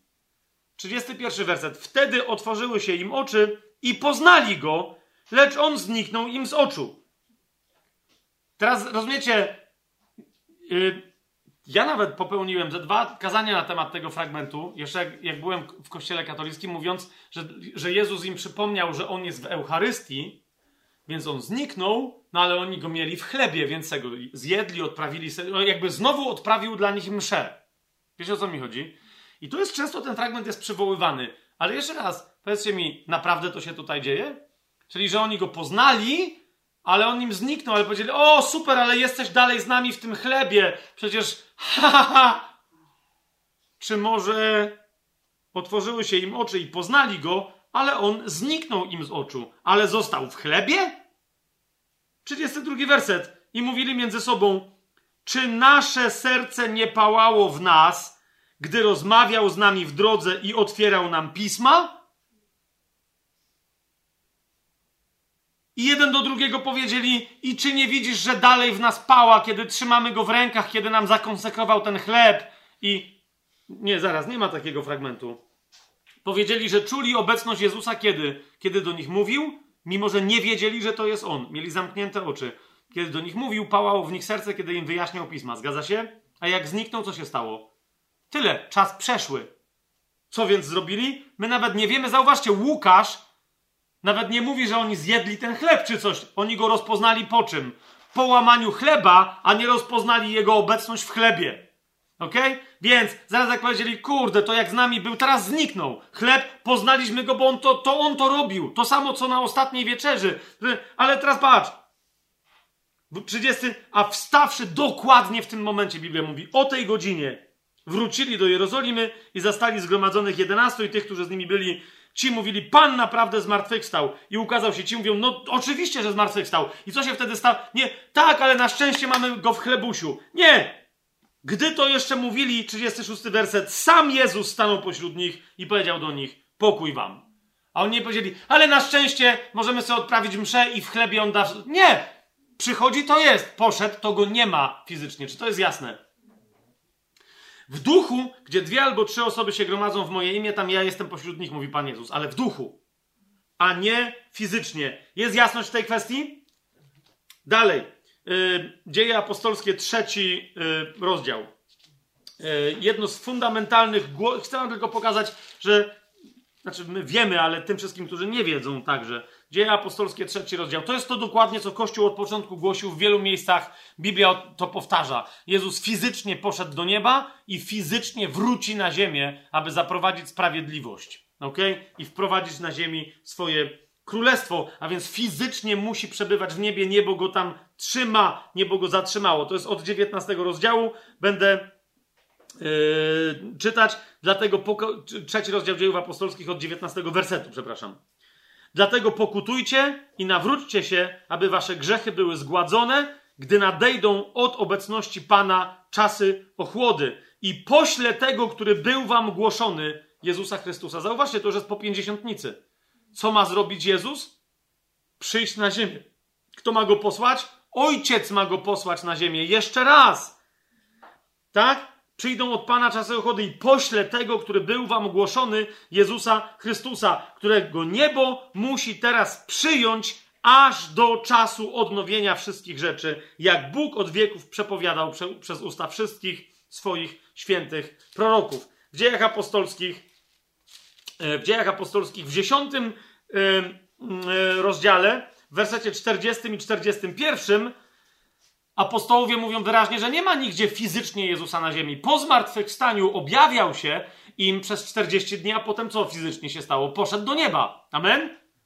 I tyle. I, I nikt go nie może widzieć fizycznie. Po prostu w żaden sposób. Nie może twierdzić, że oczyma wiary, czy nie, po prostu go nie ma fizycznie do zobaczenia nigdzie na ziemi. 10 rozdział 40-41 werset to jest głoszenie Piotra, który mówi o Chrystusie. Jego też wskrzesił Bóg trzeciego dnia i sprawił, żeby się objawił nie całemu ludowi, ale świadkom przedtem wybranym przez Boga. Nam, którzy z nim jedliśmy i piliśmy po jego zmartwychwstaniu. Tak? Widzieliśmy go fizycznie, ale teraz co? Go nie widzimy, ponieważ wcześniej do, głosiliśmy winy, poszedł do nieba. I teraz w niebie będzie, aż dopóki nie wróci. Jasność?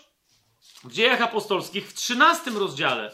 Takie tylko przykłady wrzucam, tak? Werset od 30 do 32. To jest głoszenie Pawła, zauważcie, nie Piotra, kolejny głoszący, który mówi, lecz Bóg wskrzesił go z martwych. Kogo? No Jezusa. On przez wiele dni był widziany przez tych, którzy razem z nim przyszli z Galilei do Jerozolimy, a teraz są jego świadkami przed ludem. I my głosimy wam dobrą nowinę o obietnicy złożonej ojcom i tak dalej, i tak dalej. Zauważcie, co, co mówi Paweł tutaj. Nie? Bo, bo niektórzy mówią, ale w 15 rozdziale Paweł mówi, że on też widział Jezusa, czyli Jezus mu się powie... Nie, nie, nie. Tam w języku greckim jest powiedziane, że Jezus dał się zobaczyć. Ok? Dał się zobaczyć. Ponad 500 braciom jednocześnie. I Paweł mówi, i na końcu też dał się zobaczyć mnie.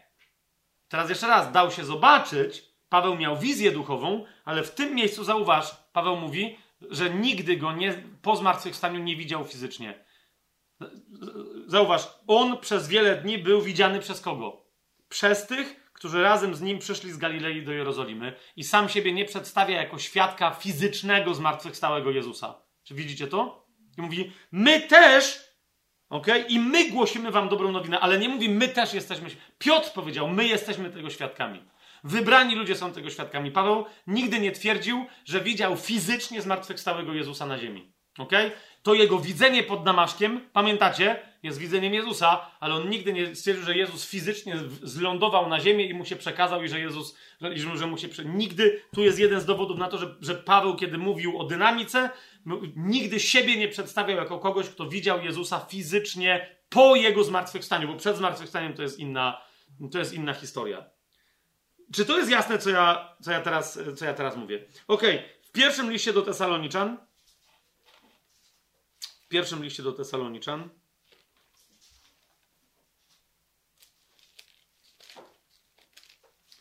w pierwszym rozdziale, to, to jest podsumowanie, wiecie, wielu innych fragmentów Biblii, które dokładnie o tym mówią. Jak, jakie jest życie chrześcijańskie, na czym polega wiara chrześcijańska? Pierwszy list do Tesaloniczan, dziewiąty i dziesiąty e, werset. Oni sami opowiadają, jakie było nasze przybycie do was. To Paweł mówi do Tesaloniczan i mówi tak. I jak nawróciliście się od bożków do Boga, aby służyć żywemu i prawdziwemu Bogu.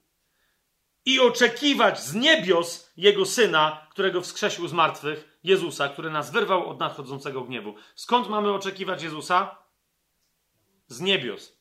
Z nieba fizycznie wróci do nas z nieba. W tym samym liście, bo dlatego ja nie cytuję 50 innych fragmentów na ten temat, tylko pierwszy list do Tesaloniczan, w tym samym liście, w czwartym rozdziale, o tym, że fizycznie Jezus dopiero wróci z nieba, Paweł pisze w następujący sposób, to jest od 15 do 17 wersetu. Bo to wam mówimy przez słowo Pana, że my, którzy pozostaniemy żywi do przyjścia Pana, nie wyprzedzimy tych, którzy zasnęli.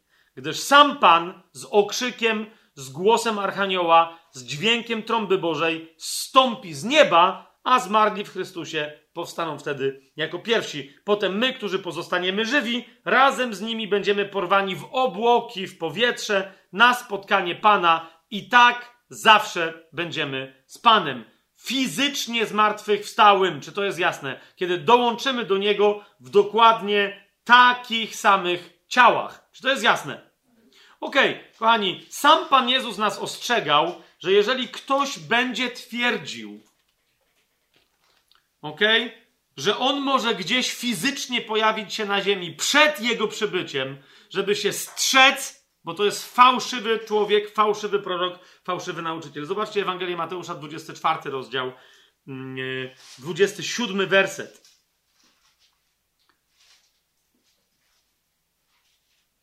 Znaczy, może nawet być 25 y, do 27 wersetu. Jezus mówi: Oto wam przepowiedziałem.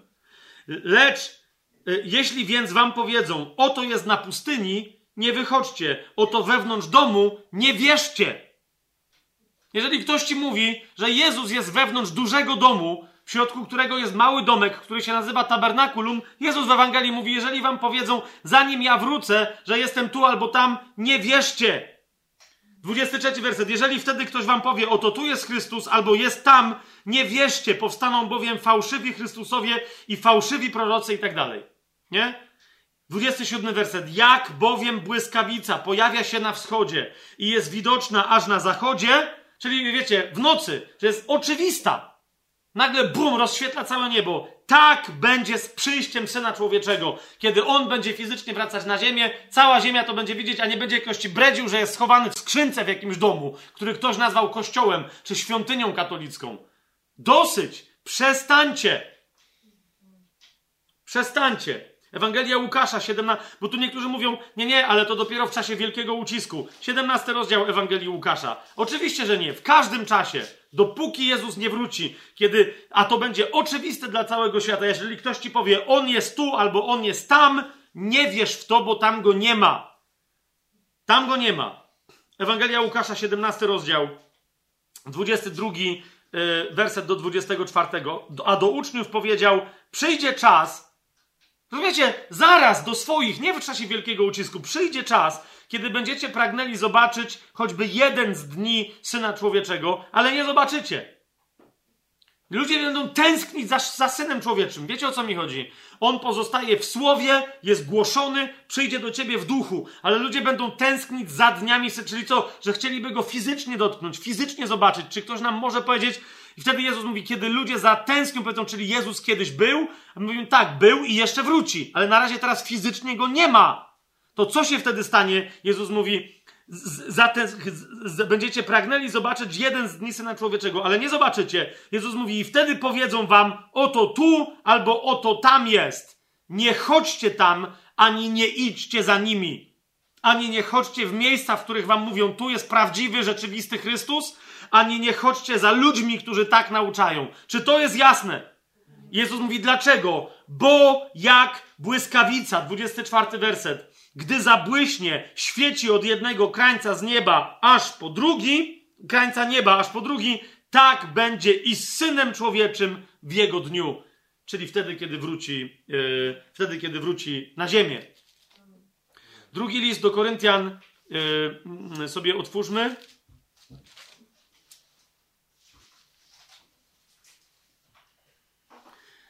Rozumiecie, e, jeżeli Jezus jest naprawdę między nami i tak dalej, i tak dalej, to wyjaśnijcie mi na przykład takie fragmenty w Biblii, e, które się na przykład Pawłowi notorycznie zdarzają.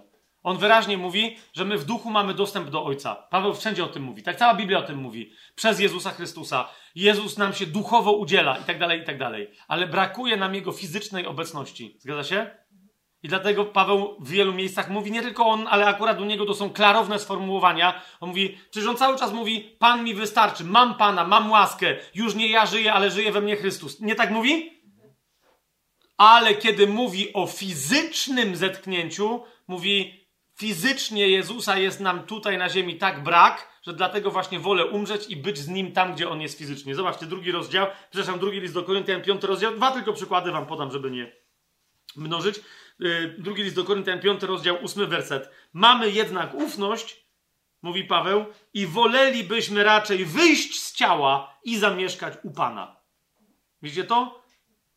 Dlaczego? Bo on tam, gdzie fizycznie przebywa, z nim jest lepiej. Zobaczcie list do Filipian, pierwszy rozdział, 23, yy, yy, od 21 wersetu Paweł mówi: Dla mnie bowiem życie to Chrystus, a śmierć to zysk. Czemu?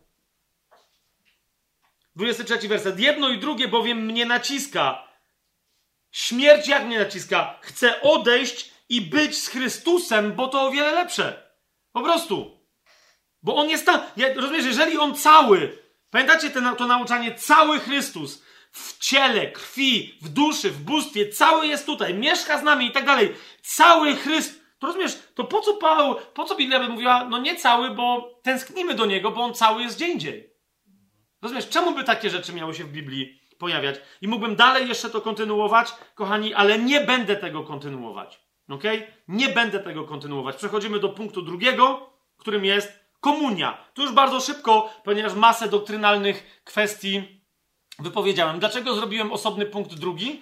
Ponieważ nawet w momencie, kiedy rozmawiam z wieloma katolikami i tak dalej, i tak dalej, ale wiecie, takimi naprawdę nie mówią, kurde, to ma sens, co gadasz, ale przecież wiesz, Najważniejsze, co Jezus mówił o jedzeniu swojego ciała i swojej krwi, nie jest czasem w Ewangelii Jana. Mówi, oczywiście, że jest. W, w rozdziale szóstym mówi, o, to, rozumiecie, ten fragment, który zaraz wam przeczytam, pocięty na części, jest dzisiaj czytany przy czterech ołtarzach w ramach Ewangelii, w ramach Bożego Ciała. Jest kółko w kościele czytany, że, rozumiesz, i to jest takie, no i co protestanci? No i co protestanci? Co Jezus powiedział? Rozumiesz? Więc dlatego, skoro czytasz ten fragment, musisz wiedzieć jedno. Jezus zamienił chleb w swoje ciało i tyle, cała ta koncepcja, co, to, że inne fragmenty są w Biblii, a rozumiesz, nie? Każdy sobie może Biblię interpretować jak chce, natomiast Kościół katolicki wie. Otóż nie.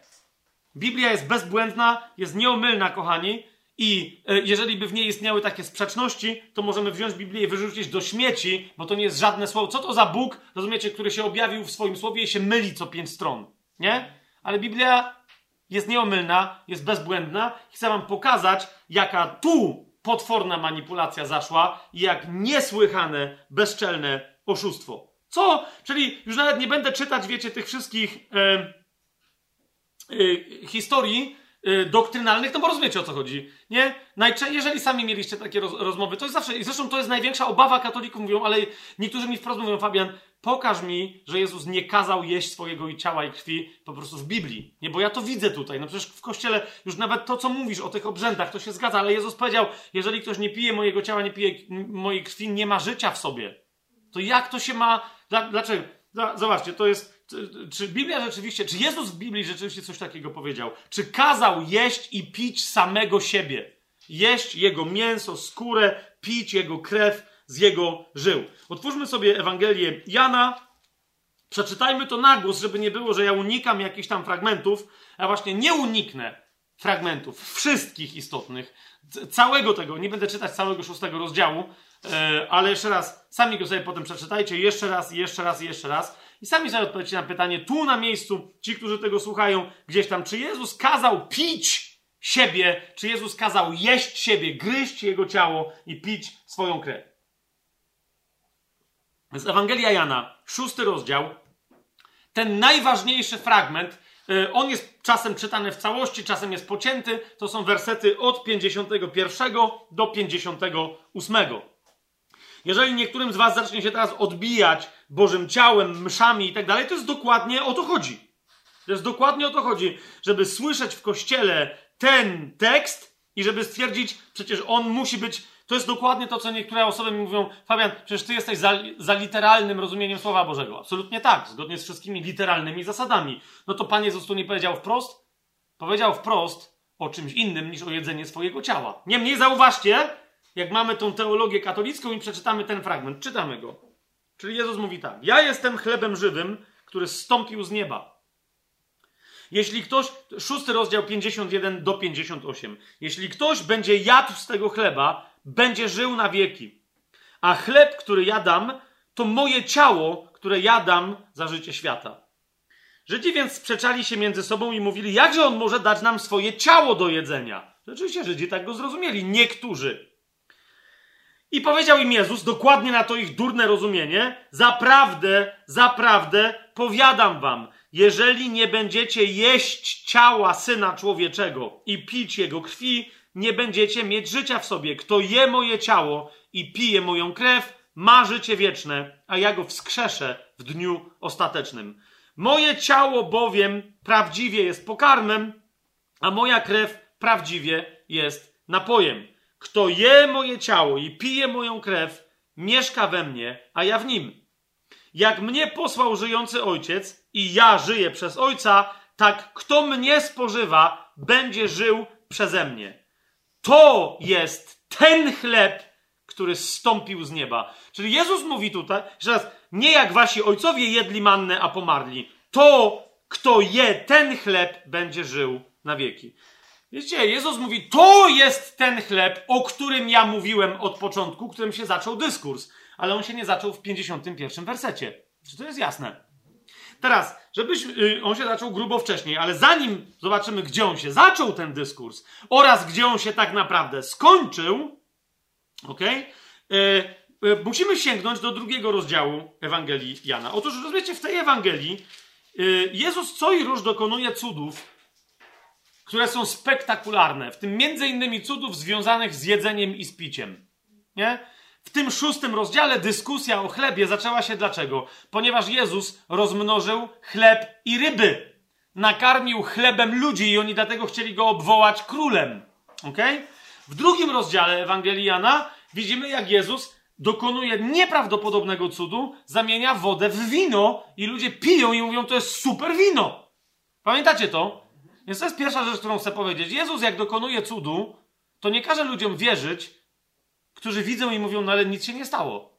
Wyobrażacie sobie, jakby Jezus wziął tych parę rybek i tych parę chlebków, zaczął to łamać i mówi, przynieście kosze. Oni tam by przynieśli, a on by im wrzucał takie, wiecie, wyimaginowane, tak jak dzieci robią, wiecie, zupę z, z, y, z piasku. I mówi, no i nakarmcie teraz wszystkich. I wszyscy, okej. Okay. Roznoszą puste kosze i mówią, a, a otwórz buzię. I jesz, tu masz rybę, a tu jest chlebuś. O, super, ale smaczne, pan. Mm-hmm. Rozumiesz? Serio? Jezus nakarmił ich tak, że jedli do syta i zostały jeszcze kosze odpadków. To był cud. Wiecie, jak oni się napili tego wina, starosta powiedział, wszyscy najpierw dają dobre wino, potem gorsze, a ty zostawiłeś najlepsze do Pana Młodego. To zrobił Jezus, najlepsze wino, jakie oni w życiu pili. Jezus, jak dokonuje cudu, to ten cud musi być widzialny. Natomiast są pewne rzeczy, które dzieją się niewidzialnie, ale one wtedy nie dzieją się w ciele, nie dzieją się w materii, tylko dzieją się w duchu. Czy to jest jasne? Nie? W drugim rozdziale Ewangelii Jana, w jedenastym wersecie, zauważcie, jest, to był pierwszy cud, jak Jan mówi, że to był pierwszy cud, zamiana y, wody w wino. Taki początek cudów uczynił Jezus w Kanie Galilejskiej i objawił swoją chwałę. Jak? Widzialnie. I dlatego uwierzyli w niego jego uczniowie. Rozumiecie? Zobaczyli coś i uwierzyli. W kościele rzymskokatolickim mówią ci, widzisz ten chleb? Tak, nie widzisz tego chleba. Ale widzę. Nie, nie widzisz. Ale nie, nie widzisz, to jest Jezus. Najpierw musisz uwierzyć, żeby zobaczyć. Rozumiesz, jak ci nawtłukują od małego, to wreszcie mówisz, ależ oczywiście, to, to jest przecież Jezus. Się, uśmiecha się do buzie widzę. Buzie widzę. Ja nie widzę, ale ja widzę. Sarkazm naprawdę się powstrzymuje, kochani. Naprawdę się powstrzymuje, kochani. Ponieważ Jezus, cudotwórca, rozumiecie, największy cud wszechczasów, tak wygląda, że pokazujesz go potem normalnemu człowiekowi i on mówi okej. Okay. Wtedy się oczywiście pojawia, ale są cuda eucharystyczne. Słyszeliście o chociaż jednym naukowcu, który tak nie to, co Kościół katolicki mówi, że to są przebadane cuda. Dajcie mi kontakt do jednego chłopa, co to przebadywał. Do jednej policji, które, do której powinno być zgłoszone, że tam jakiś chłop umiera i tu jest kawałek tkanki, która dopiero co umarła z czyjegoś serca, krew AB czy tam jakaś. Pamiętacie? Gdzie, to, gdzie on umie? Co? Policja powinna przejechać. Nie, nie, to tutaj w tym chlebie to się zamieniło, to Pan Jezus umiera. A! Całe, rozumiecie, całe miasto z policją, z naukowcami, wszyscy powinni upaść, ależ oczywiście, jakoś nie słyszałem o takich nawróceniach, tylko historie, że napra naprawdę są cuda, naprawdę. W kościele rzymskokatolickim większość poważnie wykształconych nawet niewykształconych księży w cuda eucharystyczne nie wierzy i oni doskonale wiedzą, nie są promowane. Jeden czy drugi, jak sobie myślił, żeby sprowadzić ludzi do siebie, do kościoła, rozumiecie, z jakiegoś powodu jakichś nabożeństw. Prawda jest taka, że zaraz w sąsiedniej parafii już specjalnie tam nie odsyłają. Czemu? Bo to jest siara coś takiego wierzyć. Zwyczajna siara o cudach eucharystycznych będziemy mówić, ale nie dzisiaj, kiedy indziej. Nie rozumiecie, nie ma żadnego dowodu, bo najpierw musisz mieć wiarę. Jak nie masz wiary, to już teraz bądź wyklęty. Oczami wiary zobaczysz Jezusa. Jakoś cuda, jak robił Jezus, wszystkie inne, wszyscy to widzieli i dlatego wierzyli. Wiecie o co mi chodzi? To jest pierwsza rzecz. Teraz druga rzecz.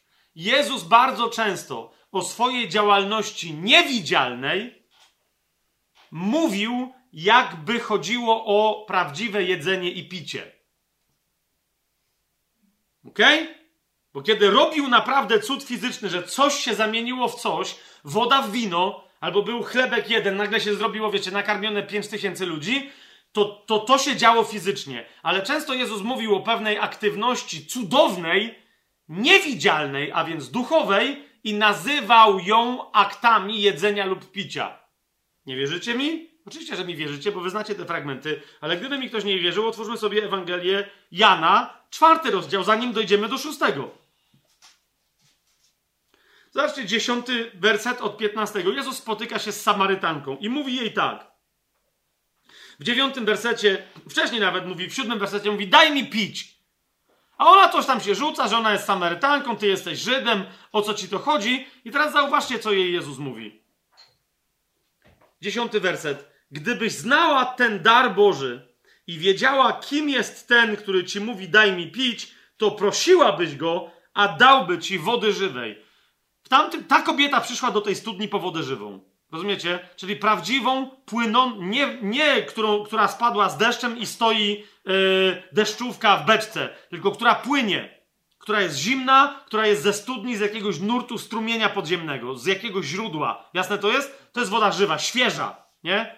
Jezus mi mówi, ja ci mówię, daj mi pić, a ty mi, jakbyś wiedziała, to byś wiedziała, ja mogę ci dać do picia wodę żywą. Nie? I powiedziała do niego kobieta, panie, nie masz czym naczerpać, a studnia jest głęboka, to skąd ty masz tę wodę żywą? Rozumiecie o co chodzi? Jezus jej przecież nie mówi o wodzie. Ale mówi tak, że ona go rozumie, że on jej chce dać jakąś żywę jeszcze lepszą jak z tej studni. Albo że z tej studni, to po co się on prosi? No bo ona ma czerpak, ona ma wiaderko, ona, a on, co się tu w ogóle dzieje? Czy ty jesteś większy niż nasz ojciec Jakub, który nam dał tę studnię i sam z niej pił, a także jego synowie? Krótko mówiąc, on mówi, to jest studnia, którą tu wydziubał w skale paręnaście metrów w dół, bo to jest skalista pustynia tam, do dzisiaj ta studnia istnieje. I mówi, tu ojciec Jakub wykopał tę studnię. A ty mi chcesz powiedzieć, że na pustyni nie z tej studni, bez czerpaka umiesz sprowadzić wodę żywą? Czy ty jesteś większy od niego? On tu miał chłopów, co to wszystko wykopali, wydłubali kilofami i tak dalej. A ty jak to zrobisz? Odpowiedział jej Jezus: Każdy, kto pije tę wodę, znowu będzie pragnąć. Jaką? Tą fizyczną. Czy to jest jasne? Ok? Lecz kto by pił wodę, którą ja mu dam, nigdy nie będzie pragnął, ale woda, którą ja mu dam, stanie się w nim źródłem wody wytryskującej ku życiu wiecznemu. Tak? Na co kobieta mu odpowiada: Panie, daj mi tej wody, abym nie pragnęła i nie przychodziła tutaj czerpać. Ona dalej myśli, że chłop mówi o tym, że raz się napije, już więcej nie będzie musiała, bo to jest męczące, rozumiecie? Dzisiaj musisz wodę kupować. Ona wtedy musiała drałować w tej te i nosisz do siebie do domu. Prawdopodobnie nie było żadnej innej studni. Ok? To jest stara Samaria. To tam jest pewna. Dzisiaj tam można pojechać i zobaczyć, jaka jest odległość. Więc rozumiecie, w skwarze, w upale skończyła się i woda musiała lecieć do studni tam przynajmniej z półtora kilometra, jak nie więcej. W tej i we w te. Rozumiecie o co chodzi? Ona, Jezus jej mówi o czym? O życiu wiecznym, jako o wodzie do picia, a ona myśli, że on dalej mówi o piciu. Widzicie to? Dalej w tym samym rozdziale, kochani, w 31 wersecie przyszli uczniowie, zdziwieni, że on gada w ogóle z jakąś babą Samarytanem. No okej, okay, dobra, niech będzie. Ale oni poszli, żeby kupić zaś, oni stąd poszli do miasta, żeby kupić jedzenie. I teraz kolejny, czyli Jezus z nią rozmawiał o piciu, a oni z nim rozmawiają o jedzeniu i on znowu do nich mówi o jedzeniu. Zobaczcie, 31 werset. Tymczasem uczniowie prosili go, mistrzu, jedz. A on im powiedział: Ja mam pokarm do jedzenia, o którym wy nie wiecie. Ty, to po co myśli do miasta? A on tu ma jakieś ukryte, jakiegoś tatara, czy, czy jakieś. Gdzie on ma lodówkę ze sobą? Jak on to chleb ma? Co jest Czemu nam nie dał? Nie? Uczniowie więc mówili między sobą, czy ktoś przyniósł mu jedzenie? Rozumiecie? No, oni rozumieją go dosłownie, że on mówi o jedzeniu, a Jezus im powiedział: Moim pokarmem jest wypełniać wolę tego, który mnie posłał i dokonać jego dzieła. Czym ja się żywię, mówi Jezus? W innym miejscu powie, nie samym chlebem żyje człowiek, pamiętacie? Ka karmi, ale każdym słowem, które pochodzi z Bożych ust. Nie? Więc zobaczcie, yy, on tutaj mówi wyraźnie, moim pokarmem, tym czym ja się żywię, co ja jem, jest pełnienie woli Bożej. Widzicie to? Jezus mówi o, o, o takim jedzeniu duchowym, o takim piciu duchowym, że ludzie go w pewnych momentach czasem non-stop rozumieją, jakby goś mówił naprawdę o piciu czegoś fizycznym. Ok? I teraz zauważcie, w Ewangelii Jana w szóstym rozdziale, ok? Zauważcie, od czego się zaczyna dyskurs, w którym ponoć Pan Jezus mówi, że kluczem do życia wiecznego jest jedzenie czegoś. Chleba, wina, jego ciała czy czegoś. Zobaczcie szósty rozdział, 27 werset. Jezus połamał im chleb, pomnożył, nakarmił głodnych ludzi na pustkowiu i od czego się zaczyna dyskusja z nimi? Otóż on im, e, Jezus im mówi, zabiegajcie nie o pokarm, który ginie Proszę was, zapamiętajcie, co tu jest napisane. Zabiegajcie nie o pokarm, który ginie. Okej, okay, dobra. Yy, czy w takim razie Eucharystia, rozumiana według Kościoła Rzymskokatolickiego, jest pokarmem, który ginie, czy nie ginie? Możecie sobie otworzyć katechizm Gaspariego znowu? Pytanie numer 381. Jak długo trwa obecność Jezusa Chrystusa pod postaciami sakramentalnymi. Czyli jak długo on jest w chlebie, w opłatku, jak długo jest w winie, pomrze i tak dalej, i tak dalej. Zauważcie, jak brzmi odpowiedź. To jest, to jest w wielu różnych miejscach nauczania Kościoła katolickiego zawarte tutaj w jednym zdaniu. Obecność Jezusa Chrystusa pod postaciami sakramentalnymi trwa nie tylko w chwili pożywania, lecz dopóty, aż postacie ulegną zepsuciu. Co więc kończy rzekomą obecność Pana Jezusa w chlebie lub winie? Zepsucie się tegoż chleba lub wina. Na przykład zwietrzenie wina. Jak straci procenty, nara, Pan Jezus wyparował. Kapujecie? A Jezus mówi, szósty, w tej, w tym fragmencie, w tym fragmencie, na który się wszyscy powołują w kościele katolickim teologowie, mówi wyraźnie, zabiegajcie nie o pokarm, który ginie, który się może zepsuć. Czyli później następnie dał kościołowi katolickiemu pokarm, który się psuje i w którym on jest, dopóki się nie zepsuje? Rozumiecie? Niektórzy w kościele katolickim nawet nie wiedzą, zepsuło się czy nie. Ja miałem dwa razy taką sytuację, że poszedłem do zakrystianina jako ksiądz i powiedziałem mu, Marian, zdaje się, że trochę śmierdzi, e, w sensie chciałem komunię rozdawać i musiałem zmienić puszkę, bo w jednej puszce jest po prostu trochę zatęchłe, wdała się wilgoć w komunikanty i po prostu dajesz ludziom, a to czuć. No nie, że zapleśniało, ale już jest takie jakby... Ja mówię, dobra, będę musiał pogadać z proboszczem, żeby się jakoś tego pozbyć, no nie? Rozumiecie? Bo ty nie wiesz, to już zwieczał Pan Jezus, czy nie zwieczał, to się kompletnie zepsuło, czy nie. Więc wtedy, jak chcesz wymienić puszkę, żeby nowe komunikanty świeże tam zakonsekrować, co musisz zrobić? Zepsuć Pana Jezusa, czyli wrzucić go do wody, rozpuścić go.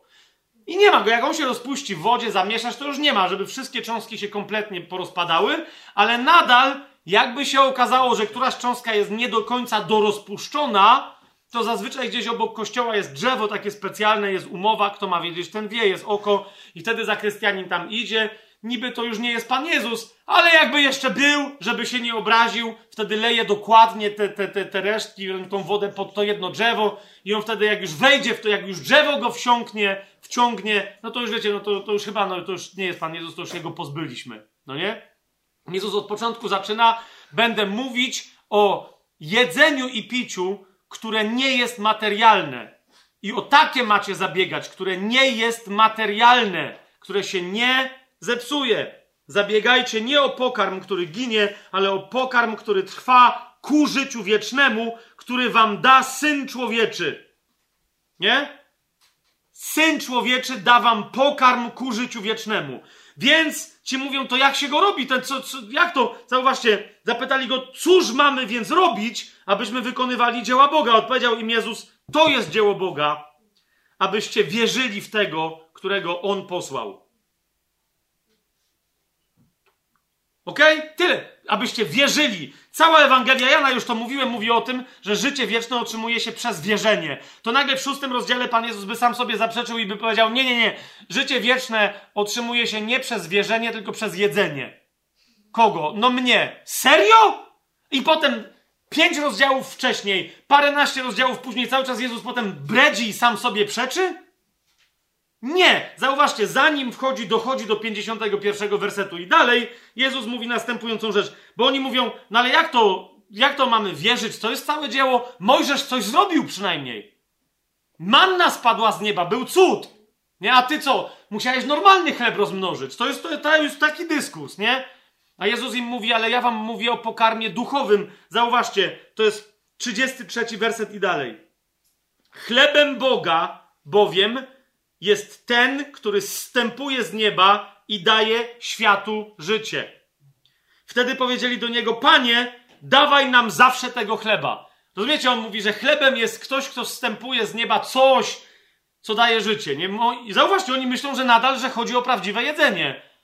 Nie? Dawaj nam tego chleba, tak samo dokładnie jak ta Samarytanka mówi, dawaj mi tej wody. A teraz zauważcie, co Jezus mówi, co jest jedzeniem, a co jest piciem. Zauważcie, odpowiedział im Jezus, ja jestem chlebem życia. I teraz powiedział, co jest jedzeniem, a co jest piciem. Kto przychodzi do mnie, nie będzie głodny. A kto wierzy we mnie, nigdy nie będzie odczuwać pragnienia. Jedzenie zaspokaja głód. Przyjście do Jezusa. Rozumiesz? Przyjście do Jezusa, zwrócenie, kiedy będzie wywyższony jak, jak wąż przez Mojżesza na pustyni, on na krzyżu. Kto przyjdzie do mnie, ma zaspokojony głód, a kto będzie we mnie wierzyć, ma zaspokojone pragnienie. Rozumiecie już, co znaczy pić moje ciało i jeść moją krew? Jezus mówi: To jest moje życie, to jest moje ciało, to jest moja krew, którą wam daję do jedzenia. 40 werset 41, 42. I to jest wola tego, który mnie posłał, aby każdy, kto widzi syna i wierzy w niego. To też musi przyjść, żeby go zobaczyć. Jak go zobaczy, ma w niego wierzyć. Zauważcie, to jest wola tego, który mnie posłał, aby każdy, kto widzi syna i wierzy w niego, miał życie wieczne, a ja go wskrzeszę w dniu ostatecznym. Czyli kto będzie wskrze- kto ma życie wieczne i będzie wskrzeszony w dniu ostatecznym? ten, kto syna widzi i kto w niego wierzy. Zgadza się? To teraz zauważcie, e, co, e, dalej w takim razie, co, co się dzieje w tych 50 w tych 50 wersetach. Tak? Czyli 50 Ósmy werset. To jest ten chleb, który zstąpił z nieba. Nie jak wasi ojcowie jedli mannę, a pomarli. Kto je ten chleb, będzie żył na wieki. Nie? 53 werset. Zaprawdę, zaprawdę powiadam wam, jeżeli nie będziecie jeść ciała Syna Człowieczego i pić Jego krwi, nie będziecie mieć życia w sobie. Kto je moje ciało i pije moją krew, 54 werset, ma życie wieczne, a ja go wskrzeszę w dniu ostatecznym. Kto je moje ciało i pije moją krew, ma życie wieczne, a jego wskrzeszę w dniu ostatecznym. Czy Jezus wymyślił coś, co jest niezgodne z wolą Ojca? Nie. A jaka jest wola Ojca? Żeby, jeszcze raz, zobaczcie, 40 werset, każdy, kto widzi, to jest wola tego, który mnie posłał, aby każdy, kto widzi Syna i wierzy w Niego, miał życie wieczne, a ja go wskrzeszę w dniu ostatecznym. Widzicie to? 35 werset i 40 werset definiują nam takie wersety jak 54. Co znaczy jeść i pić, mieć zaspokojony głód i pragnienie? Znaczy widzieć Jezusa, przyjść do Jezusa przez wiarę i wierzyć w Niego. To ci daje życie wieczne i gwarancję bycia wskrzeszonym w dniu ostatecznym. Ale gdyby ktoś jeszcze miał wątpliwości, bo rozumiecie, e, co ciekawe, jak na, jeszcze na początku tego dyskursu, e, oni e, tu zarzucają Jezusowi, zauważcie, Jezus mówi, że ja jestem chlebem, który zstąpił z nieba. Zauważcie, że na początku nie mają problemu, że Jezus powiedział, że jest chlebem. Nie? 42 werset. I mówili, czy to nie jest Jezus, syn Józefa, którego ojca i matkę znamy? Jakże więc on może mówić, zstąpiłem z nieba? Zauważcie, w tym momencie jeszcze nie mają problemu, że on powiedział, że jest chlebem, który zstąpił z nieba. Niech się nazywa jak chce, ale on stąpił z nieba. Co tu jest grane? W to jest trudniej uwierzyć. Ale jak się dalej Jezus, y, rozumiecie, upiera, to oni dalej E, zaczynają 52 werset, mówi zaraz, czyli jemu chodzi o to, że on jest chlebem, jakże on może dać nam swoje ciało do jedzenia. 52 werset. Czemu? Bo cała Biblia mówi, że nie wolno uprawiać kanibalizmu. A już zwłaszcza jak on mówi, żeby pić jego krew, rozumiecie, mówi do Żydów, którzy nawet mięsa normalnego, nie to, że świńskiego, nie mogli jeść z krwią, rozumiecie? Jedzenie krwi było zakazane Żydom, więc to już w ogóle odlot. Nie dość, że mamy uprawiać kanibalizm, czyli jeść człowieka, to jeszcze nagle jak nie pijemy nawet krwi kozłów czy krwi krów, to mamy pić krew człowieka? Co tu się w ogóle dzieje? Ale jak Jezus komentuje to wszystko? On mówi, dobra, jeżeli wy nie rozumiecie, co ja teraz do was mówię w przypowieściach, to jest wasz problem. Ale zobaczcie 63 werset. Czy Jezusowi yy, chodziło o to, żeby fizycznie jeść jakikolwiek pokarm, jego, chleb, wino, nieważne? 61 werset i dalej. Jezus, Jezus świadomy tego, że jego uczniowie o tym szemrali, powiedział do nich: To was obraża?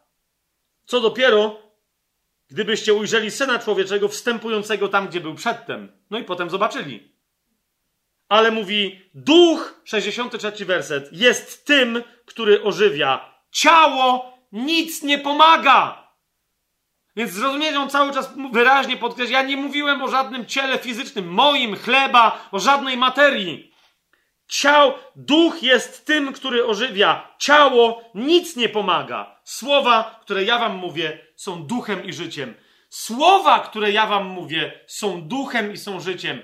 To, co jest w tych słowach, słuchanie tych słów, wiara w te słowa, przez te słowa przyjście do Jezusa i uwierzenie Jezusowi. Amen? I teraz zobaczcie jeszcze raz, jak to widzicie, przeczytajcie sobie jeszcze raz ten fragment. Zobaczycie, że Jezus po prostu mówi w przypowieści, jak w wielu innych miejscach, i oni nie zrozumieli przypowieści, nawet jego właśnie uczniowie. Ale ci, do których to dotarło, że duch jest tym, który ożywia, a ciało nic nie pomaga, jak Jezus 67 werset, zauważ, zauważcie, powiedział, czy i wy chcecie odejść? Odpowiedzieli, Panie, do kogo pójdziemy? Ty masz słowa życia wiecznego, a nie ty masz ciało i krew, które zaraz będziemy chłeptać i jeść. Okay? Cała Ewangelia Jana, ja nawet teraz tego nie będę, yy, bo już to dzisiaj cytowaliśmy, ale sprawdźcie sobie, nie ma rozdziału, w którym by nie było powiedziane, yy, tak jak w trzecim rozdziale, w szesnastym wersecie i dalej, Bóg tak umiłował świat, że dał swojego jednorodzonego Syna, aby każdy, kto w Niego wierzy, nie umarł, ale miał życie wieczne. Od samego początku aż do końca, w każdym rozdziale jest ta prawda Ewangelii Jana podkreślona. I nagle w szóstym rozdziale miałoby być podkreślone, że życie wieczne się otrzymuje przez robienie czegoś, to jest dzieło, abyście wierzyli w tego, którego ojciec posłał. Rozumiecie? A nie jedzenie jego krwi, ciała i tak dalej, i tak.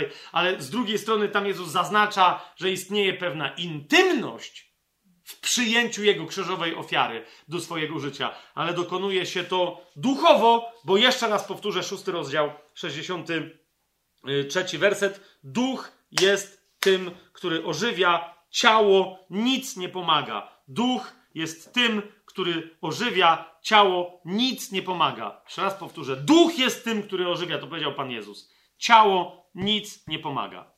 Teraz, kochani, teraz, kochani, nie będę już więcej cytować Biblii. Czy to jest jasne a propos komunii? Widzicie, jak Kościół rzymskokatolicki zaczął nauczać tej komunii, że tu jest chleb, który się zamienia w ciało, cała substancja przechodzi w ciało, tamta się zamienia w krew, i potem, rozumiecie, nagle ktoś zapytał zaraz, ale jaki na to jest dowód? No bo Ewangelia Jana mówi, kto nie, kto nie je mojego ciała i nie pije mojej krwi. I nagle ktoś stwierdził, Ej, zaraz, ale ludzie nie piją krwi.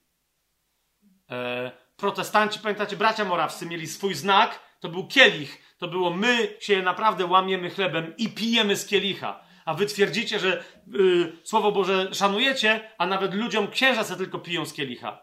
I wtedy nagle Kościół rzymskokatolicki stwierdził, ops, ups, powstał dekret na Soborze Trydenckim o komunii pod dwiema postaciami i komunii małych dzieci. Tak się ten dekret nazywał. I nagle w tym dekrecie tam, rozumiecie, ustalili, nie, nie, zaraz, to, to nie jest tak. Nieważne pod jaką postacią przyjmujesz komunię, otóż w komunii jest cały Pan Jezus z ciałem i krwią. Czyli jak przyjmujesz chleb, to tam też przyjmujesz krew Jezusa. Jakbyś pił tylko wino, chociaż, ale to znaczy też, że zjadłeś chleb, bo tam jest też ciało.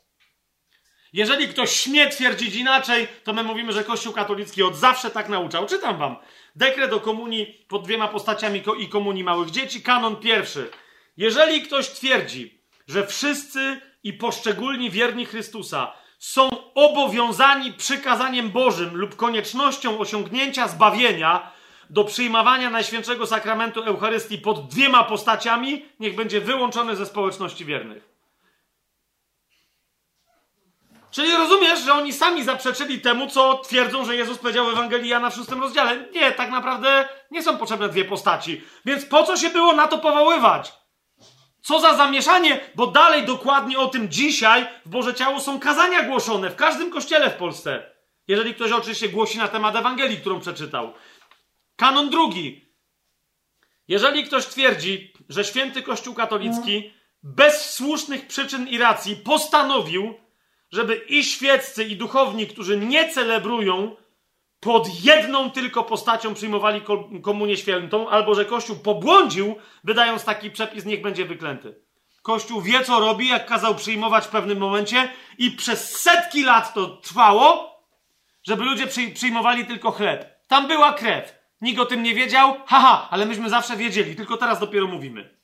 Jak w tym sketchu. Ja wiedziałem, ale nie chciałem ci nic mówić. Ja, ja od zawsze wiedziałem, ale nie chciałem ci nic mówić. Dalej, pamiętacie, jak był na tym samym soborze, pamiętacie to? Było, że cała substancja chleba zamienia się tylko i wyłącznie w ciało, a cała substancja wina się zamienia w krew. To nagle na tym samym soborze, tylko to jest inna sesja, nagle oni stwierdzili zaraz, bo protestanci powiedzieli, to jest trochę głupie, gdyż i nagle jest kanon trzeci. Jeżeli ktoś przeczy temu, że całego i integralnego Chrystusa, źródło i sprawcę wszelkich łask, przyjmuje się pod jedną postacią, ponieważ, jak niektórzy mylnie twierdzą, nie jest to zgodne z ustanowieniem samego Chrystusa, przyjmowanie go, y, nie jest zgodne z ustanowieniem samego Chrystusa, przyjmowanie go pod obiema postaciami, niech będzie wyklęty. Jeżeli ktoś przeczy temu, że całego i integralnego Chrystusa przyjmuje się pod jedną postacią, niech będzie wyklęty. Czyli przed chwilą było, a teraz jest nagle taka poprawka i Kościół jest bezbłędny, nieomylny, to nie ma sprzeczności. Tylko myśmy dwa razy inne aspekty tłumaczyli tego samego. No ale tam ta prawda jest absolutna. Jest absolutna i myśmy to absolutnie wytłumaczyli z dwóch różnych absolutnych stron. Jeszcze raz, Gaspari przypomina, y, Pan Jezus jest cały, pod różnymi postaciami, ale pamiętajcie, dopóki nie ulegną zepsuciu. Problem trzeci, mianowicie ofiary.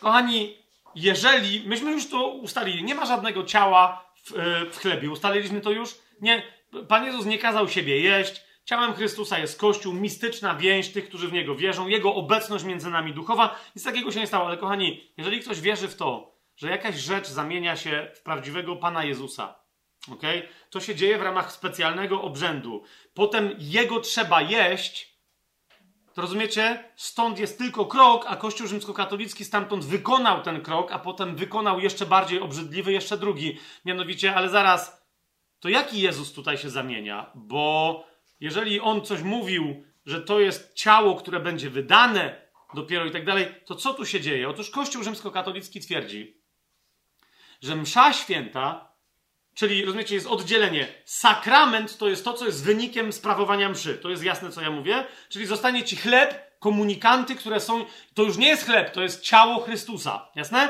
To jest sakrament Eucharystii. Natomiast skąd się bierze sakrament Eucharystii? Sakrament Eucharystii bierze się z ważnego sprawowania ofiary eucharystycznej.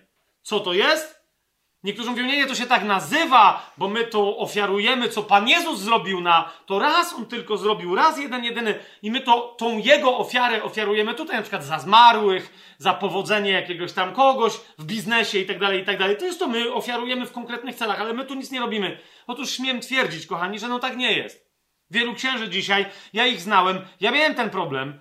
Oni że mówiłem, słuchajcie, nie, to jest niezmienne nauczanie Kościoła, że my, jako księża, składamy Jezusa w ofierze jako żertwę ofiarną. Rozumiesz? My kładziemy go na stosie i go rozpłatujemy. Znaczy, nie do końca naszymi rękami, tylko rękami Rzymian sprzed dwóch tysięcy lat, ale my to dzisiaj robimy. My składamy Jezusa w ofierze, my go mordujemy w tym momencie, żeby Bóg był zadowolony. To jest prawdziwa, to jest prawdziwa idea mszy świętej, że Jezus jest na powrót przez zgromadzenie wiernych zabijany na ołtarzu jako ofiara dla Boga. Jezus jest żertwą ofiarną dokładnie, czyli rozumiecie, zabijaną ofiarą żywą, którą, wiecie na czym polegała żertwa, yy, że było żywe zwierzę, trzeba było je ukatrupić, tak? I takie ukatrupione potem jeszcze spalić. To taką żertwę myślał, że miał zrobić, yy, nawiasem mówiąc, był to jakiś symbol śmierci e, późniejszej Pana Jezusowej, miał zrobić, myślał, że Abraham, że miał zabić swojego syna, pamiętacie Izaka, tak? Że miał go zabić, wyjął nóż, a potem, że ma go spalić w całości na, yy, na ołtarzu yy, całopalenia, tak? Więc rozumiecie, Kościół rzymskokatolicki mówi, to się nigdy nie zmieniło. Msza święta i teraz Msza święta jest po prostu jest nową formą bezkrwawego składania krwawej ofiary. Bezkrwawego, no bo nie, no bo Zwłaszcza jak ludzie stwierdzili zaraz, czyli co my robimy? My tutaj, Jezus jest niezabity i my go tu jeszcze raz zabijamy. Nie, nie, to się uobecnia, ofiara, ale to się tu dzieje. Tak, ale w sposób bezkrwawy. To jest nauczanie zwłaszcza Soboru Watykańskiego II, poprzednich też. Ale im bardziej ludzie mówili zaraz, serio? Z takim myślą, nie, nie, ale spokojnie, to jest, to jest krwawa ofiara, no bo przecież tam jest prawdziwa krew, tak? Czyja? No Chrystusa, jaka? No wylana na wasze... Ale jest bezkrwawo wylana, prawdziwa wylana. Co? I, i im bardziej jest, rozumiecie, po Soborze Watykańskim drugim, mamy koncepcję, że msza to jest uczta ofiarna. No bo Jezus powiedział, on z siebie, on z siebie zrobił chleb, który mamy jeść. Ale masa tradycjonalistów, zobaczycie, są całe kłótnie dzisiaj y, od Soboru Watykańskiego II, z kim, nie, nawet nie z Soborem Watykańskim II, ale y, z, y, z głoszeniem po Soborze Watykańskim II, że zaraz głosicie, że uczta, uczta ucztą, ale, ale przestaliście głosić, że to jest składanie prawdziwej ofiary z Jezusa. Że msza jest prawdziwą ofiarą. I zobaczycie nawet dzisiaj na YouTubie księża tradycjonalistyczni z tam różnych tych lefebryści i tak dalej, tak mówią, zaraz, to musimy głosić, to musi... Tego Kościół katolicki nigdy nie zmienił. Niektórzy mówią, Sobór Watykański II to zmienił, to już nie do końca... Nie, nic nie zmienił. Zmienił sposób mówienia na ten temat i zawoalował tę prawdę, że msza święta musi albo będzie rozumiana przez katolików jako prawdziwe składanie ofiary z Jezusa Bogu, którą składa kapłan w imieniu całego zgromadzenia zebranego w kościele wokół ołtarza katolickiego, albo nie jesteś katolikiem, bądź wyklęty, idziesz do piekła i spożywanie ciała i krwi pańskiej prowadzi cię tylko do piekła i masz grzech ciężki. Koniec. To jest tak. Niektórzy mówią, nie, nie, nie. Czytaj katechizm Kościoła katolickiego. Czytam, przeczytam wam fragmenty, które katechizm Kościoła katolickiego cytuje. Wprost.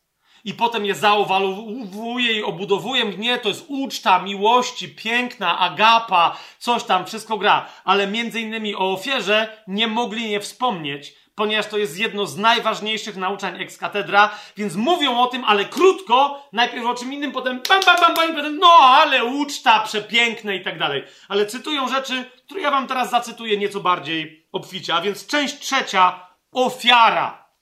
Msza jako ofiara. Możecie sobie sprawdzić, sprawdzić razem ze mną, ok? E, to nie jest nauczanie sprzed wieków, nie wiadomo kiedy, że a, wtedy język był inny. To jest Jan Paweł II zebranie aktualnie obowiązującej nowoczesnym językiem wypowiedzianej doktryny, encyklika Ecclesia de Eucharistia, de Eucharistia, Jan Paweł II. Można to sobie łatwo znaleźć w punkcie 11. Nie będę cytować całości, bo wiecie, bo tam jest e, tego dużo, nie mamy czasu. Ile, ile czasu minęło w tym momencie? 3,5 godziny? Okej, okay, okej, okay, może się do 5 godzin wyrobimy. Próbuję być naprawdę jak najszybszy.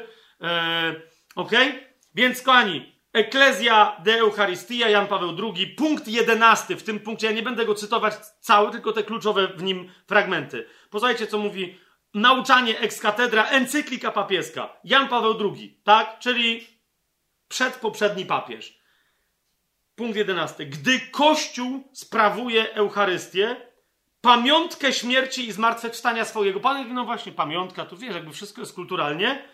Pamiątkę śmierci swojego to centralne wydarzenie zbawienia staje się rzeczywiście obecne i czas teraźniejszy, który w wielu, wielu dokumentach kościelnych jest potwierdzony, nawet w katechizmie Kościoła katolickiego, teraz, kiedy my sprawujemy mszę, uważajcie, to centralne wydarzenie zbawienia staje się rzeczywiście obecne i dokonuje się dzieło naszego odkupienia. Gdzie? Tu, na ołtarzu, teraz. Patrzysz na nie. Serio? Czytam dalej. Msza święta jest, yy, to jest dwunasty punkt. Msza święta jest równocześnie, uważajcie, i nierozdzielnie pamiątką ofiarną, w której przedłuża się ofiara krzyża i świętą ucztą komunii w ciele i krwi Pana. Delikatnie powiedziane, co? Nieważne, że tego nie widzą oczy, to co my tu robimy, dzieje się dokładnie to, co na krzyżu. Co się działo na krzyżu? Jezus był rozpłatany, był przybijany tam, rozumiecie, gwoźdźmi, miał koronę cierniową na głowę włożoną. To jest dokładnie to, co my robimy. Wykrwawiamy człowieka na ołtarzu, a następnie co? Taplamy się w jego krwi, jedząc jego ciało. To jest taka uczta.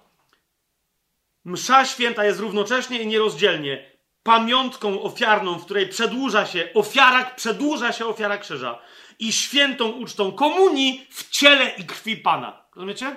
Sprawdziwe ciało. I, I, teraz ktoś powie, no dobra, ale to jest, to jest taki język, Jan Paweł II też był stary, żeby nie było żadnych wątpliwości. Czytam dalej. Nauczał o tym wyraźnie już święty Jan Chryzostom, i tu jest cytat z Jana Chryzostoma. Ofiarujemy wciąż tego samego baranka. Nie jednego dziś, a innego jutro, ale zawsze tego samego. Z tej racji i ofiara jest zawsze ta sama. Również teraz ofiarujemy tę żertwę, która wówczas była ofiarowana i która nigdy się nie wyczerpie. Doktrynalne stwierdzenie Kościoła katolickiego. Gdyby ktoś nie wiedział, co znaczy uobecnienie ofiary, to jest dokładnie to. Cały czas zabijamy tego samego baranka. Dalej czytam, msza święta uobecnia ofiarę krzyża, czyli gdzie tu na ołtarzu dzieje się dokładnie to samo, co 2000 lat temu. Nie powiększa jej, niczego jej nie dodaje, ani jej nie mnoży. No również nie ujmuje jej czego, że Jezus dawno umarł i zmartwychwstał i żyje i śmierć nie ma nad nim żadnej władzy, a oni mówią, ale my cały czas kasujemy jego zmartwychwstanie i cały czas go zabijamy, bo dzisiaj składamy z niego ofiarę, tak jak on ją składał raz, powiedział 2000 lat temu. To, co się powtarza, cały czas czytam tego Jana Pawła II, to, co się powtarza, to sprawowanie memoriale, ukazanie pamiątki. Memorialis demonstratio, przez co jedyna i ostateczna odkupieńcza ofiara Chrystusa zawsze uobecnia się w czasie. Czyli rozumiecie, ona nie miała miejsca raz kiedyś, tylko na powrót staje się, teraz jest tu. Jutro będzie? Jak jutro ktoś będzie odprawiał mszę, to wierzy, że tak, znowu. Jezus nie przestanie umierać. Ok? Punkt trzynasty y, z tej y, encykliki. Eucharystia, uważajcie na to, przez swój ścisły związek z ofiarą na Golgocie jest ofiarą w pełnym sensie, a nie tylko w sensie ogólnym, jakby jedynie chodziło o zwykłe darowanie się Chrystusa jako pokarm duchowy dla wiernych. Słyszycie to? Czy da się wyraźniej to powiedzieć?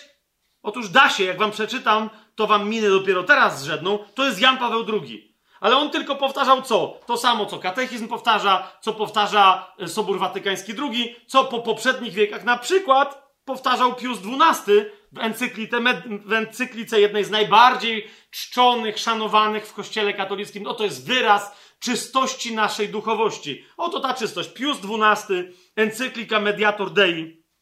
E, w tej encyklice jest duża druga część, która się nazywa Kult Eucharystyczny.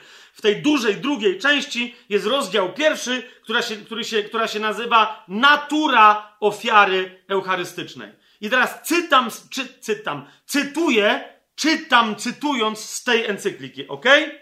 Msza święta daje wszystkim wiernym udział w odkupieniu Chrystusa. Jednak kupno to nie uzyskuje od razu pełnej swojej skuteczności. Czyli Pan Jezus coś zrobił, ale to jest kompletnie nieskuteczne. Musisz przyjść do mszy, msza to spowoduje, że to jest skuteczne. Czytam dalej. Trzeba bowiem, by Chrystus po odkupieniu świata przed najdroższą ceną swojej osoby wszedł rzeczywiście w prawdziwe posiadanie dusz ludzkich. Ty czujesz to? On nic, nic, nic się nie stało jeszcze na, na Golgocie. On dopiero musi wejść w prawdziwe, rzeczywiście musi wejść w prawdziwe posiadanie. Ty, jak?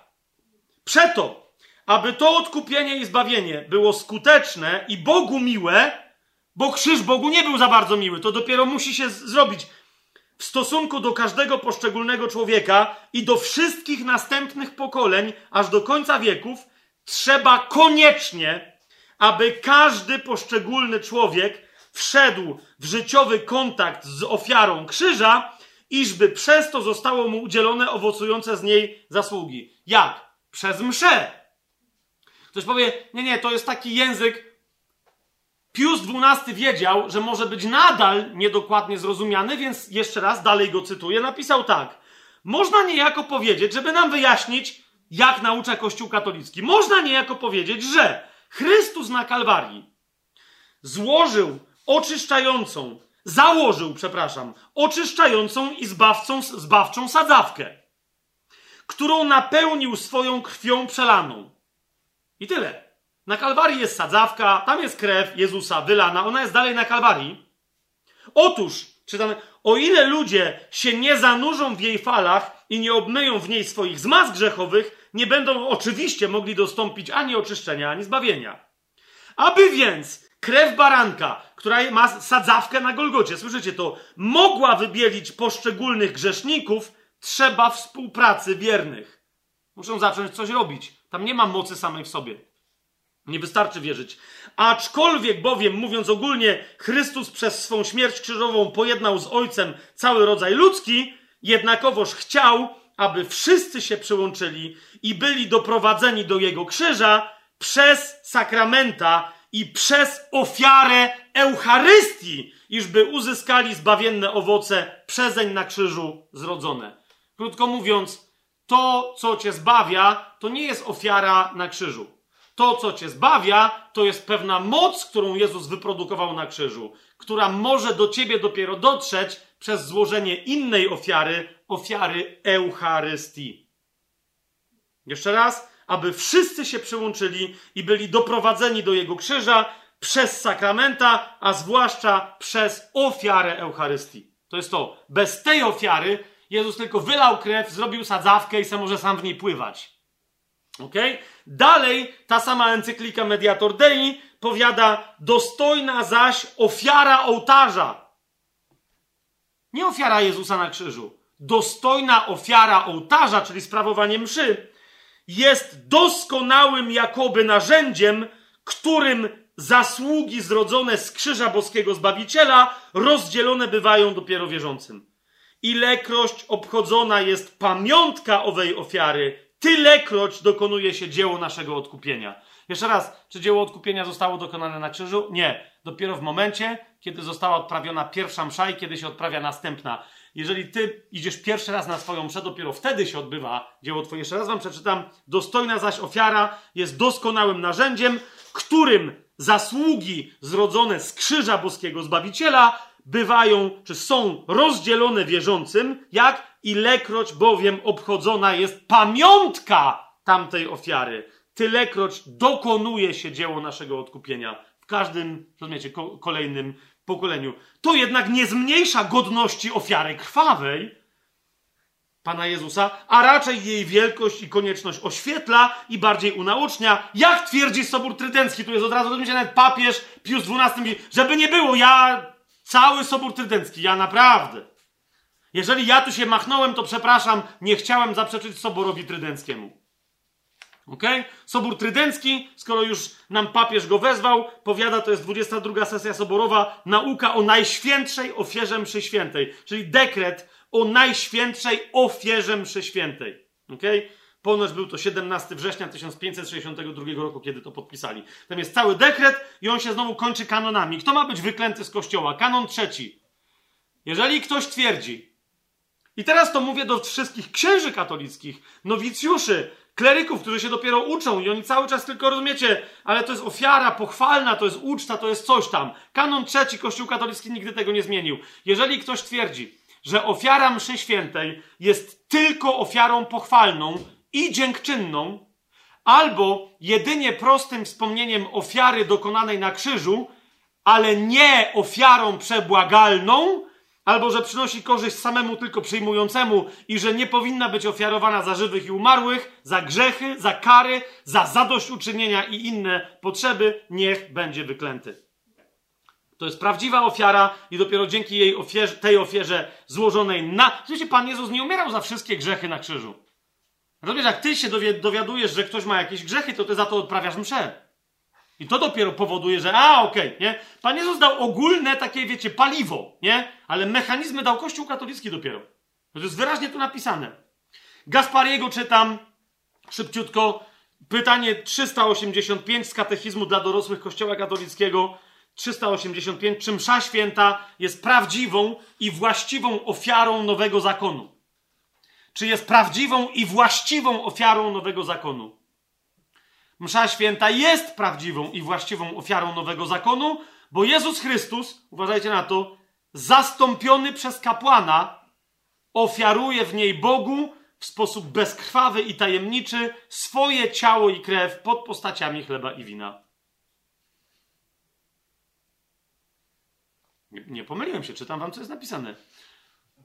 Jezus Chrystus, zastąpiony przez kapłana, ofiaruje, czyli on dalej sam siebie ofiaruje Bogu, tylko że nie on, tylko kapłan go zastępuje. Co? Czyli rozumiesz, kapłan składa Bogu w ofierze, zabija Jezusa. Nie Jezus, tylko kapłan go zabija i go składa.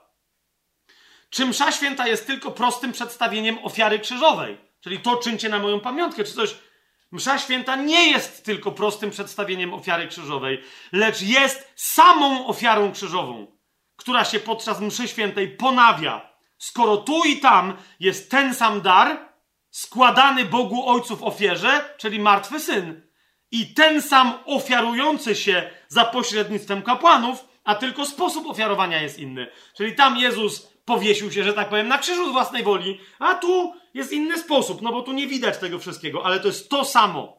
Msza święta nie jest, jest samą ofiarą krzyżową, samą w sobie. Punkt, możecie to sprawdzić, punkt 389. W jaki sposób przez ofiarę mszy świętej przydzielają nam się owoce ofiary krzyżowej? Odpowiedź przez ofiarę mszy świętej przydzielają nam się owoce ofiary krzyżowej w ten sposób, uważajcie, w mszy, że Bóg przejednany tą ofiarą użycza łask, które nam wysłużył Jezus Chrystus za cenę swojej krwi. Ok, słyszycie to? Bluźnierstwo, za bluźnierstwem Jezus coś wysłużył, ale rozumiesz, to nie jest niedostępne. Dopiero musi być odprawiona msza, żeby te wysłużone rzeczy, żeby dotarły, ponieważ Bóg dalej musi być przejednany. Czym? Tą ofiarą. Przez ofiarę mszy świętej przydzielają się nam owoce, tak że Bóg przejednany tą ofiarą. Ktoś powie, nie, nie, nie, nie, nie, nie, to Fabian, na, naprawdę nie przesadzajmy. Punkt 390. W jakim celu odprawia się ofiara mszy świętej?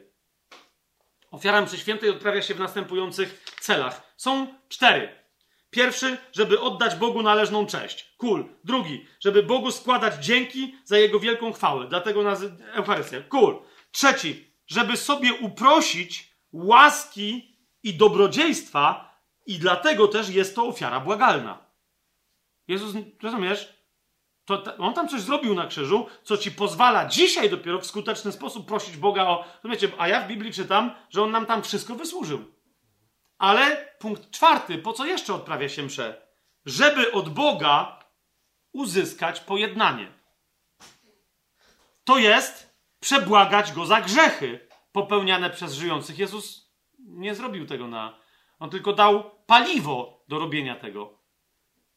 Żeby od Boga uzyskać pojednanie. To jest przebłagać go za grzechy popełniane przez żyjących i uprosić darowanie kar, na jakie oni zasłużyli, oraz wyprosić zmiłowanie duszom w czyśćcu cierpiącym, i dlatego jest to ofiara przebłagalna. Ofiara przebłag... Jezus nie złożył ofiary przebłagalnej na krzyżu. Msza święta według Kościoła katolickiego wykorzystuje Jezusa, składając go w ofierze, wykorzystuje jego kalwarię, żeby dopiero teraz być ofiarą przebłagalną. W punkcie 394 pada pytanie w takim razie, no bo to jest moc, rozumiecie, skoro nic nie jest załatwione na krzyżu, to pada pytanie, czy kapłan może ofiarować mszę świętą za jakąś konkretną, poszczególną osobę lub jakiś cel szczególny. No bo odpowiedź brzmi, kapłan może ofiarować mszę świętą za poszczególne osoby, bądź żyjące, bądź zmarłe, lub na jakiś cel poszczególny. Msza święta w ten sposób ofiarowana wychodzi na szczególny pożytek danej osobie lub przyczynia się w szczególny sposób do osiągnięcia celu, na który była ofiarowana. O ile oczywiście spełnione zostaną warunki skądinąd wymagane i przy zachowaniu wszystkiego, co należy zachować.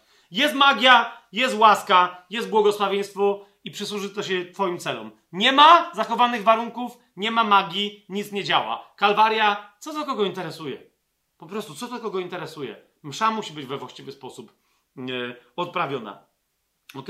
Co na to Biblia? Kochani, i ja wiem, że już nawet niektórzy katolicy tego słuchając, bo wielokrotnie miałem takie rozmowy, oni mówią, nie dobra, to już jest przegięcie. Wiem, że to jest przegięcie, ale rozumiesz, to jest centrum, to jest serce liturgii i wiary Twojej religii. To jest w samym środku. Wszystko stąd wynika i do tego zmierza. Rozumiesz? Wszystkie dokumenty kościelne o tym mówią. Co na to Biblia? Stwórzmy sobie Ewangelię Jana, szybciutko.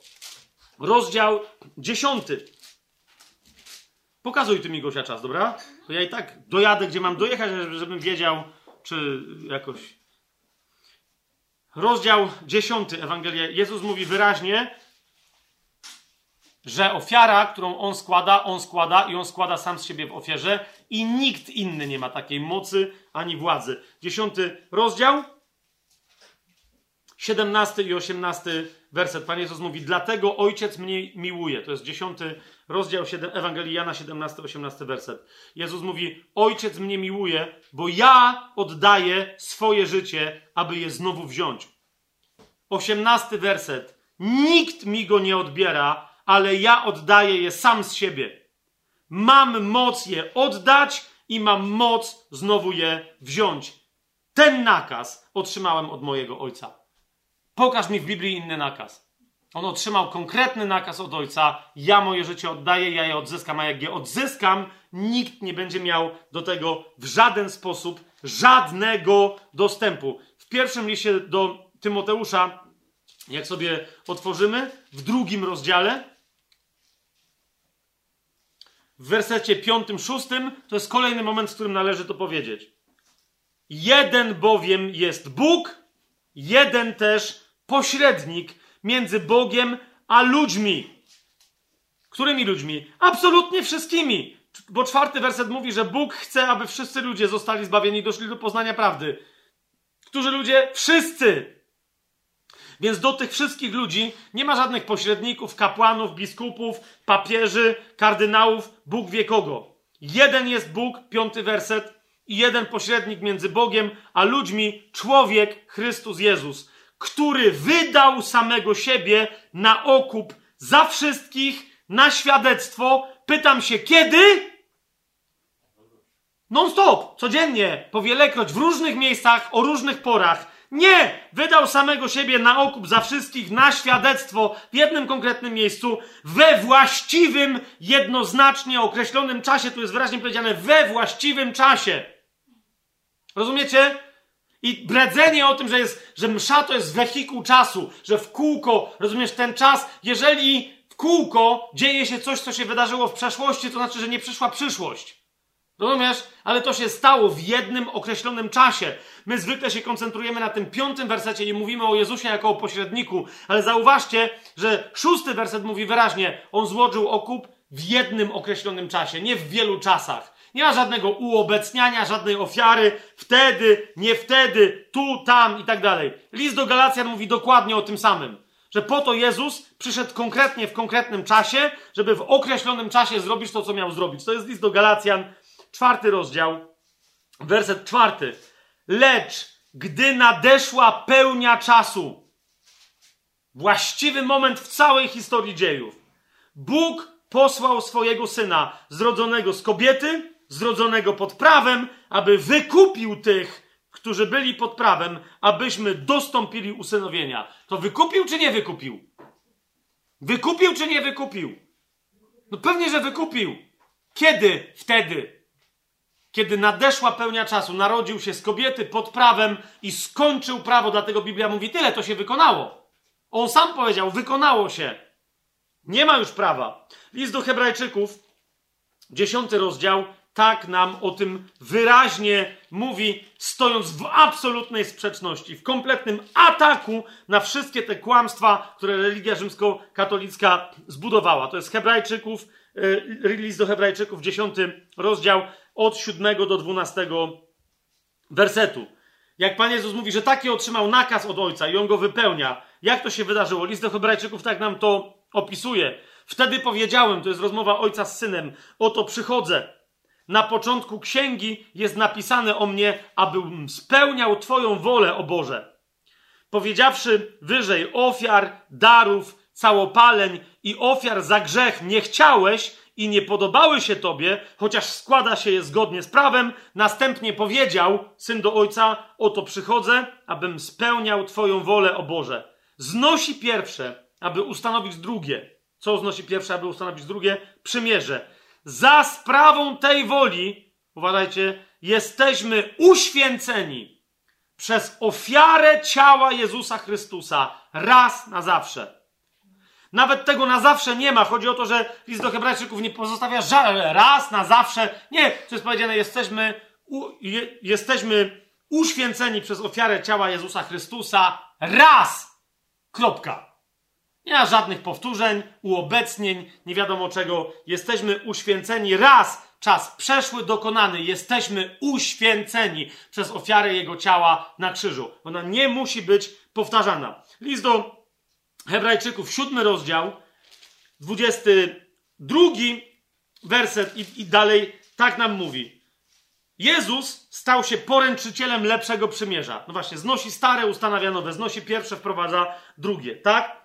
Wprawdzie tamtych kapłanów było wielu, gdyż śmierć nie pozwoliła im trwać na zawsze. Dokładnie tak samo jak w Kościele Rzymskokatolickim. Kapłaństwo jest przedstawiane, za chwilę będziemy mówili o kapłaństwie, dokładnie kapłaństwo jest przedstawiane wiecie, jako coś kontynuującego y, kapłaństwo Starego Testamentu.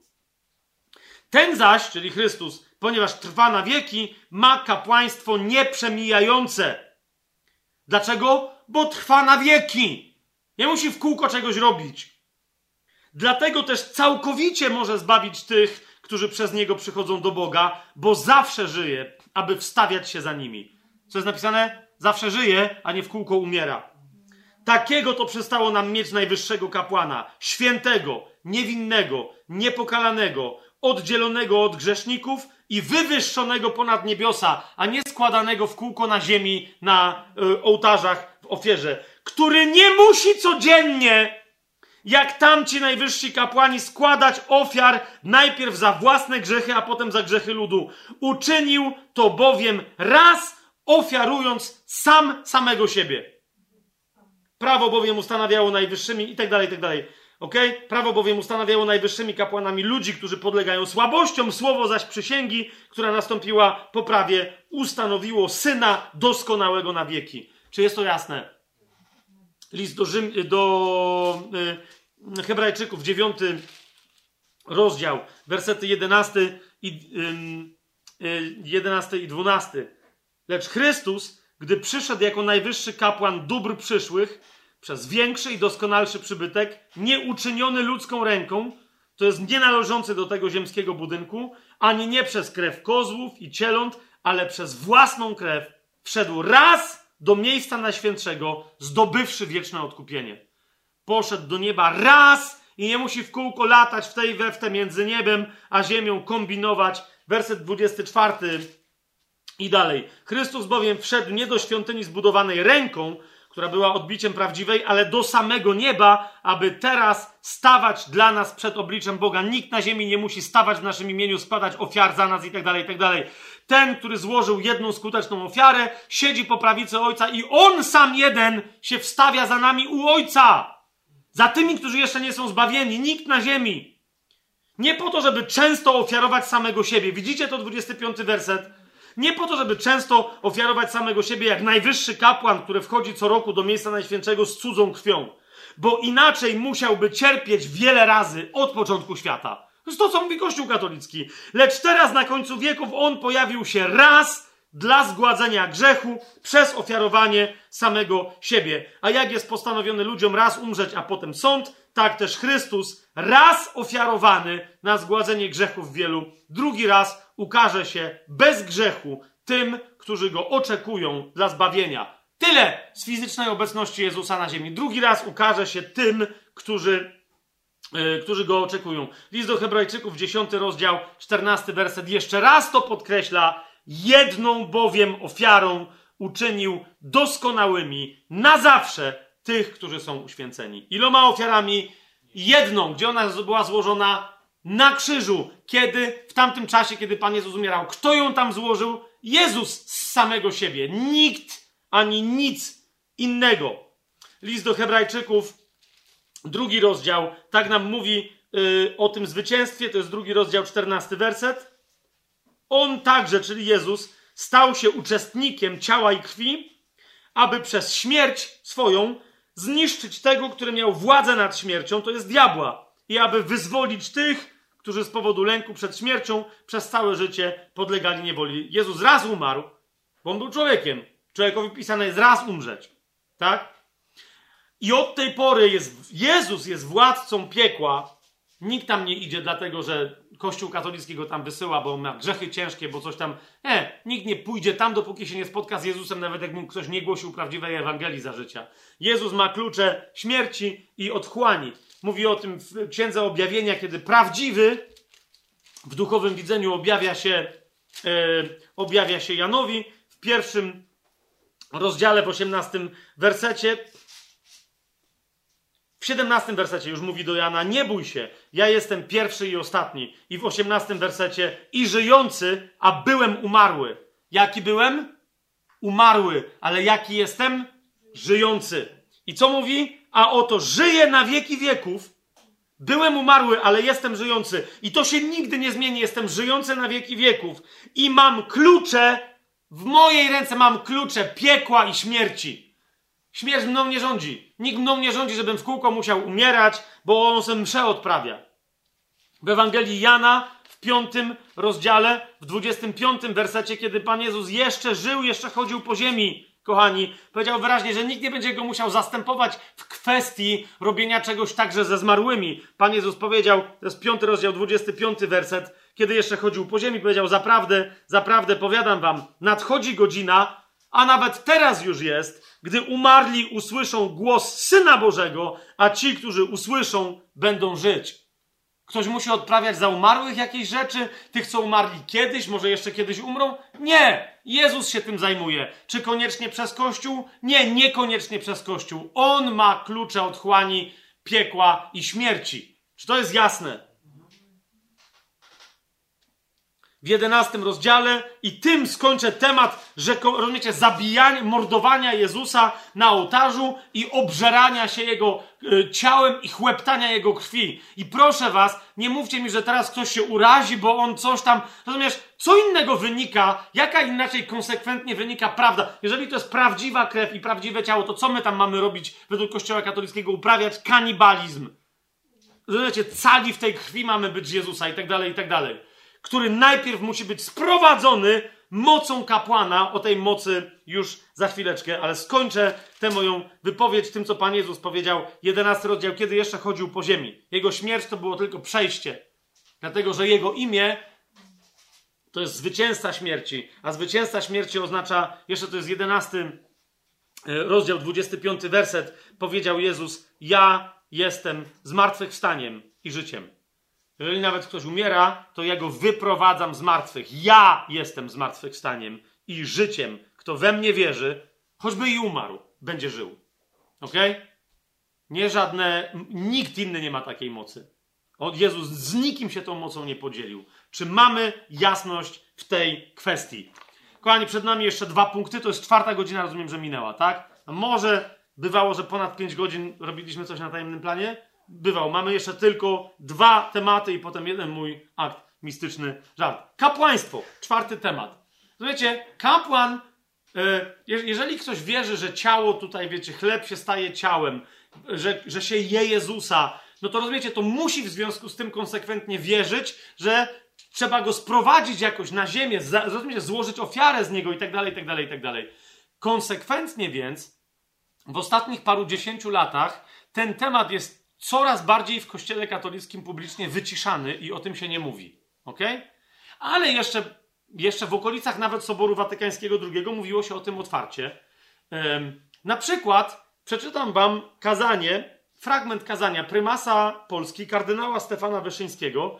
Można go znaleźć, znaczy jeżeli chcecie, to szukajcie, bo w pewnym momencie stało się, ten, ten fragment stał się sensacją e, internetową. E, I jak ja potem chciałem fizycznie zdobyć te, ten, ten, wiecie, tę książeczkę, to jej się nie da, nie, nie ma e, wszystkie roczniki, bo to jest specjalne takie wydawnictwo katolickie, od wielu, wielu, wielu lat wciąż można dostać, kupić i tak dalej. Tego jednego numeru jakoś jest trudno. Jak ktoś z was ma albo by sprzedał, to ja chętnie kupię. Ale w każdym razie, no są ym, tu jak się dzieliłem tym, że mam to wypisane z, jeszcze z kiedyś skądinąd, to tu zdaje się, że Smoku znalazł ten, nie? Yy, jakiś tam zdjęcie. Otóż, kochani, mówiąc do świeżo wyświęconych księży, kardynał Stefan Wyszyński podczas mszy ze sakramentem święceń kapłańskich, z, tak, z tego co rozumiem, taki tam był kontekst, powiedział do księży, normalnych, nie do biskupów, nie do papieża, nie do kardynałów, do księży, następującą rzecz. Ok? To, się, to były normalne kazania i całkiem niedawno słyszałem dokładnie takie samo kazanie próbował ich uświadomić, zrozumcie, kim teraz jesteście, kiedy otrzymaliście święcenia. Powiedział tak, cytuję. Otrzymaliście w tej, to jest mm, prymas polski, kardynał Stefan Wyszyński, to wydawnictwo nazywa się Ateneum Kapłańskie, nie wiem, czy to dalej wychodzi. Y, I konkretnie ta rzecz to jest zeszyt drugi, to jest rocznik 1960, zeszyt drugi, wrzesień, październik. Strona 165, tak mi się wydaje, chociaż tu się już mogłem pomylić. Więc cytuję prymasa Polski. I potem wam powiem, jakie na ten temat były komentarze i jakie reakcje w internecie, nawet ludzi kościoła. Więc prymas Polski powiedział tak. Do księży, świeżo wyświęconych, wczoraj jeszcze nie był, teraz już jest. Co się z nim stało? Tłumaczył im zmianę, jaka w nich zaszła. Powiedział tak otrzymaliście w tej chwili straszliwą władzę. To jest władza nie tylko nad szatanami, nie tylko nad znakami sakramentalnymi, ale przede wszystkim nad samym Bogiem. Czytam dalej. Jesteście przecież spirituales imperatores, czyli duchowładcami, imperatorami duchowymi a jako tacy macie władzę rozkazywać nawet samemu Bogu. Ktoś wtedy by powiedział, co? W tym kościele oczywiście nikt tak nie zrobił, przecież prymas mówi, tak? Ale on kontynuuje dalej. On tego zapragnął. On tego od was chciał. Będziecie mu rozkazywać, gdy na wasze słowa stępować będzie na ołtarze. Bóg żywy, choć zakryty, lecz prawdziwy. I tam się to tak ciągnie, ja nawet tego nie chcę czytać. I dalej, kto ku wam patrzy, widzi w was Boga. Kto do was się zbliża, nie szuka ludzkiego, ale Bożego. Prawdziwie sacerdos alter Christus, kapłan, drugi Chrystus. Czyżbyśmy powoli zbliżali się do sytuacji, w której okazuje się, że nie tylko chleb z winem stają się ciałem Chrystusa, ale nagle ksiądz sam sobie jest we własnej osobie. Ja nawet nie wiem, czy to jest drugi Chrystus, bo rozumiecie, Biblia nigdzie nie mówi, zawsze Biblia, Jezus powiedział, ojciec jest większy ode mnie. Kapujecie, a tu nagle się dowiadujemy, że ksiądz ma władzę, której Jezus nawet powiedział, że nie ma. Ksiądz rozkazuje ojcu i Jezusowi, że ma stępować Bóg żywy na ołtarz, jak on mówi. Potem się pojawiły komentarze, najpierw było, to jest fake news. Kardynał Wyszyński był zgodny z całym nauczaniem Kościoła, wcale tak nie powiedział. Potem inni powiedzieli, nie, powiedział, ale takie były czasy, to było troszeczkę takie podkreślał, trochę takie, no alter Chrystus, trochę się zapędził, nie? Trochę się zapędził, wtedy były takie obyczaje i tak dalej, i tak dalej. Kochani, chcę powiedzieć wyraźnie, ja nie wiem skąd taka sensacja, że rozumiecie, wszyscy stwierdzili, jeszcze inni powiedzieli, a nawet jak się pomylił, to nie jest wypowiedź ex katedra. Chcę wam przeczytać wypowiedzi ex katedra, które według mnie kardynał Wyszyński złagodził, kiedy mówił do ludu, ponieważ oryginalne, niepodważalne w swoim rozumieniu własnym Kościoła katolickiego, nieumylne nauczanie jest jeszcze gorsze od tego. Ok? On tylko skrócił pewną myśl. On, rozumiecie, nie powiedział niczego, czego by się nie nauczył. Nie powiedział niczego. Ja się na, na sakramentologii o sakramencie kapłaństwa dokładnie tych rzeczy uczyłem. Rozumiecie? Tylko potem ktoś tam właśnie dokładnie, tam się wtedy ktoś mówi, dobra, ale potem nie gadajcie na mszy, tak jak Wyszyński powiedział, że macie władzę nad Bogiem, możecie mu rozkazywać, bo ludzie tego nie zrozumieją. No ale nie tak jest? No tak jest. Nie możesz mówić inaczej, ponieważ Kościół ci każe wierzyć, że tak jest. Czytam, kochani, e, w tym momencie wydaje mi się, że jest to encyklika Mediator Dei Pius, Piusa XII, e, ale zdaje się, że ja nie to z tej encykliki, bo to widzę, że mam, że mam, czyli z innego czasu, to jest moja notatka. W Breviarium Fidei to jest numer 1046. Więc sprawdźcie mnie, czy to jest, czy to jest fragment encykliki Mediator Dei Piusa XII czy nie. Bo tu mam z początku, z przodu napisane Breviarium Fidei 1046, a na końcu mam napisane Encyklika Mediator Dei Pius, e, Pius XII. Więc, nie? E, tu jest, no ale tak czy siak, bo to nie jest najistotniejsze, co tu jest powiedziane. Otóż jak wygląda nauczanie Kościoła katolickiego? Trzeba więc, aby wszyscy wierni uświadomili sobie, że ich najwyższym obowiązkiem i największym zaszczytem jest branie udziału w ofierze eucharystycznej, jednak nie posiadają tym samym władzy kapłańskiej.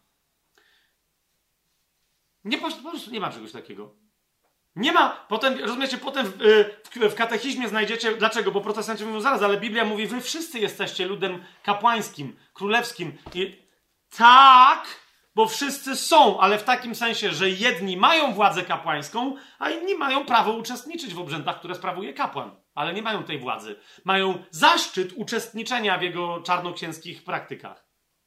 Rozumiecie? To jest pierwsza rzecz. Żeście rozumieli. Jak potem ktoś mi otworzy katechizm Kościoła i powie, jak to tu jest powiedziane, cały lud jest ludem kapłańskim, świetnie, ale to, co ja wam będę czytał, potem w innych miejscach katechizm Kościoła katolickiego powtarza, że co prawda cały lud jest kapłański, ale są inni kapłani, którzy są mm, po prostu prawdziwymi kapłanami. Więc taki to jest lud kapłański. Encyklika Ecclesia de Eucharistia Jana Pawła II w punkcie 29 czytam, co następuje. Jan Paweł II. To, jest, to, nie jest, to, nie jest, to nie jest Wyszyński i to jest encyklika ex cathedra. Co więcej, on tu mówi, że on powtarza nauczanie innych papieży, powtarza nauczanie Soboru Watykańskiego II, Trydenckiego i tak dalej, Rozumiecie? On wręcz uważa, że Sobór Watykański II właśnie troszkę za delikatnie powiedział pewne rzeczy i potem ludzie w kościele uważają, że mogą to tak wydelikacać. Otóż Sobór Watykański II powiedział coś delikatnie, ale my to musimy rozumieć radykalnie, powiada Jan Paweł II i po to między innymi pisze tę encyklikę, żeby cały Kościół katolicki przywołać do porządku. Kim jest kapłan? 29 punkt. Cytuję już dokładnie. Często powtarzane przez Sobór Watykański II wyrażenie, według którego, i tu jest cytat wewnętrzny, kapłan pełniący posługę dzięki świętej władzy, jaką się cieszy w osobie Chrystusa, in persona Christi, sprawuje ofiarę eucharystyczną, czyli kiedy ksiądz odprawia mszę, jest in persona Christi. Rozumiesz? On jakby wchodzi w środek, a na nie, to jest, pamiętacie, jak ja wcześniej, jak przywałem, a bierze na siebie Chrystusa. To nie on robi. Zanim rzekomo chleb i wino staną się ciałem i krwią, rozumiesz, kiedy widzisz księdza, widzisz Chrystusa i nie możesz powiedzieć, że to jest ojciec Fabian, ksiądz Stefan. Nie, to jest Chrystus. Rozumiesz, we własnej osobie. A więc Sobór Watykański tak to powiedział, nie? A, a, a Jan Paweł II kontynuuje, że to powiedzenie było już dobrze zakorzenione w nauczaniu papieży. Czytam dalej. Jak już przy innej okazji miałem możliwość wyjaśnić, wyrażenie in persona Christi, uważajcie teraz, bo niektórzy mówią, ale to jest pewien taki symbol, że po prostu kapłan udziela swoich rąk Chrystusowi, no bo Chrystus, wiecie, wszechmocny, ale ułomny i on nie umi, a, że, a jest robota do zrobienia, ta, samo się nie zrobi. Więc tyle, ale to jest pewien taki symbol, to nadal rozumiemy, że to jest ksiądz i tak dalej, i tak dalej. I Jan Paweł II mówi, jak to zaraz powoli, co to za rozum, co to za rozumienia są? Jak już przy innej okazji miałem możliwość wyjaśnić, wyrażenie in persona Christi znaczy więcej niż w imieniu czy w zastępstwie Chrystusa. Znaczy więcej? O ile więcej, Karolu Wojtyło? In persona to znaczy w swoistym sakramentalnym utożsamieniu się z prawdziwym i wiecznym kapłanem, który sam tylko jeden jest prawdziwym i prawowitym podmiotem i sprawcą tej swojej ofiary i przez nikogo właściwie nie może być w jej spełnianiu wyręczony. Utożsamienie się. Kapujecie tak, że w tym momencie kapłan znika, a to jest Chrystus. Czytam dalej. Posługa kapłanów, którzy otrzymali sakrament święceń w ekonomii zbawienia wybranej przez Chrystusa ukazuje, że Eucharystia przez nich sprawowana jest darem, który przewyższa zdecydowanie władzę zgromadzenia wiernych, które zbiera się w celu sprawowania Eucharystii, absolutnie potrzebuje kapłana z mocą święceń, który będzie jej przewodniczył, ażeby była prawdziwie wspólnotą eucharystyczną. Z drugiej strony, wspólnota nie jest w stanie sama z siebie ustanowić sobie kapłana z mocą święceń. To zaraz, to kto go święci? Jest on darem, który wspólnota otrzymuje dzięki sukcesji biskupiej pochodzącej od apostołów. Dlatego oni tam leżą w kościele Ręce na siebie wkładają, jeden drugiemu ręce wkłada, żeby był wyświęcony. Rozumiecie, ślubuje posłuszeństwo. Mi dawali do ręki patenę i kielich, biskupowi, tam żeśmy to kurde krzyżowali. Potem ja rozumiem, jak średniowieczny wasal. Jak samuraj, rozumiecie, w Japonii, jak średniowieczny wasal był, po prostu ręce w jego ręce, on tu ręce wziął, ja mu ręce włożyłem i on wziął, rozumiesz, teraz tu to, rozumiesz, on mi tu przekazuje, jemu przekazali, rozumiesz, to jest misterium całe magiczne to biskup za sprawą sakramentu święceń ustanawia nowego kapłana, udzielając mu władzy konsekracji Eucharystii. Dlatego tajemnica Eucharystii nie może być sprawowana w żadnej wspólnocie bez kapłana z mocą święceń, jak tego wyraźnie nauczał Sobór Laterański drugi, yy, czwarty. Ale jeszcze raz wam przypomnę, znaczy więcej. Co to znaczy? Jest swoistym sakramentalnym utożsamieniem się z Chrystusem. Bez wyjątku. Ktoś powie, no nie do końca to jest tak, to można tak rozumieć, ale skoro jest swoistym, to może tam jest jakaś możliwość uniknięcia tego. Katechizm Kościoła katolickiego, numer 1548. Z jednej strony ci katechizm, jeszcze raz powtarzam, będzie mówił, że nie, lud, lud katolicki jest ludem kapłańskim, tak? 1548. W służbie eklezjalnej wyświęconego kapłana Jeszcze raz to wam przeczytam. Rozumiecie? Jan Paweł II powiedział, no, to jest utożsamienie. Tylko wiecie, Jan Paweł II, filozoficzny język, katechizm Kościoła katolickiego jest bardziej dosadny. I nakręci ci się, jeszcze raz powtarzam, wszyscy są kapłanami. My się absolutnie zgadzamy z braćmi i siostrami protestantami i protestantkami. Punkt 1548 nie pozostawia żadnych wątpliwości, tylko musisz czytać uważnie katechizm. W służbie eklezjalnej wyświęconego kapłana jest obecny w swoim kościele sam Chrystus. Jako głowa swojego ciała, jako pasterz swojej trzody, arcykapłan odkupieńczej ofiary, nauczyciel prawdy. Gdzie ten Chrystus jest? W służbie eklezjalnej wyświęconego księdza. To właśnie wyraża Kościół, mówiąc, że kapłan na mocy sakramentu święceń działa w osobie Chrystusa głowy. In persona Christi capitis. Nie tylko papież. Każdy ksiądz, który odprawia mszę, sprawuje inne sakramenty, działa jako widzialna głowa na ziemi. Ja myślałem, że głowa siedzi w niebie, a my jesteśmy jego ciałem. Nie, tu masz głowę. Rozumiesz, tych główek się narobiło jak trupich czaszek na wyspie bezludnej, gdzie żyją kanibale. Jest więc jeden i ten sam kapłan, czytam dalej katechizm, Chrystus Jezus, którego najświętszą osobę zastępuje kapłan. Ten ostatni bowiem, dzięki konsekracji kapłańskiej, upodabnia się do najwyższego kapłana, uważajcie, i posiada władzę działania mocą i w osobie samego Chrystusa, żeby nie było wątpliwości, to jest dokładnie podane zawsze, jak pamiętacie, jak czytacie dokumenty katolickie, jak jest coś podane po łacinie, to znaczy to ma moc prawną. To jest zdefiniowane w sposób prawny i nie ma możliwości reinterpretacji tego.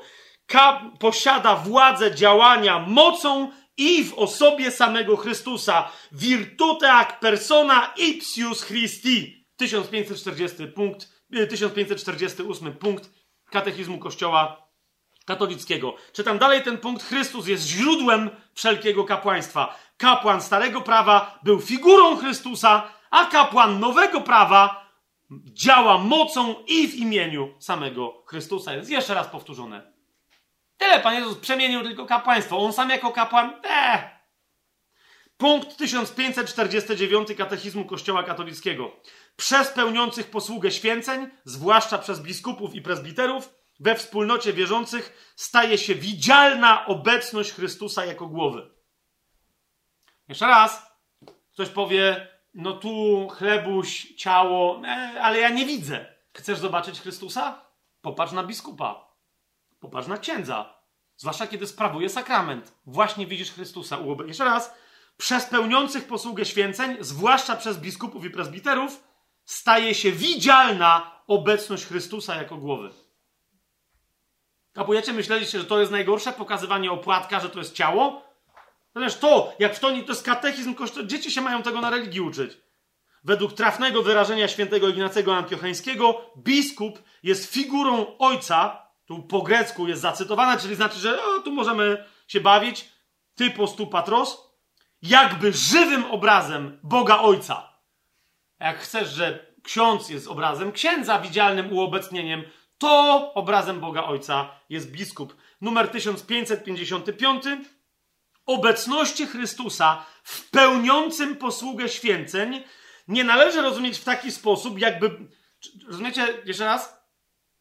Kto to jest pełniący posługę święceń? To jest ksiądz, albo biskup, albo papież, nie? W nim jest obecny Chrystus, po prostu cały, znowu.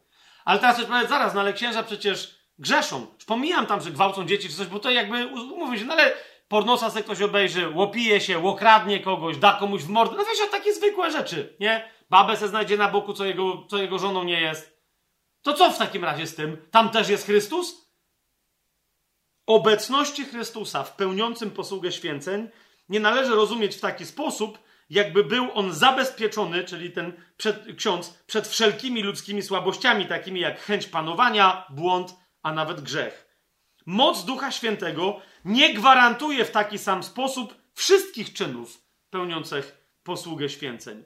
Podczas gdy gwarancja ta jest dana w aktach sakramentalnych, tak, że nawet grzeszność pełniącego posługę święceń nie może stanowić przeszkody dla owocu łaski. Rozumiecie? gdzie jest gwarantowane, ksiądz może, może gwałcić dzieci, może, nie, może mieć, rozumiecie, trzy kobiety, nie, lubi dzieci, ma siedemnastkę dzieci na boku, zbiera ofiarę w parafii, przekazuje je na alimenty. Ksiądz może być złodziejem, może być czymś tam, rozumiecie? Nieważne, może nie chodzić do spowiedzi. W momencie, kiedy odprawia mszę, Duch Święty jest zmuszony, rozumiecie? Zachowywać, wprowadzić w niego Chrystusa, a on wtedy sprowadza rzekomo Chrystusa z nieba, zabija go, robi ucztę krwawą dla ludzi i rozdaje wszystkim części, nie części, całego poharatanego Pana Jezusa i daje wszystkim do picia jego krew. Nie ma znaczenia. Duch Święty musi go słuchać, nieważne jak to jest grzeszny, święty, nieświęty człowiek, nie ma to absolutnie żadnego znaczenia. Rozumiecie, wychowywani w czymś takim księża, nie dziwcie się, jak wielu księży wpada w bufonadę, rozumiecie, bo oni są dokładnie, jakby ty musisz reprezentować teraz Kościół i tak dalej, ale jakby z drugiej strony, czyli a jak jestem zły, ale jak jesteś zły, to się nic nie dzieje. Rozumiesz? Ponieważ tu działa magia, ty dostałeś raz na zawsze pewną moc. Wystarczy, że będziesz posłuszny swojemu przełożonemu, biskupowi, papieżowi i tak dalej. I to jest tyle. Rozumiecie, ten ksiądz, jak go ostatnio o nim mówiłem yy, z Grzechyni, ja nie wiem, czy on nawet jest w Grzechyni, ten yy, Natanek, ten, że ktoś, dziecko jest ubrane na czarno, wie, że coś się dzieje, ten, on już dawno, chyba że nie wiem, pokutował ostatnio w kościele katolickim, wrócił, ale nic mi o tym nie wiadomo. Y, jest wyklęty przez biskupa i tak dalej, i tak dalej. On sobie odprawia tam jakieś msze, tam ludzie chodzą i tam, oni wierzą, że to są... Ale Kościół mówi, nie, to nie są żadne msze, nie chodźcie tam, bo on nie ma mocy. Ale jak to głosi całą... On walczy, mówi, ja walczę o, o prawdziwą, konserwatywną, tradycyjną prawdę, pełną prawdę, pełnego nauczania Kościoła katolickiego. A Kościół katolicki mówi, e, ale jesteś nieposłuszny. Więc magia nie działa, tyle. Możesz sobie odprawiać msze ile chcesz, tylko rozdajesz opłatki ludziom. A tu, a tu jest kryty przez Kościół katolicki pedofil, coś. Okej, okay, ale on jest posłuszny, poddaje się, więc ma, tu, tu, magia działa, ponieważ to jest klucz, na podstawie którego magia, yy, magia działa. Yy, ale myślicie, że to jest wszystko? To jeszcze dokończmy, żeby tu była jasność. Pius XI, encyklika Ad Catholici Sacerdoti Fastigium, czyli o kapłaństwie katolickim z 1935 roku. E, pierwsza część tej encykliki, tam są jakieś wstępy, coś tam, ale jest pierwsza część, e, która ma tytuł sprytny Kapłan jest jakby drugim Chrystusem. I jest tam jeden z rozdziałów, cząst, bo tam potem nie ma numeracji, przynajmniej ja nie, ta, tą, ta wersja, którą ja miałem, nie miała, ale jest taki śródtytuł tam, który się nazywa Władza niepojęta.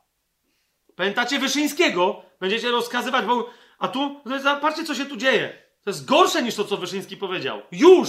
A my idziemy dalej. Otóż Pius XI pisze w tej cząstce Władza niepojęta, jasno tam coś tłumaczy i mówi tak, jasno wynika stąd niewypowiedziana dostojność kapłana katolickiego, który posiada władzę nad ciałem Jezusa Chrystusa, i cudownym sposobem sprowadza go na ołtarze oraz rękami niejako Zbawiciela Bożego składa wiecznemu majestatowi Boga nieskończenie mu, miłą mu ofiarę.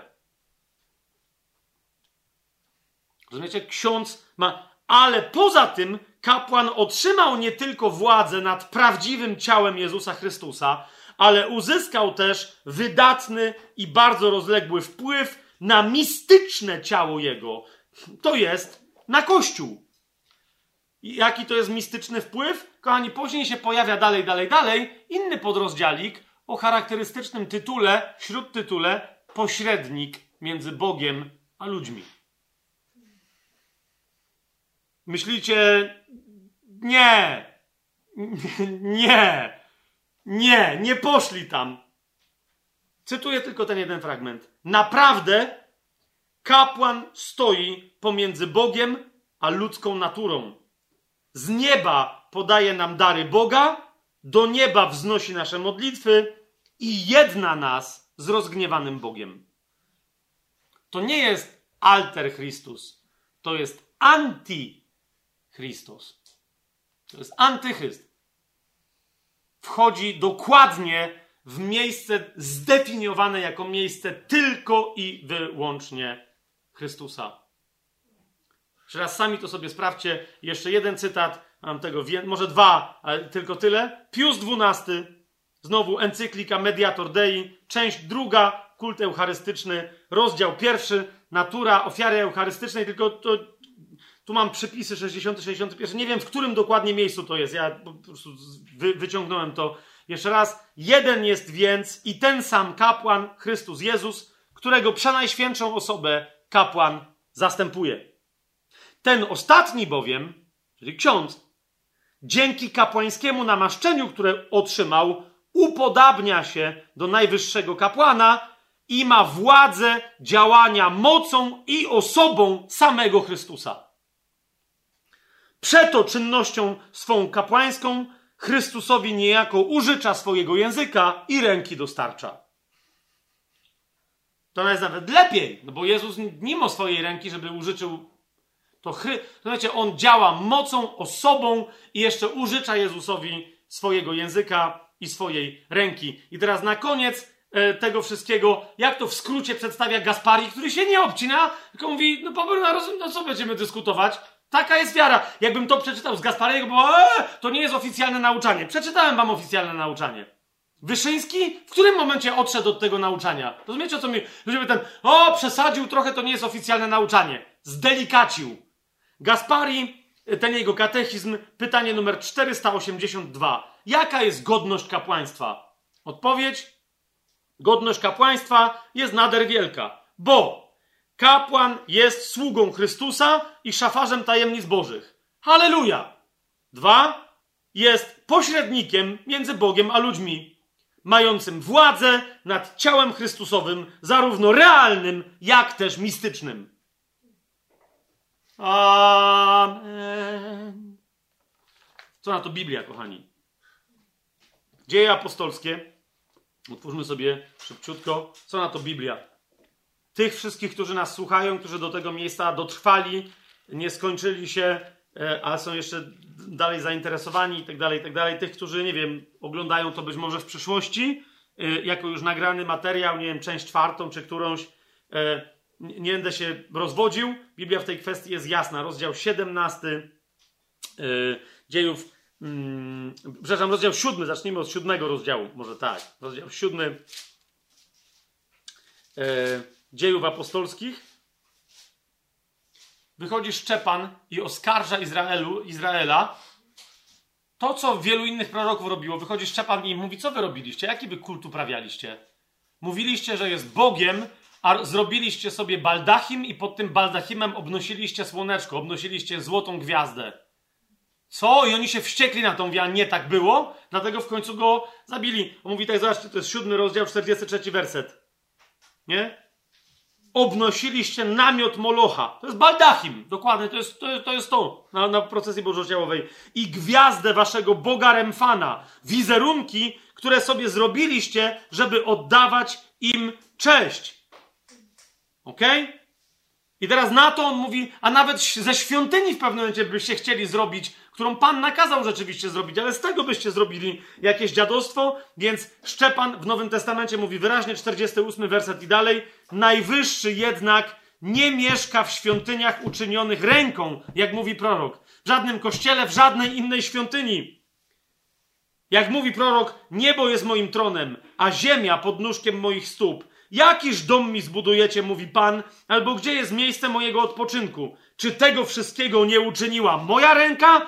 Ja uczyniłem cały świat, a wy mi będziecie domek stawiać, a w tym domku jeszcze mniejszy dla mojego syna.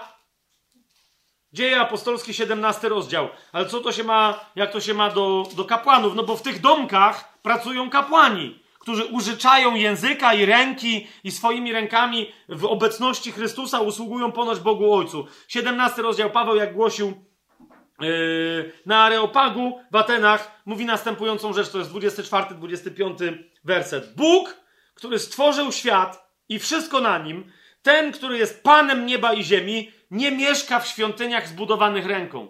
Jeszcze raz. I uważajcie, ani nie jest czczony rękami ludzkimi, tak jakby czegoś potrzebował, ponieważ on sam daje wszystkim życie i oddech i wszystko. Czy to jest jasne?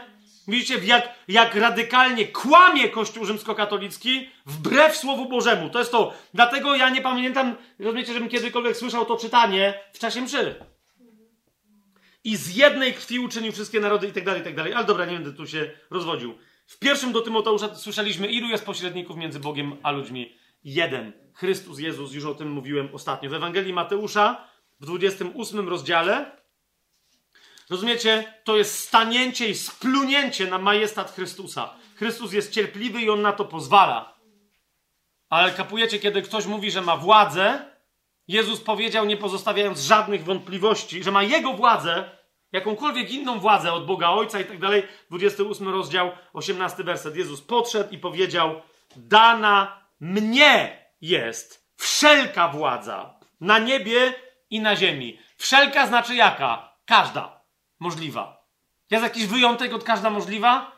Nie, nie ma. Kto więc ma wszelką władzę? Jezus i on się jako jedyny pośrednik tą władzą z nikim nie dzieli. W liście do Filipian w drugim rozdziale, w dziewiątym yy, wersecie i dalej, to jest list do Filipian, drugi rozdział, dziewiąty werset i dalej, jest powiedziane, że po swojej śmierci raz na zawsze Jezus został wywyższony. Tak Słowo Boże o tym mówi. Dlatego też Bóg wielce go wywyższył i darował mu imię, które jest ponad wszelkie imię.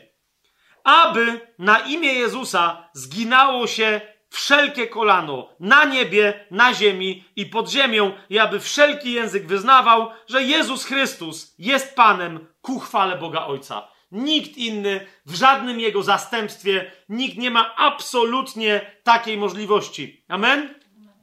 księdze objawienia ci mówią, tak, tak, nie, ale my, y, on się z nami chętnie dzieli, my mu użyczamy swoich rąk. Księga objawienia, wiele innych fragmentów jest, ale nie mamy czasu, chcę to, wiecie, w miarę zakończyć. W księdze objawienia Jezus mówi wyraźnie, nikt mnie nie trzyma w kościele w ręce. Ja trzymam Kościół w ręce i wszystkich, którzy są przywódcami w Kościele, ja trzymam w swojej ręce. Bo ja jestem jedynym Panem i nie ma żadnego innego. Nawet moi słudzy w moim Kościele nie mają żadnego panowania nad nikim innym w Kościele, a co dopiero nade mną. To jest, ewangel- to jest objawienie Janowe od 12 wersetu będę czytać. Janowi się objawił Jezus.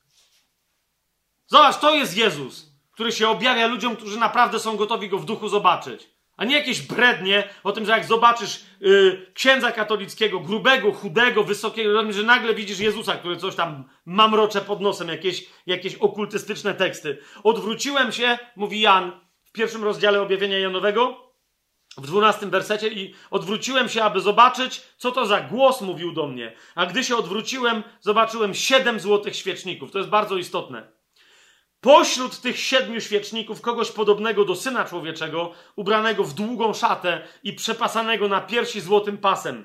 Jego głowa i włosy były białe jak biała wełna, jak śnieg, a jego oczy jak płomień ognia. Jego stopy podobne do mosiądzu, jakby w piecu rozżarzonego, a jego głos jak szum wielu, wielu wód. W swojej prawej ręce miał siedem gwiazd, a z jego ust wychodził ostry, miecz obosieczny. Jego oblicze było jak słońce, kiedy świeci w pełni swojej mocy. A gdy go zobaczyłem, padłem do jego stóp jak martwy i położył na mnie swoją rękę, mówiąc: Nie bój się, ja jestem pierwszy i ostatni i żyjący, choć byłem umarły. A oto żyję na wieki wieków i mam klucze piekła i śmierci. Napisz to, co widziałeś i co jest i co ma stać się potem. Zawsze 20 werset. Tajemnica siedmiu gwiazd które widziałeś w mojej prawej ręce i siedmiu złotych świeczników jest taka. Siedem gwiazd to aniołowie siedmiu gwiazd lub też posłańcy, yy, przepraszam, aniołowie siedmiu kościołów lub też posłańcy siedmiu kościołów. Siedem gwiazd to posłańcy siedmiu kościołów, a siedem świeczników, które widziałeś, to siedem kościołów. Gdzie je trzyma Jezus? W, w ręce. Ten sam Jezus wczoraj i dziś, jak powie list do Hebrajczyków, ten sam także na wieki. Kiedy będzie wracał z nieba, będzie. On nic nie. Rozumiecie? Nie jest, że tu jest księdzem, tu jest opłatkiem, tu jest winem w kielichu, tu jest czymś. Nie! Taki się objawił Janowi na wyspie Patmos. Jak będzie wracać na ziemię, będzie wyglądać dokładnie tak samo razem z nami, kiedy będziemy z nim wracać z nieba. W księdze objawienia w 19 rozdziale mamy opis Jezusa od 11 wersetu. Potem zobaczyłem niebo otwarte, a oto biały koń a ten, który na nim siedział, nazywa się wierny i prawdziwy i w sprawiedliwości sądzi i walczy. Jego oczy były jak płomień ognia. Widzicie, to jest ten sam opis. Ten sam, ten sam król królów i pan panów. Jego oczy były jak płomień ognia, a na jego głowie było wiele koron i miał wypisane imię, którego nikt nie zna, tylko on sam. Ubrany był w szatę zmoczoną we krwi, a jego imię brzmi Słowo Boże. A wojska w niebie podążały za nim. Piętnasty werset. Z jego ust wychodził ostry miecz, aby nim pobić narody. On bowiem będzie rządził nimi laską żelazną i on wyciska w tłoczni wino zapalczywości i gniewu Boga Wszechmogącego. A na szacie i na biodrze ma wypisane imię Król Królów i Pan Panów. Król, nawet ludzi, którzy się mają za królów i za panów, on jest ich królem i on jest ich panem, jest władcą. Nikt nie ma, on ma wszelką władzę nad tymi, którzy myślą, że mogą mieć jakąś władzę. Nie będę dalej, mógłbym jeszcze, wiecie, mnożyć te, tylko jeszcze chcę jeden punkt y, poruszyć, że naprawdę tu się w, w miarę sensownym czasie skończyć, ale jedną rzecz muszę powiedzieć na koniec. Duch Boży mi to podpowiada. To jest Jeremiasz, yy, 17 rozdział. Kochani, pamiętajcie, pamiętajcie, że nie Bóg. Bóg jest dobry, Bóg chce zbawienia nas wszystkich. Jeżeli jesteś katolikiem, pamiętaj, mówisz, dobrze, ale tu no, jest taka struktura w kościele, coś tam pa pamiętaj. Jeżeli nie pokładasz ufności w Jezusie samym w sobie, to pokładasz ufność w człowieku, w ludziach. Jeżeli uważasz, że oni tam coś sprawują w tych sakramentach i tak dalej, rozumiesz, to jest dlatego, że oni tak mówią, bo inni ludzie im tak powiedzieli, człowiek człowiekowi ufa. Pamiętaj, Bóg cię za to nie ukaże, ale to samo z siebie jest źródłem przekleństwa. Biblia o tym mówi w wielu miejscach, ale tak klarownie jak się tylko da, mówi na przykład w księdze Jeremiasza w 17 rozdziale, y, w 5 y, i 6 wersecie. Tak mówi Jachwę. Przeklęty człowiek, który ufa drugiemu człowiekowi i który czyni ciało swoim ramieniem, a od Jachwę odstępuje jego serce. Rozumiesz? Ufasz człowiekowi i ufasz temu, co materialne. Przeklęty człowiek, który ufa człowiekowi, drugiemu, i który czyni ciało swoim ramieniem. Szósty werset mówi, że taki ktoś będzie jak wrzos na pustyni, który nie czuje, gdy, nawet gdy przychodzi coś dobrego, ale wybiera suche miejsca na pustyni, w ziemi słonej i bezludnej. Nie może, nie może owocować. I wreszcie, kochani, bardzo szybciutko, największa potworność absolutnie z wszystkich, która właśnie do której są najczęściej zatrudniane rzesze niewiniątek, które dla mnie ja od pewnego czasu postrzegam pierwszą komunię świętą w kościele, procesje bożociałowe. Widzicie, jak to jest dobrze ustawione, nie? Tradycyjnie maj, pierwsze komunie, pod koniec maja, czerwiec, Boże Ciało, te dzieciaczki, białe tygodnie, te wszystkie historie, potem chodzą w tych strojach komunijnych. Wiecie o co mi idzie, nie? Chłopcy, kiedyś ja jeszcze byłem w garniturze takim granatowym, dziewczynki w białych sukienkach. Teraz wszyscy w białych albach, żeby jeszcze dodatkowo zbluźnić, nie? Że, że tu, tu są zastępy, co podążają za barankiem. Znaczy nie za barankiem, tylko przed y, monstrancją. Rozumiecie? Ale to jest dokładnie, tam idzie ksiądz z całą tą obrzydliwością z monstrancją w środku, w monstrancji chleb, to jest to, w nim ludzie mają widzieć Chrystusa, tu wiecie, baldachim, tu ten baldachim jest dla niego, przecież nie dla monstrancji. Tam jest wszystko zapięte prawie że hermetycznie. Ale ludzie patrzą na co? Na niewiniątka. Święty, święty, święty, Pan Bóg zastępów wrzucają i mówi, popatrz, no popatrz tu, cudowność, przepiękny, rozumiesz? To jest dziewczynka w białym, chłopczyk w białym, niewinny, popatrz na to pysie, popatrz, to co, co jest jeszcze białe? Ksiądz jest w białej albie, w białej eucharystycznej, złotej szacie. Co jest jeszcze białe? Hostia jest biała. To jest wszystko, rozumiesz, to jest wszystko jedno niewinne, czyste, święte. Pe... Kochani, najgorszą rzeczą w kościele rzymskokatolickim jest kult eucharystyczny wyrażający się adoracją rzeczy.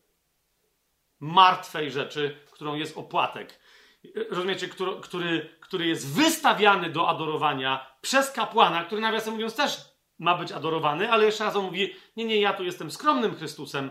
Ta rzecz jest prawdziwym Bogiem. Ta rzecz jest prawdziwym Bogiem i to, że ty tu widzisz chleb, to nie, musisz zobaczyć w tym czymś prawdziwego Boga. I o, ja celowo o tym już e, tylko dwa fragmenciki przeczytam, ale ja nawet niespecjalnie. Sobór Trydencki, dekret o sam, sakramencie Eucharystii. W dekrecie o sakramencie Eucharystii jest rozdział piąty. Kult i cześć tego najświętszego sakramentu. Co to znaczy? Rozumiesz, jak ja nawet jako ksiądz się dopytywałem, mówię, czy my na pewno, aby musimy te wszystkie rzeczy robić, bo nawet jeżeli Pan Jezus tu zamienia się w, w, w, w chleb, czy chleb zamienia w siebie, nawet jeżeli on powiedział naprawdę, nie powiedział, to już tego wiemy, ale nawet jeżeli on naprawdę powiedział, że trzeba go jeść, gdzie on powiedział, że my się mamy modlić do chleba? Cała Biblia jest przeciwna temu, żeby oddawać cześć czemukolwiek, co człowiek zrobił własną ręką. Rozumiecie? I niektórzy protestanci, na przykład luteranie, oryginalnie na początku oni uważali, że chleb zamienia się w ciało Chrystusa. Chyba do tej pory Kościół luterański, ten oryginalny, tak myśli. Tylko, że dopóki jest społeczność, dopóty Jezus jest w chlebie. Jak społeczność się rozchodzi, to go już nie ma. Tak jest, takie jest chyba oryginalne przekonanie. Jak tu coś pomieszałem, nie jest to istotne. Nie? Natomiast Kościół katolicki mówi, nie, dopóki chleb się nie zepsuje, on ma być czczony. A dlaczego? Widzieliście kiedyś adorację wina? Powiedzmy, widzieliście kiedyś adorację wina? Nie, wino jest zbyt płynne. Zauważyliście? No przecież tu jest też prawdziwy Chrystus cały w swoim... To czemu nikt nie wystawia przeźroczystego kieliszka? Ja raz czy drugi próbowałem tak zrobić, to zostałem zdrugany, że wiesz co chodzi. Mówię, no ale zaraz to jest przecież ten sam, niby ten sam, nikt nie wie o co ci chodzi. Rozumiesz, ewidentnie do czczenia ma być przeznaczony, ulepiony z mąki i wody placek. Trwały, na stałe, jednocześnie kruchutki, rozumiesz, ale to musi być fizyczna, trwała, może i krucha, ale stała rzecz. Jasne to jest? Czytam wam tylko dwie rzeczy. Rozdział 5, kult i cześć Najświętszego Sakramentu. Jest tam powiedziane, nie ma więc żadnej możliwości wątpienia, że wszyscy wierni Chrystusowi, według zwyczale stale przyjętego w Kościele katolickim, mają temu najświętszemu sakramentowi. Tam wcześniej jest wyjaśnione, że to jest po prostu chleb. To jest to mają temu najświętszemu, znaczy po prostu chleb, no, który się niby zamienił w ciało Jezusa. No wiecie o co mi chodzi, tak? Ale uważajcie, mają temu, na, tak jak on jest podany, na przykład włożony do tak zwanej monstrancji, która może mieć, wiecie, być złotym słoneczkiem, ale może tak jak w Niepokalanowie, mieć kształt Matki Boskiej, tak? Więc mają, wszyscy w Kościele katolickim mają temu najświętszemu sakramentowi oddawać najwyższy kult adoracji, w nawiasie, żeby nie było wątpliwości, to jest kult, który po łacinie w kościele rzymskokatolickim nazywa się latria. I potem jest dodane, który należy się prawdziwemu Bogu. I dodam tylko i wyłącznie, to jest kult, który nie możesz tym kultem otaczać, czcić na przykład Matki Boskiej i tak dalej, i tak dalej. Nie. Bogu samemu, jedynemu to coś się należy. I potem ludzie mówią, no tak, ale no jakby, bo przecież, no wiecie, konsekwentnie to wszystko z tego wynika. Zgadza się? Ale jeszcze raz to mamy podkreślone w kanonie szóstym, który mówi, jeżeli ktoś twierdzi, że w najświętszym sakramencie Eucharystii nie należy najwyższym kultem adoracji, latria, także zewnętrznie wielbić Chrystusa, że nie należy dlatego go czcić w sposób szczególnie uroczysty, no bo jest w jakichś tam postaciach, że nie należy go uroczyście obnosić w procesjach według chwalebnego i powszechnego obrzędu i zwyczaju świętego Kościoła, że nie należy go wystawiać publicznie, żeby dla odbierania czci od ludu oraz kto by twierdził, że jego czciciele tacy są bałwochwalcami, niech będzie wyklęty. To właśnie dokładnie to jest to, co ja mówię. Ktokolwiek tak robi, klęka, upadnij na kolana ludu czcią przejęty. Klęka przed chlebem ulepionym przez człowieka, wyschniętym i wstawionym do metalowego sprzętu. Kto klęka przed rzeczą, jest bałwochwalcą. Dlaczego? Ponieważ Słowo Boże wyraźnie mówi, że Bóg nienawidzi czegoś takiego. Nie jest w żadnych takich świątyniach, nie jest w żadnych, nie da mu się służyć ręką ludzką. I najgorszą rzeczą, której nienawidzi, jest dokładnie to, kiedy ludziom się wmawia, że zwierzę, że człowiek, że coś, coś żyjącego, roślina, drzewo, ale kiedy coś absolutnie martwego, co jest zrobione przez człowieka, kiedy się wmawia człowiekowi, jednak w pewnym momencie to coś stało się Bogiem. Izajasz opisuje na przykład, że ktoś robi, idzie do lasu i rąbie drzewo. Nie? I teraz zrobił se drzewo, tu se zrobił coś na opał, tu se coś zbudował i kawałek mu został i mówi, a to se coś wystrugą. Po czym nagle mówi, o fajne mi wyszło. I teraz nagle stawia sobie tę figurkę, kładzie się przed nią i mówi, jesteś moim Bogiem. Wiele osób atakuje Kościół rzymskokatolicki i katolików, mówiąc, wy jesteście bałwochwalcami, ponieważ czcicie obrazy, czcicie figurki, czcicie świętych itd., itd., itd. Co katolików prawie w ogóle nie rusza, słusznie, bo oni mówią, ale my wiemy, że to nie jest Bóg. To jest figurka, to jest coś. Ona tylko. Tak, jest pewien problem, bo katolicy się modlą do świętych, do zmarłych ludzi i ich nazywają świętymi, nie? Ale jakby tu się wycofują, mówię, nie, dla mnie to jest tylko pewien. Ta figurka ona tylko oznacza, że ja się modlę teraz do Maryi, a teraz do świętej Rity, a teraz do Józefa, a teraz do świętego Jana Pawła II. Rozumiesz? Ale to ja wiem, że to nie jest Jan Paweł II. Ja to wiem. Więc nie jestem żadnym bałwochwalcą. Więc ja ci teraz mówię, kościele rzymskokatolickim, mówię to każdemu katolikowi, ale mówię też protestantom, kochani, ocknijcie się i to przestańcie się bać. Ilu protestantów się boi dokładnie tego i mówią, katolicy to są bałwochwalcy, figurki, obrazy, figurki, obrazy, obrazki, figurki, obrazy, medaliki, talizmany. Tylko wiecie, gdzie masz rzecz, o której katolik ci nie powie nic innego, jak tylko, że to jest Bóg to jest ulepiony, mąka z wodą wyschnięta, wstawiona do tabernakulum, wystawiona w monstrancji i tak dalej, i tak dalej. Rozumiesz, o co mi chodzi? I to jest dokładnie to. Co to jest? Czemu ty teraz klękasz? No bo to jest Bóg. To jest moje ciało. Co? To jest, no to jest ciało. No to co? Nie! To jest, on jest tam w swoim ciele, w swojej duszy i w swoim bóstwie. Rozumiesz? Cały Bóg jest dokładnie tym chlebem. Rzecz jest Bogiem. To jest największa w Biblii perwersja. To jest w Biblii nazwane puszczaniem się. To jest w Biblii nazwane, dosłownie, nie teraz nie, że prostytucją, sprzeniewierzaniem czystości kontaktu z Bogiem, rozumiecie, i kłanianiem się rzeczy. I teraz uważajcie, dlaczego to jest nazwane prostytucją? Ponieważ człowiek, który zacznie twierdzić, że rzecz jest Bogiem, nie wie o jednej kwestii, mianowicie, że zawsze za taką rzeczą stoi zwierzchność demoniczna, która się podaje za Boga, a ten kult wykorzystuje, żeby oddawać jej cześć. Kiedy ktoś oddaje cześć rzeczy i twierdzi, że to jest Bóg, nieważne na jakiej podstawie, bo nie ma takich podstaw, żeby rzecz stała się Bogiem, ten oddaje cześć demonom. Kochani, więc to jest bałwoch. Zobaczcie razem ze mną, żeby szybciutko tylko tego Izajasza. Nie będę tam całych tych historii cytować.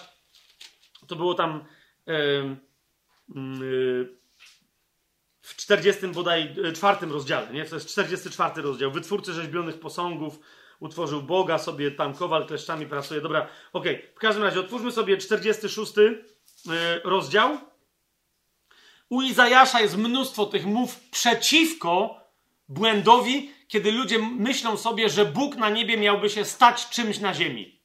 Nie? On powiedział, że nigdy tak nie było, nie ma tak i nigdy tak nie będzie. Czy Jezus miałby teraz swojemu własnemu słowu się sprzeciwić i powiedzieć, a teraz zrobiłem taki przykus, psikus ojcu i teraz ja będę rzeczą. 46 rozdział Izajasza, werset 5, 6 i 7. Tam mówi Pan przez Izajasza, do kogo mnie porównacie? I z kim mnie zestawicie? Albo do kogo uczynicie mnie podobnym, abyśmy byli sobie równi? Wysypują złoto z worka i odważają srebro na szalach, najmują złotnika, aby uczynił z nich bożka, przed którym padają i któremu oddają pokłon. Ktoś powie, no ale to są metalowe rzeczy. A nie przypomina ci to procesji eucharystycznej, bożociałowej? Noszą go na ramieniu, dźwigają go i stawiają go na jednym miejscu i stoi i nie ruszy się ze swojego miejsca. No jak to nie jest opis monstrancji, w środku której jest Bóg, rozumiesz, który stoi, jak go ksiądz nie przesunie, to jest taki Bóg wszechmogący z nieba, że się nie umie ruszyć?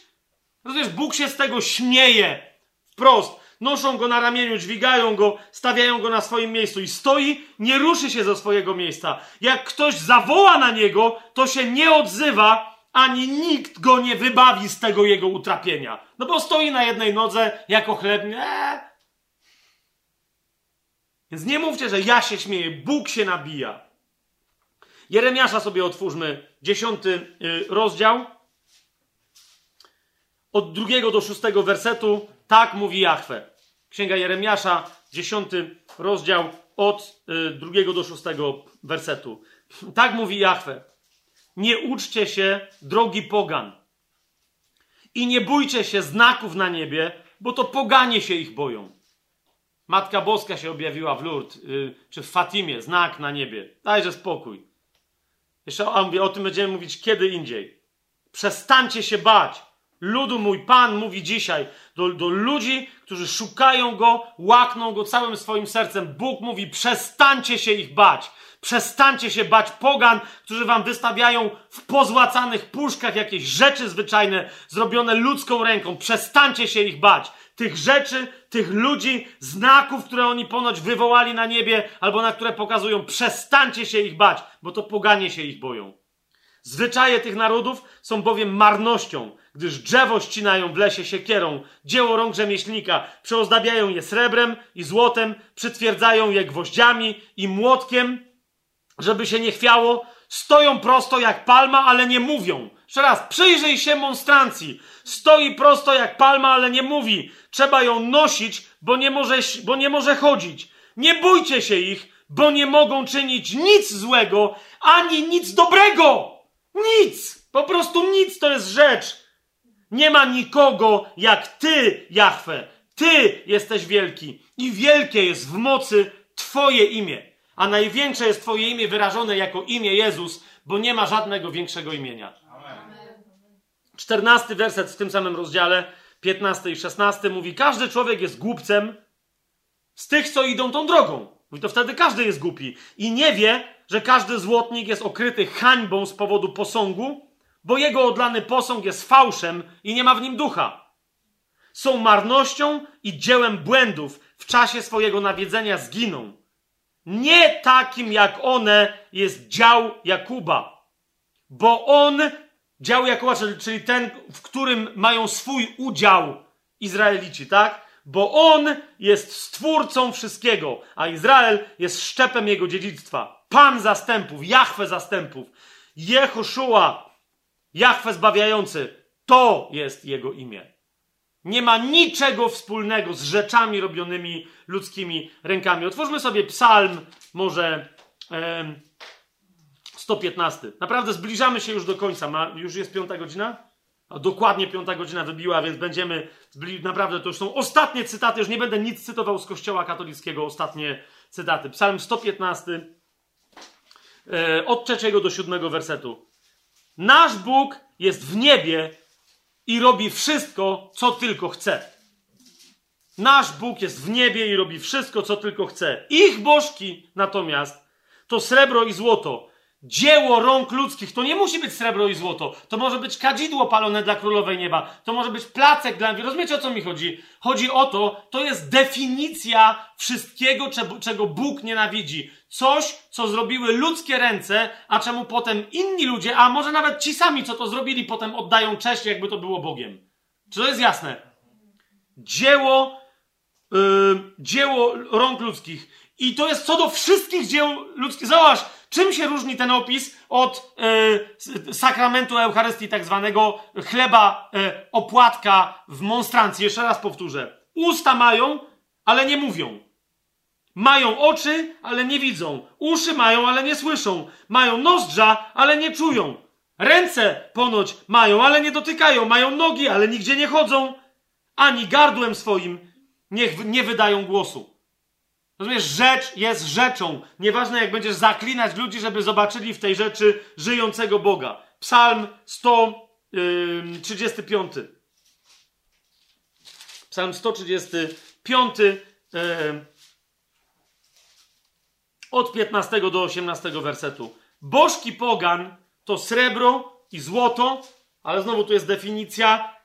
Wszystko, tak, co jest dziełem ludzkich rąk. To są bożki pogan. Dzieło ludzkich rąk. Jeżeli coś jest dziełem ludzkich rąk, jest bożkiem pogan. Jezus nie ma z tym nic wspólnego. Jachwę, Bóg Ojciec, Duch Święty nie mają z tym nic wspólnego.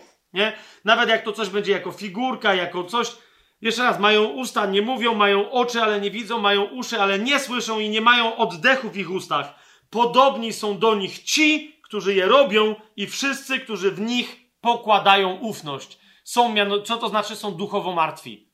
Pokładaj ufność w księdzu, bo on ci mówi, że on ci przedstawia żyjącego Jezusa w tym opłatku i tak dalej, i tak dalej. Pamiętacie, co mówiliśmy na początku? To wyraża w, w, w Chrystusie Eucharystycznym, z Niego pochodzi nasze życie, to jest nasz sposób myślenia, to jest, no to w takim razie zobacz, to jest rzecz, to jest Jezus Eucharystyczny. I do Niego, do rzeczy upodabniają się wszyscy, którzy tej rzeczy zaufają, myśląc, że to jest, podobni są do nich ci, którzy je robią. Wszyscy, którzy w nich pokładają ufność. W Księdze Kapłańskiej w 17 y, rozdziale, czyli y, mówiąc innym slangiem, w trzeciej księdze Mojżeszowej, jak macie taki zapis, w trzeciej księdze Mojżeszowej, czyli w księdze kapłańskiej, jak ktoś ma UBG albo nie wiem, tysiąclatkę, tam będzie tak samo w 17 rozdziale. Y, I teraz chodzi, ktoś powie, ale to jest prawo, my się nie powinniśmy odnosić do prawa. Nie chodzi mi teraz o prawo, tylko o to, co mówi Pan. Ci, którzy składają ofiar, wierzą w to, że Bogiem jest jakakolwiek rzecz, składają ofiary przy pomocy tej rzeczy albo dla tej rzeczy, a dopiero co mówiliśmy o tym, tak? On mówi, oni de facto czczą demony. Zobaczcie, yy, Księga Kapłańska, 17 rozdział, 7 werset. I nie będą już więcej składać, czyli w momencie, kiedy będą składać ofiarę, taką, jaką ja, ja im przekazałem w Starym Przymierzu, nie? Wtedy co? Wtedy przestaną co robić? Nie będą już więcej składać swoich ofiar demonom, z którymi uprawiali nierząd.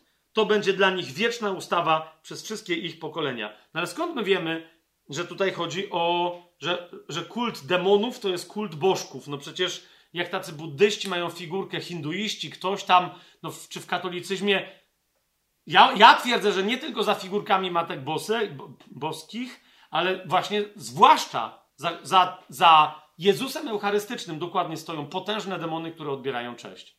I o tym dokładnie, ale tu nie jest to napisane. No bo tu jest cały szeroki kontekst, ale otwórzmy sobie piątą Mojżeszową, żeby zobaczyć ten szeroki kontekst. Na przykład, zwłaszcza, że akurat Stary Testament nie jest dla nas kluczowy, ale chodzi mi o to, że przez całą Biblię idzie to wszystko tak samo. Yy, czyli piąta Mojżeszowa, czyli Księga Powtórzonego Prawa, 32 rozdział, yy, 15 yy, werset do 18. Bóg mówi, że On jest skałą. Jezus mówi, ja jestem skałą, na tej, na tej skale macie budować. Ale Izrael się rozbrykał i co zaczął robić? Lecz Jeszurun utył powtórzonego prawa, albo 5 Mojżeszowa, 32 rozdział, od 15 wersetu czytam. Lecz Jeszurun utył i wierzgał. Otyłeś, obrosłeś w tłuszcz, zgrubiałeś, opuściłeś Boga, który cię uczynił i zlekceważyłeś skałę swojego zbawienia. Pobudzili go do zazdrości. Jeszurun, czyli to jest taka nazwa na, na rozbrykanego Izraela. Pobudzili go do zazdrości kogo? Boga. Jak? Obcymi bogami. Rozdrażnili go obrzydliwościami, abominacjami. To jest do, nie ma większych obrzydliwości dla Boga, jak czczenie jako Boga czegoś, co lub kogoś, co, kto ewidentnie nie jest Bogiem. To jest to. Ochyda. Pobudzili go do zazdrości obcymi bogami. Rozdrażnili go obrzydliwościami. Zobaczcie, składali ofiary demonom, a nie Bogu. Nowym bogom, których nie znali. Świeżo przybyłym, których się nie bali wasi ojcowie. O skale, która cię spłodziła, natomiast zapomniałeś i zapomniałeś Boga, swojego Stwórcę. Ten tekst jest tekstem, który absolutnie odnosi się do kultu fałszywego, który wprowadził Kościół rzymskokatolicki, do kultu eucharystycznego, twierdząc, że chleb, rzecz zrobiona ludzką ręką jest Bogiem. Ok? Teraz, kochani, wrócimy do pewnego tekstu, który już tu dzisiaj przywołałem, pierwszy list do Koryntian, gdzie jest mowa o, o pamiątkach wieczerzy, o ostatniej wieczerzy, o ciele Chrystusa, 11-12 rozdział pierwszego listu do Koryntian. Ale my nie będziemy czytać 11 czy 12 rozdziału pierwszego listu do Koryntian, ale wrócimy do 10 rozdziału, gdzie jest powiedziane: chleb nie jest ciałem, my jesteśmy ciałem. Wino nie jest żadną krwią, ok? Krew jest nowego przymierza, w której my uczestniczymy przez wiarę.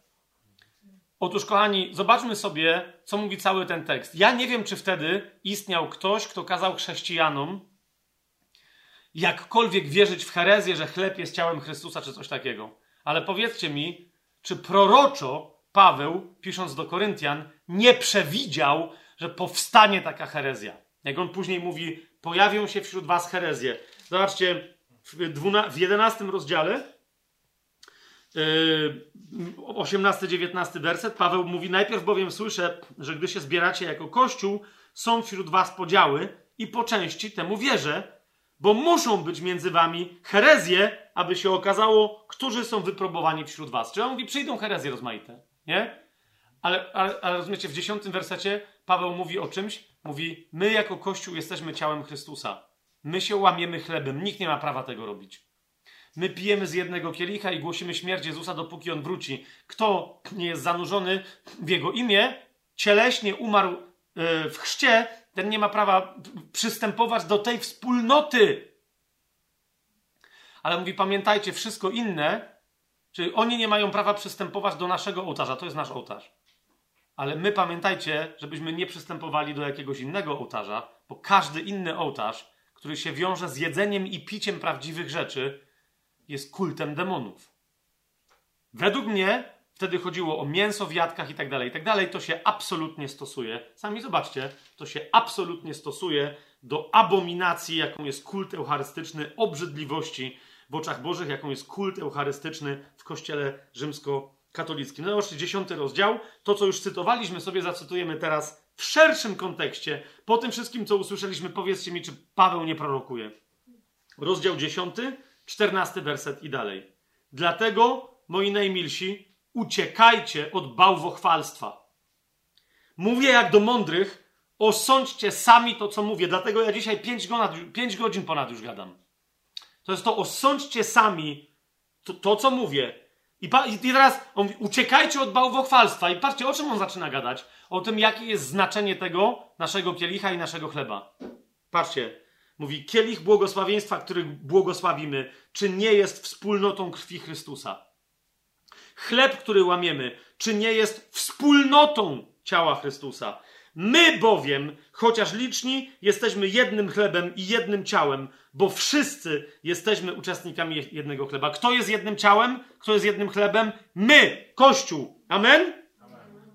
Dziewiętnasty werset. Cóż więc chcę powiedzieć? Że Bożek jest czymś, albo ofiara składana bożkom jest czymś? Nie! Paweł, nie! Raczej chcę powiedzieć, że to, co poganie ofiarują demonom, ofiarują, demonom ofiarują, a nie Bogu. A nie chciałbym, żebyście mieli społeczność z demonami. Nie możecie pić kielicha Pana i kielicha demonów. Nie możecie być uczestnikami stołu Pana i stołu demonów. Czy będziemy pobudzali Pana do zazdrości? Kochani, są dwie możliwości. Albo Jezus powiedział, wskazując na kościół łamiący się chlebem, to jest moje ciało. Rozumiecie? Albo Jezus wziął kawałek rzeczy i powiedział: To jest moje ciało, moja dusza i bóstwo. To czcicie. Są dwie możliwości. Rozumiecie? Jeżeli tak powiedział, to możemy Biblię całą wyrzucić do kosza. Widzicie, że o co mi chodzi? Ale jeżeli Jezus tak nie powiedział, tylko powiedział o kościele, to jest moje ciało, to co to oznacza? To oznacza, że to, co robi Kościół katolicki, to jest dokładnie społeczność z demonami. ok? To jest dokładnie uczestnictwo w stole demonów. Rozumiecie? Eucharystia, po prostu to, wystawianie, to jest, to, to jest tylko chlebek, to jest złote, to jest złoty sprzęt, ale ludzie tam padają na twarz nie tylko przed tą rzeczą. Jeszcze raz, Paweł mówi, raczej chcę powiedzieć, że to, co poganie ofiarują, demonom ofiarują, a nie Bogu. Rozumiecie już, dlaczego msza musi mieć kapłana, a kapłan musi składać ofiarę? On zawsze mówi, kogo ja składam w ofierze? Chrystusa. A komu? Bogu. Zauważcie, co? Ale on jest Bogiem. Tak, ale w tym wypadku ja go składam. Jakiemu Bogu ja się wtedy pytam? Bogu, który się domaga takiej ofiary. Rozumiecie? Dlatego sataniści potrzebują też między innymi tych komunikantów katolickich, bo to jest wszystko jedna i ta sama religia tak naprawdę.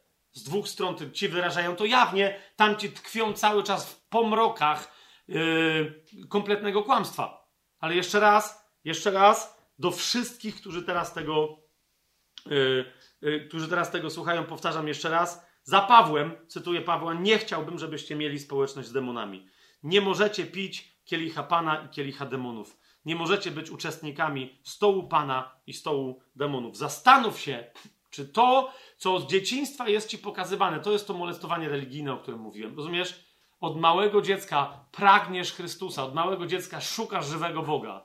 I oni ci mówią, to jest żywy Bóg, i przedstawiają ci coś, w czym nie ma nawet biologicznego życia, bo to jest zwyczajna rzecz, to jest martwe. Jak klepniesz ten opadek, on się rozpadnie, rozumiesz? Wtedy jest święte ciało Chrystusa, nic się nie stanie. To jest opłatek, rozumiesz? On się rozpadnie, to jest, to jest nawet chleba wartości nie ma żadnego. To jest stara mąka z wodą, która się zeschła. To jest wszystko.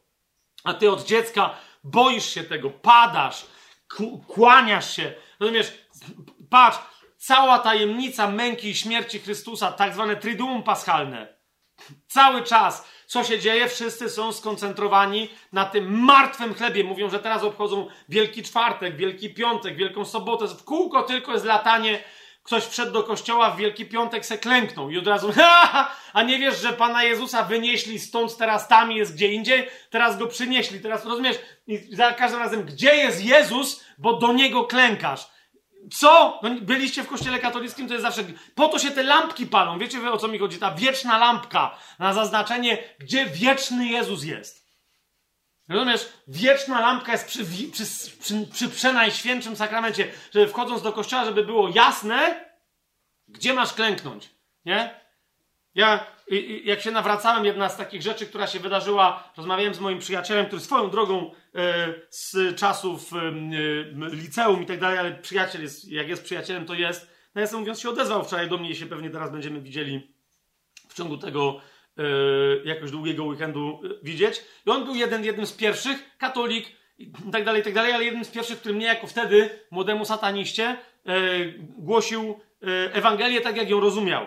Ja nie wiem, co tam się stało, czy ja go dobrze zrozumiałem, ale rozumiecie, nie wiedząc, co ja mam robić, to było na rynku w Krakowie. E, nie wiem, nie pamiętam, jak się nazywa ta, ta restauracja. W Sukiennicach jest taka, mówiło się na to wtedy potocznie tramwaj, no nie? Bo jak się chciało przejść do końca e, tej restauracji, to trzeba było, przy, to była chyba kawiarnia, nie restauracja, trzeba było przejść po kolei przez wszystkie, jak przez wagony, rozumiecie, więc to się nazywało tramwaj. Noworolski? No, nie, nie wiem, w sukiennicach od strony Adasia. I on byśmy tam gadali, to ja mówię, dobra, Marcin, mogę, dobra, ja muszę coś z tym zrobić. I rozumiecie, choć nie wiedziałem, co mam zrobić, stwierdziłem, dobra, tu jest kościół, czyli kościół mariacki, nie? Wszedłem tam do tego kościoła, no i oczywiście ja jestem tu, stoję z jednej strony, to Bóg musi być tam, gdzie jest ołtarz, nie? No to wszedłem i dosłownie, rozumiecie, miałem takie w sobie, mówię, Boże, jak Ty naprawdę jesteś, proszę cię, dotknij mnie, przemów do mnie. No, nie wiedziałem, gdzie mam to zrobić. To zrobiłem w kościele, nie? Akurat, akurat czat chciał, no rozumiecie? Ja tu gadam, nagle tak patrzę, coś, coś nie, nie gra, a tu wszyscy ludzie klęczą w ogóle w bok, no nie? Bo kaplica adoracji Najświętszego Sakramentu była tutaj, no nie? A ja rozumiecie, wlazłem tu, wszyscy się modlą tam, nie? Tak? Tam? A ja tu wchodzę i e, Boże, i wszyscy... Kościół, tu jest Bóg tu się odwróć, nie? I w ogóle cicho, bo jest adoracja, cicha. Ja, okej, okay, rzeczywiście, przepra przepraszam i w ogóle tu klęknij. A, rzeczywiście, aha. Rozumiesz? Wiecie o co mi chodzi? Od razu, trening, tresura, co nie wiesz o co chodzi, chcesz się nawrócić i tak dalej. I rozumiesz, że ja mam w sercu prawdziwego Boga, bam! Niektórzy ludzie mówią, ale ja przystępuję do komunii i Bóg tam, rozumiesz, mi się udziela i tak dalej. Jak ci się udziela? No jest, co ma wspólnego, co ma wspólnego z tym udzielaniem się? To, że zjadłeś opłatek. Pro, proszę, rozumiesz o co mi chodzi? Sam Kościół katolicki mówi, że do którego momentu trwa obecność Jezusa w opłatku? Do momentu zepsucia. Kapujesz więc, więc, bo to jest dokładnie moje pytanie, czyli ktoś je i tu jest jeszcze Jezus, nie? No ale już powoli działa ślina i tak dalej, tu jest jeszcze, a jeszcze jest. Tak, nabijam się. Chodzi mi o to, że w którym momencie on, przed, rozumiesz, jak już wpadnie do kwasu solnego i tam, rozumiesz, i w którym, jakby czemu, a wtedy jest mowa, bo ty w ten sposób on wchodzi do serca, jakby którędy?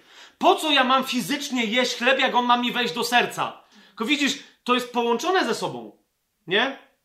Yy, pamiętacie, mieliśmy Sary, nie tej tutaj, yy, nie, Sary y, świadectwo, że ona w ogóle nie zajarzyła o co chodzi z tym ciałem Chrystusa i tak dalej. I ona jako dziewczynka, rozumiecie, oddała życie normalnie, biblijnie, po protestancku, że tak powiem, Chrystusowi w czasie swojej pierwszej komunii. Bo wszyscy się przygotowywali, a ona jedyne co załapała wtedy, w czym się naprawdę, że jedyne, bo inteligentna dziewczynka, ale co przyjęła, że ona podczas tego całego wydarzenia przyjmie Jezusa do serca. I ona się do tego przygotowała. I co się stało? Od tej pory zaczęła czytać Biblię. Dziewięciolatka, czyli ile ona tam wtedy lat miała, nie? Zaczęła tłumaczyć ludziom w domu, że coś w tym kościele katolickim jest nie tak, nie? Dziewczyna, pierwszokomunijna dziewczynka, bo mówi, że Jezus i co innego w ogóle gada, nie? Obrazki powyrzucała, mówi, to jest niezgodne z Biblią, to jest coś. I miała ksywę jako mała dziewczynka, pamiętacie, to protestantka. Nie, i wszyscy, no dobra, na Śląsku to jest jakby takie, dobra, no, protestantka, no co zrobić? Coś jej odwaliło. Coś tam księża źle ją przygotowali do tej komunii. Tymczasem rozumiecie, no może niechcący właśnie dobrze. Ona pominęła całe aspekty, co się tam z Chrystusem dzieje, jak się to rozkłada, po prostu przyjęła go do swojego serca. Nie mieszaj tych dwóch faktów. Rozumiesz? Idziesz na mszę i w czasie mszy mówisz, ja wielokrotnie to miałem w kościele, kapujecie, że mówię, mówię, Boże, ale ja jak przyjmuję komunię i tak dalej, ty jesteś, ale czemu czasem nie przyjmuję komunii, a dalej mam jeszcze lepsze doświadczenie, rozumiecie? I dopiero po 18 czy prawie 20 latach w zakonie do, do mnie dotarło gościu, to jest dokładnie, rozumiesz o co chodzi? Po prostu, bo Boga, Bóg cały czas się na ciebie otwiera, a ty kiedy go słyszysz? Wtedy, kiedy ty się otwierasz na słuchanie go. I że częściej to robisz przy modlitwie takiej czy innej, przy jakimś nabożeństwie, sakramentach, nieważne przy czym, przy buddzie możesz Boga usłyszeć. Rozumiesz o co chodzi? Bo ty nagle powiesz, Boże, ty jesteś, i jestem. Jak ty wtedy powiesz, o, Budda się do mnie odezwał, przestań. Rozumiesz, to, że zadałeś pytanie prawdziwemu Bogu, a akurat patrzyłeś na martwy kawałek szmelcu pozłacany, to nie mieszaj ze dwóch faktów. Czy to jest jasne, kochani? Drugi list do Koryntian, skończymy. Drugi list do Koryntian. Yy, nie, Księga Objawienia, trzynasty rozdział. Ostatnie dwa wersety, jeszcze jedną rzecz zrobię. Księga Objawienia, trzynasty rozdział. Yy, mówi o antychryście, który się pojawia w trzech różnych osobach. W tym między innymi jedną z rzeczy, którą robi, to jest tworzy swój wizerunek na swój obraz i na swoje podobieństwo, który jest martwy, ale on go następnie ożywia i każe ludziom wierzyć, że to coś jest Bogiem i oddać temu cześć jako Bogu. Najpierw domaga się, żeby jemu, komuś, kogo Biblia nazywa zwierzęciem, nawet nie człowiekiem, on mówi: Macie mi oddawać cześć, bo jak nie, to zabiję. A potem tworzy obraz, to jest 13 rozdział Księgi Objawienia, 15 werset. 14 i 15 werset. I zwodzi mieszkańców ziemi przez cuda, które jej pozwolono czynić przed bestią. 15 werset. I pozwolono jej tchnąć ducha w wizerunek bestii. Absolutnie rzecz. Tak, żeby przemówił wizerunek bestii i sprawił, że ci, którzy nie oddali pokłonu wizerunkowi bestii, zostali zabici. Rozumiecie, oddawanie czci rzeczom jest częścią diabolicznego e, systemu, którego ostatecznym wykwitem będzie pojawienie się antychrysta e, mm, na ziemi, e, a dziewiąty rozdział, dwudziesty werset Księgi Objawienia tylko komentuje, że to jest grzech, o który diabeł, plus jeszcze parę innych, ale o który diabeł dba najbardziej i dlatego dopóki zostanie jeszcze jakaś osoba na ziemi, która będzie w grzechu, będzie dokładnie ten grzech uprawiać. Będzie czcić rzeczy jako Boga. Dziewiąty rozdział, dwudziesty werset powiada, poróż, wiecie, wylewają się czasze, ostrzeżenia, trąby grzmią z nieba i tak dalej. Zostanie jakaś część ludzkości, która powie, nie, nie chcemy Boga. I o tych ludziach jest powiedziane, to jest dziewiąty rozdział, dwudziesty werset, a pozostali ludzie, którzy nie zostali zabici przez te plagi, nie pokutowali od uczynków swoich rąk, tak, aby nie oddawać pokłonu demonom. Teraz zauważcie, demony nawet bardziej odbierają cześć w różnych dziwnych rzeczach niż przez posążki złote i srebrne. Nie? To jest zaznaczone, ludzie będą dalej oddawać cześć demonom. I od razu wam mówię, jaka jest moja teza. Trochę mówiliśmy o tym przy okazji e, kultu maryjnego, teraz powiem to jeszcze raz przy okazji kultu eucharystycznego, ale jeszcze kiedyś to rozwiniemy bardziej. To będzie w dużej mierze połączony, zjednoczony religijny kult monoteistyczny, pomieszanie islamu, judaizmu zwiedzionego i katolicyzmu, w centrum którego, rozumiecie, stanie w pewnym momencie figura Matki Boskiej, 12 gwiazd na niebieskim tle i e, coś, co będzie kolejnym etapem kultu eucharystycznego. A na samym końcu przyjdzie antychryst i powie, dobra, przestańcie się wygłupiać, mnie czcijcie. I niech wtedy ktoś spróbuje się oprzeć. Z tych, którzy nie postanowili się nie odwrócić i nie przestaną oddawać pokłonu demonom i bożkom złotym, srebrnym, miedzianym, kamiennym i drewnianym, które nie mogą ani widzieć, ani słyszeć, ani chodzić. Jeszcze raz, jeszcze raz. Wiecie, katolicyzm będzie wtedy przodować Zauważcie zresztą, jak to jest. Papież od bardzo dawna nic niby nie może. Armii nie ma. Tam policję, jakąś gwardię szwajcarską, to ale ona też co, kogo tam będzie szukać. Nie? Ale zauważcie, wielce tego świata, jak potrzebują wsparcia pewnego, zawsze się zwracają do papieża. Prezydent amerykański, ilu prezydentów nie pojechało jako do pierwszych, rozumiecie, w wizytę po Europie, począwszy od papieża, Watykanu itd., itd., itd. Dlaczego? Ponieważ każda władza chce być czczona, a żadna władza nie ma takiego klucza dostępowego do demonicznego czczenia samej siebie jak Kościół rzymskokatolicki. Nie ma drugiej takiej religii na świecie. Rozumiecie? Islam, który, który jest absolutnie zdemonizowany, on nadal mówi, nie, nie, to jest tylko księga. My jesteśmy religią księgi. Nie? Katolicyzm nie ma niczego wspólnego z chrześcijaństwem, przez to wszystko, co właśnie skończyłem prawie mówić. Ale, yy, yy, ale mówi, my jesteśmy chrześcijaństwem, po czym, okej, okay, to gdzie jest w takim razie wasz Jezus? A oni ci pokazują tutaj, nie? Ksiądz, opłatek, wino, figurki, kościoły i tak dalej. No wiecie, żadna religia na świecie nie jest aż tak bezczelna, ponieważ inne religie przynajmniej nie posługują się Biblią. Ta, bierze, rozumiecie, i to jest dla mnie to molestowanie, nie? Ludzie są cały czas przekonani, że słyszeli dobrą nowinę, że znają Jezusa, że mają z Nim kontakt, że czeka ich życie wieczne i tak dalej. Tak rozumiecie? A na każdym kroku to jest kłamstwo wręcz przeciwne do łatwych, pięknych, genialnych, łatwo dostępnych obietnic Bożych w Chrystusie, e, w Chrystusie Jezusie. Skończę więc tym cytatem biblijnym. To jest drugi list do Koryntian, szósty rozdział.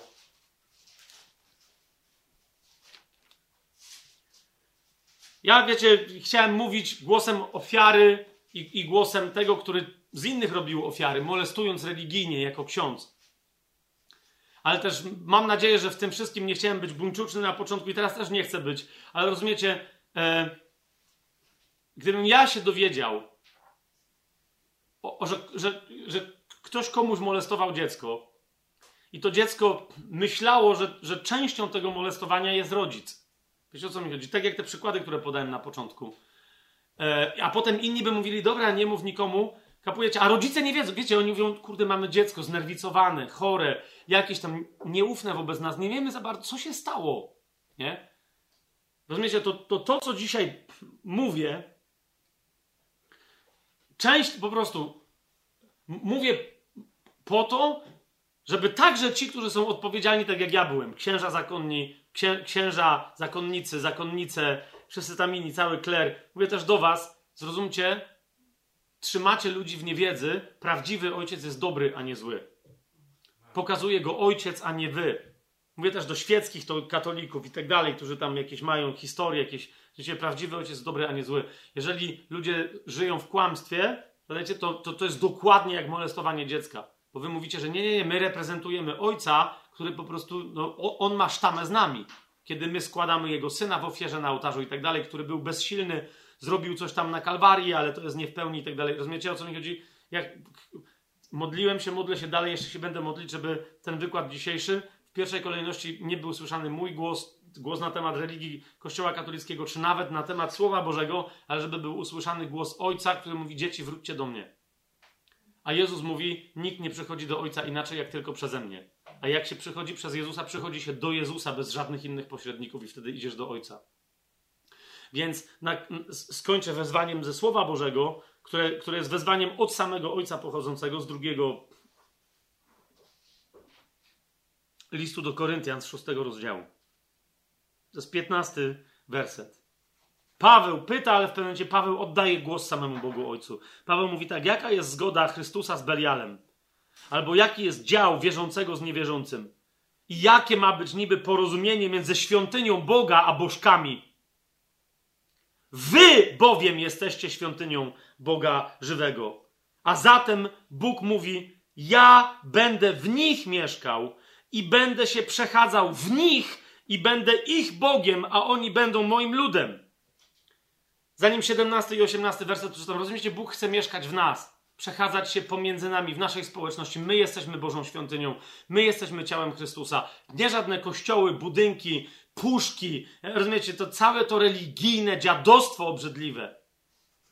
Jezus mówi: Ja chcę w was mieszkać, ale nie mieszajcie tego z bałwochwalstwem, nie mieszajcie tego z religią jakąkolwiek. Nawet jak twierdzicie, podbudowujecie to potem cytatami biblijnymi.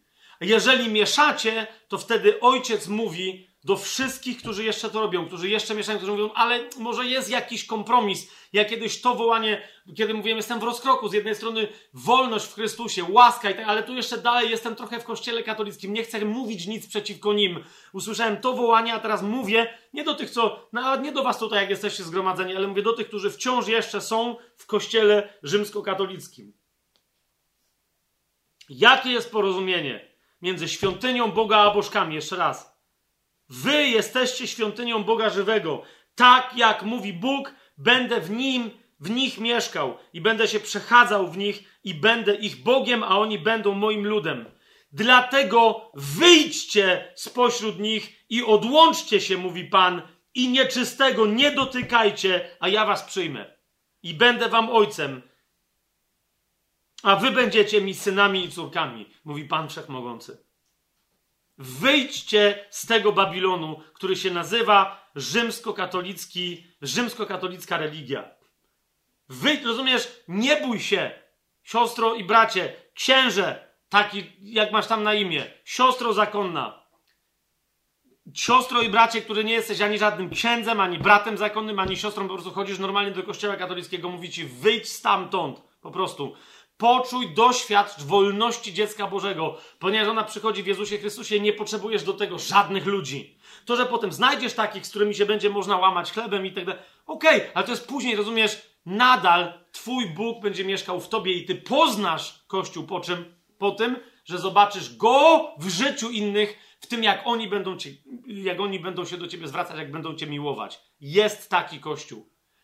To są, jest, rozumiesz, to są ludzie, którzy już są nowonarodzeni, są w Twoim kościele rzymskokatolickim, jeszcze wciąż tkwią w Twojej religii. To może jesteś Ty. Są ludzie w różnych kościołach protestanckich i tak dalej. Ja nie jestem zrzeszony w żadnym kościele denominacyjnym, tak zwanym protestanckim. Ale mam chociażby tutaj społeczność, mamy wiele innych braci i sióstr, wiel, ludzie z kościołów tradycyjnych, historycznych, zielonoświątkowych, luterańskich i tak dalej, wolnych chrześcijan, baptystów, rozpoznajemy się nawzajem. Ponieważ nie te struktury ludzkie o czymkolwiek świadczą, ale więzi, które nam dał Pan i Jego obecność pomiędzy nami, kiedy się spotykamy w imieniu Jezusa Chrystusa. Amen? I teraz na koniec jeszcze jedną rzecz chcę zrobić, kochani. To już nie będzie żadne e, nauczanie i tak dalej, i tak dalej. To jest rzecz, którą ja już zrobiłem w swoim życiu. Mm, więc nie robię jej tego jako jakiegoś takiego aktu. Zrobię to jeszcze raz. Na przykład zrobiłem to prywatnie. Pan wie, pan to przyjął. Ale chcę to zrobić publicznie. Rozumiecie? Ludzie, bo ludzie mówią, a, bo to wiesz, jesteś zacieczewiony, jesteś zraniony w kościele katolickim, jesteś już. Nie, nie, tu nie, mi nie chodzi o kościół katolicki. Kościół katolicki, nawet jeżeli będzie trwać aż do objawienia się antychrysta, to jak mówi Słowo Boże, antychryst skończy każdą religię, skończy nierządnicę babilońską, więc także Kościół katolicki. Po prostu kościół, na Kościół katolicki przyjdzie czas. Mi nie chodzi o Kościół katolicki, mi chodzi o wszystkich ludzi, do których nie tylko mnie, bo wielu innych, ale mnie też posłał Pan, czyli do ludzi, którzy mówią przede wszystkim w języku polskim, którzy czytają w języku polskim, którzy czytają Biblię w języku polskim i tak dalej, i tak. Mi chodzi o wolność tego narodu, Rozumiecie, ludzi, którzy są Polakami, którzy są Polkami, którzy, yy, którzy się cały czas muszą, muszą, muszą zmagać, bo władze mają taką czy inną, PiS, PO, coś tam, ale władza duchowa cały czas uzurpuje sobie władzę nad tym narodem Kościół rzymskokatolicki. Rozumiecie? I teraz ja, jak wychodziłem z Kościoła rzymskokatolickiego, wyrzekłem się wszystkich związków z tym Kościołem i tak dalej, i tak dalej, i tak dalej. Ale chcę to teraz zrobić publicznie.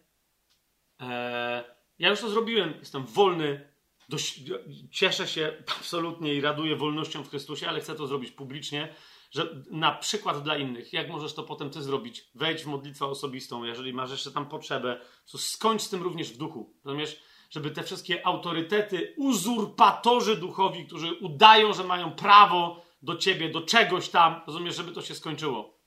Ja to chcę zrobić, żeby ci dać przykład, ale chcę to teraz zrobić, chcę w pewnym się zrobić troszeczkę taką tą rzecz, jako jeszcze coś, czego nie robiłem. Mianowicie chcę to powiedzieć nie jako, powiedzieć Bogu, nie chcę zrobić tego, nie chcę się pomodlić, e, e, zwrócić do Boga z czymś moim osobistym, ale chcę to zrobić w imieniu polskiego narodu. Ktoś powie, a ty, kim ty jesteś, żeby reprezentować polski naród? A kim ty jesteś? Wiesz, kim ty jesteś, prymasie Polski? Kim ty jesteś, biskupie krakowski? Rozumiesz? Kim ty jesteś? Kim ty jesteś, księże z parafii takiej czy innych? W kółko robicie jakieś nabożeństwa. Oddajecie sercu Jezusa, niepokalanemu sercu Maryi, jakimś, rozumiecie, jakimś demonicznym koncepcjom dziadowskim. Oddajecie cały czas naród, coś tam, konur... Wy ko... cały czas rozważacie koncepcję, ogłaszacie Matkę Boską, Królową Polski, koronujecie Chrystusa, który jest królem bez waszego koronowania. Nagle wy o tym decydujecie, bo potem my go reprezentujemy tu na ziemi. Kim wy wszyscy jesteście?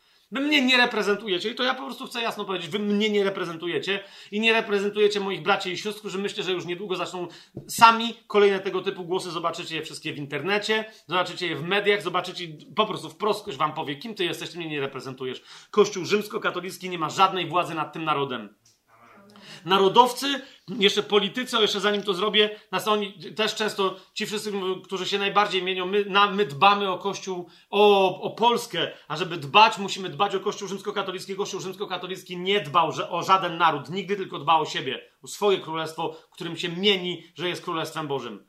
Ten, na przykład ten e, kardynał, którego wam cały, czas, wam cały czas czytałem, Pietro Gaspari, jest interesujące. Mówię to do, do, do narodowców, bo to między innymi z pieniędzy narodowców polskich, różnych nacjonalistów, ostrych, mniejszych, wolnościowców polskich, prawicowców różnej maści, między innymi te, te katechizmy wychodziły. Są sprzedawane w narodowościowych księgarniach i tak dalej, i tak dalej, i tak dalej. To sobie sprawdźcie tego pana, kardynała Pietro Gaspariego, e, jak przyjechał do niego nie kto inny jak sam pan Roman Dmowski który walczył, y, zanim jeszcze Polska odzyskała niepodległość, o niepodległość Polski. I chciał, żeby Watykan wspomógł tę sprawę i tak dalej. To właśnie dokładnie twórca tego katechizmu, kardynał Pietro Gaspari, powiedział, że Polska nie ma absolutnie żadnych szans, nie ma żadnej takiej potrzeby. Polska jest krajem katolickim, ale straciła swoją niepodległość. Nie ma absolutnie żadnego sensu, żeby odzyskiwanie niepodległości tego kraju Kościół katolicki miał z jakiegokolwiek powodu wspierać, więc nie, Roman Dmowski się tam wyłożył, i popłynął. Piłsudski, który był ateistą, spirytystą, e, socjalistą, e, on się za bardzo nawet w to nie bawił, ale on wiedział, że nie ma co z Kościołem katolickim flirtować, ponieważ nigdy sprawa narodowa tam nie, po prostu, to, to, to jest utajony komunizm internacjonalny. Więc jesteś narodowcem polskim, przestań być rzymskim katolikiem. Rozumiesz, zwłaszcza, że wielu z was wcale w to nie wierzy. Nie, wcale nie chodzicie do żadnych sakramentów, nie, po prostu dobrze jest mówić o religii. Wielka Polska, tu Kościół, Kościół katolicki nie pomoże w żadnej wielkiej Polsce, rozumiecie, w żadnej wolności, w, w niczym takim. Po prostu nie pomoże. Bo to nie jest jego interes. Nigdy nie był. Ale jeszcze raz zwróćcie uwagę, wszystkie nieszczęścia w Polsce zawsze dokładnie z tego wychodziły, że Polska coś obiecywała tym fałszywym bóstwom. Jezusowi eucharystycznemu, Maryi jako królowej Polski i tak dalej, i tak dalej. Potem były zabory i tak, rozumiecie? I kolejne, w kolejne kłopoty wpadniemy, jeżeli my znam na powrót im, ludziom, którzy twierdzą, że reprezentują Boga, oddamy jakąkolwiek władzę. Ja, ja już nie zamierzam tego robić. Dlatego teraz yy, jeszcze do ludzi mówię, bo tego nigdy nie zrobiłem, tu i ówdzie przepraszałem, ale muszę to zrobić yy, w, w, ramach pewnego aktu, żeby też innych księży do tego zachęcić, byłych księży. Kolejna rzecz, kochani, to jest właśnie to. To trzeba być delikatnym, o niczym nie mówić. Ilu znam księży? Polska, e, gdy chodzi o liczebność księży, który, którzy odchodzą z tak zwanego stanu kapłańskiego, e, jest chyba druga na świecie w tym momencie. Tylu mieliśmy księży i tylu księży jest zawiedzionych kompletnie tym, co się dzieje. Ja ich znam mnóstwo. Nie wszyscy odchodzą dlatego, że wierzą ewangelicznie. Po prostu nie wierzą w to, co bredzi Kościół katolicki i tyle. Wreszcie mają dosyć. Mają kobiety, mają dzieci, chcą się ożenić, chcą mieć święty spokój, ale ilu znam takich, którzy muszą wyjechać na drugi kraniec Polski, muszą wyjechać do innego kraju, muszą sobie w Polsce zmienić nazwisko, żeby ktoś się nie kapnął, a to jest ksiądz, żeby mu dowalić, żeby pracy nie dostał i tak dalej, i tak dalej, i tak dalej. Okej? Okay? No wiecie? Więc, więc ja teraz do, do innych, którzy jeszcze są księżmi, mówię, nie bójcie się, oddajcie życie Chrystusowi, przyjdźcie do Ojca w Duchu Świętym tylko i wyłącznie przez Jezusa i zobaczycie, że, że On prowadzi, On wyzwala, On uwalnia. Przyznajcie się sami przed sobą, przed Bogiem do tego wszystkiego, w co sami też nie wierzycie. Po prostu. I dajcie temu spokój. Natomiast jedną rzecz chcę powiedzieć, bo ja mając świadomość, będąc księdzem, rozumiecie, w pewnym momencie przez parę lat jako ksiądz yy, z punktu widzenia Kościoła rzymskokatolickiego odprawiałem mszę sam w grzechu ciężkim, ponieważ nie wierzył, przestałem wierzyć w spowiedź. Uważałem, że ona w ogóle niczego nie zmienia, ona w ogóle niczego nie robi. Nie? No i naprawdę miałem taki kryzys, pewnie się powiedziałem, Boże, jak coś, to weźmie zabij, no nie? Jak już tak jest, to lepiej przecież, żebym ja jako ksiądz raczej nie żył. Ja wiem, że ja nadal sprawuję jakieś niby ważne tu sakramenty, ale przecież to jest nonsens. Tłumaczę coś ludziom, to mnie w ogóle nie przemienia. I rozumiecie, gwoździem do trumny mojej wiary katolickiej było co? Że absolutnie nic się nie zmieniło. Rozumiecie? Jak na mszach głosiłem Ewangelię, tak jak ją rozumiałem, co jest w Biblii i tak dalej, no, ale ludzie się nawracali, przychodzili, mówili fajnie, super, coś tam. Rozumiecie? A moja, mój stosunek do Eucharystii, do spowiedzi i tak dalej w ogóle nic nie zmienił. Znaczy ja powiedziałem Bogu, mówię, ja nie, po prostu nie wierzę w te rzeczy, nie, nie mogę tego słuchać, to, jest, to są brednie, to, ja nie będę tego popierać i tamtego. Nie ma żadnego problemu. Rozumiecie? Rzeczy działały. Więc nie zmienia to jednak faktu, że przez y, te moje działania nie dość jasne wtedy i tak dalej, jeszcze raz, ja sam nie wiedziałem, co mam robić, bałem się, ale wiem, że jest sporo ludzi teraz w kościele katolickim, którzy tam ugrzęźli, nie wiedzą, co teraz mają dalej zrobić. Ok? Więc mówię wyraźnie, nic innego nie mogę przeprosić, tylko e, powiedzieć, tylko przeprosić i prosić o wybaczenie. Nie, nie żebym do końca tutaj był winny, ale na pewno od początku? Do, do, któregoś tam, do któregoś tam momentu. Natomiast teraz yy, chcę się po prostu zwrócić na sam koniec, jak zauważyliście, nie na początek. Na sam koniec chcę się zwrócić do ojca. Jak chcecie, to się też dołączajcie, ale może niekoniecznie na głos, po prostu chcę wypowiedzieć tych parę słów i to będzie, e, to będzie koniec tego naszego live'a. Ojcze, staję przed Tobą e, jako Twoje dziecko, które, jako Twój syn, tylko dlatego, że wierzę w imię Twojego jednorodzonego syna, mojego Pana Jezusa Chrystusa. Wierzę w Niego, zmartwychwstałego Pana, nad którym śmierć nie ma absolutnie żadnej władzy. Absolutnie żadnej władzy. Absolutnie żadnej władzy. Zmartwychwstał i żyje. Jest obecny we mnie. E, jeżeli się spotykam z moją żoną, braćmi i siostrami e, w imieniu Jezusa Chrystusa, On jest wśród nas obecny duchowo. Ojcze, ale ja przez lata wierzyłem w coś innego, głosiłem coś innego. Niestety, nawet jak w to nie wierzyłem, to, to dalej głosiłem przez sam fakt bycia w instytucji Kościoła katolickiego. Przez sam ten fakt. Wiele osób po prostu mogło wpaść w błąd. Ja dlatego teraz też mówię, ojcze, do, do innych i proszę Cię, abyś namaścił te słowa swoją obecnością, mocą swojego ducha, żeby zrozumieli, że nawet jeżeli oni w te wszystkie rzeczy nie wierzą, ale dalej pozostają fizycznie w kościele katolickim, wprowadzają innych w błąd, którzy mówią, okej, okay, skoro nawet ten się nie, po prostu dalej jest w kościele, to znaczy, że tu jest prawda i koniec. Panie, niech przez słowo tego świadectwa, przez to nauczanie, Panie, niech, niech, niech po prostu, niech Twój duch pobudza, niech skorzysta z tego, pobudza wszystkich do tego, aby sami na własną rękę, ze Słowem Bożym w ręce, z Twoim duchem obok siebie, albo w sobie, żeby roztrząsali prawdę i żeby dotarli, bo prawda jest tylko jedna, a jest nią Twój Syn, nasz Pan Jezus Chrystus. Ja teraz tylko, Panie, jako były ksiądz, e, były od małego wychowywany dzieciak katolik, były ministrant, były czciciel niepokalanego serca Maryi, Najświętszego Serca Jezusa, nosiciel różnych medalików, szkaplerzy, uczestnik rozmaitych nabożeństw itd., tak itd., tak ksiądz ślubujący śluby czystości, ubóstwa, posłuszeństwa itd., tak w tak zwanym towarzystwie Jezusowym, czyli w zakonie jezuitów, ksiądz yy, zobowiązany przez Kościół katolicki prawem kanonicznym do innych tam przyrzeczeń, Panie, ja to wszystko dziś, jeszcze raz, ja wiem, że w chrzcie to jest, co się skończyło. Wszystkie moje zobowiązania, wszystkie moje dalsze, poprzednie działania, jakiekolwiek by one nie były, bo chrzest powoduje, że, że decydujemy się na swoją fizyczną śmierć, aby żyć w Chrystusie, dopóki On nie powróci duchowo. Ale dzisiaj, Panie, mówię to publicznie, nie żeby to miało coś dla mnie uczynić, ale do, dosłownie jako jeden Coś tam znaczący, bardzo niewiele. Jeden człowiek o imieniu Fabian Błaszkiewicz, e, ale, ale część narodu polskiego, obywatel e, Rzeczpospolitej Polskiej, staje przed Tobą w imieniu tego kraju, w imieniu nie tylko biblijnie wierzących ludzi w, tej, w tym, tylko w, w imieniu wszystkich innych moich, e, moich braci, pobratymców, sióstr, wszystkich ziomków, wszystkich rodowitych Polaków, albo nawet takich, którzy nie są rodowici, ale po prostu chcą być Polakami, mówią po polsku, uczą się polskiej kultury, którą ty dałeś temu narodowi, bo ty wymyśliłeś, panie narody.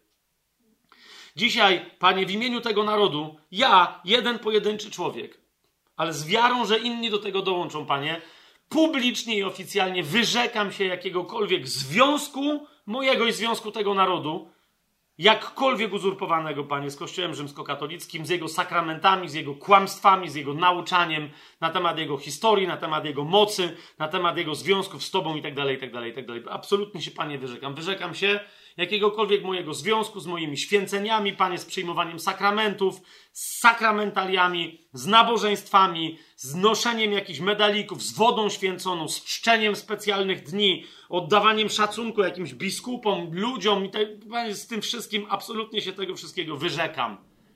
W imieniu tego pokolenia, przyszłych pokoleń, ale przeszłych pokoleń, którym było wmawiane, że muszą to robić, bo taka jest religia. Nie, Panie.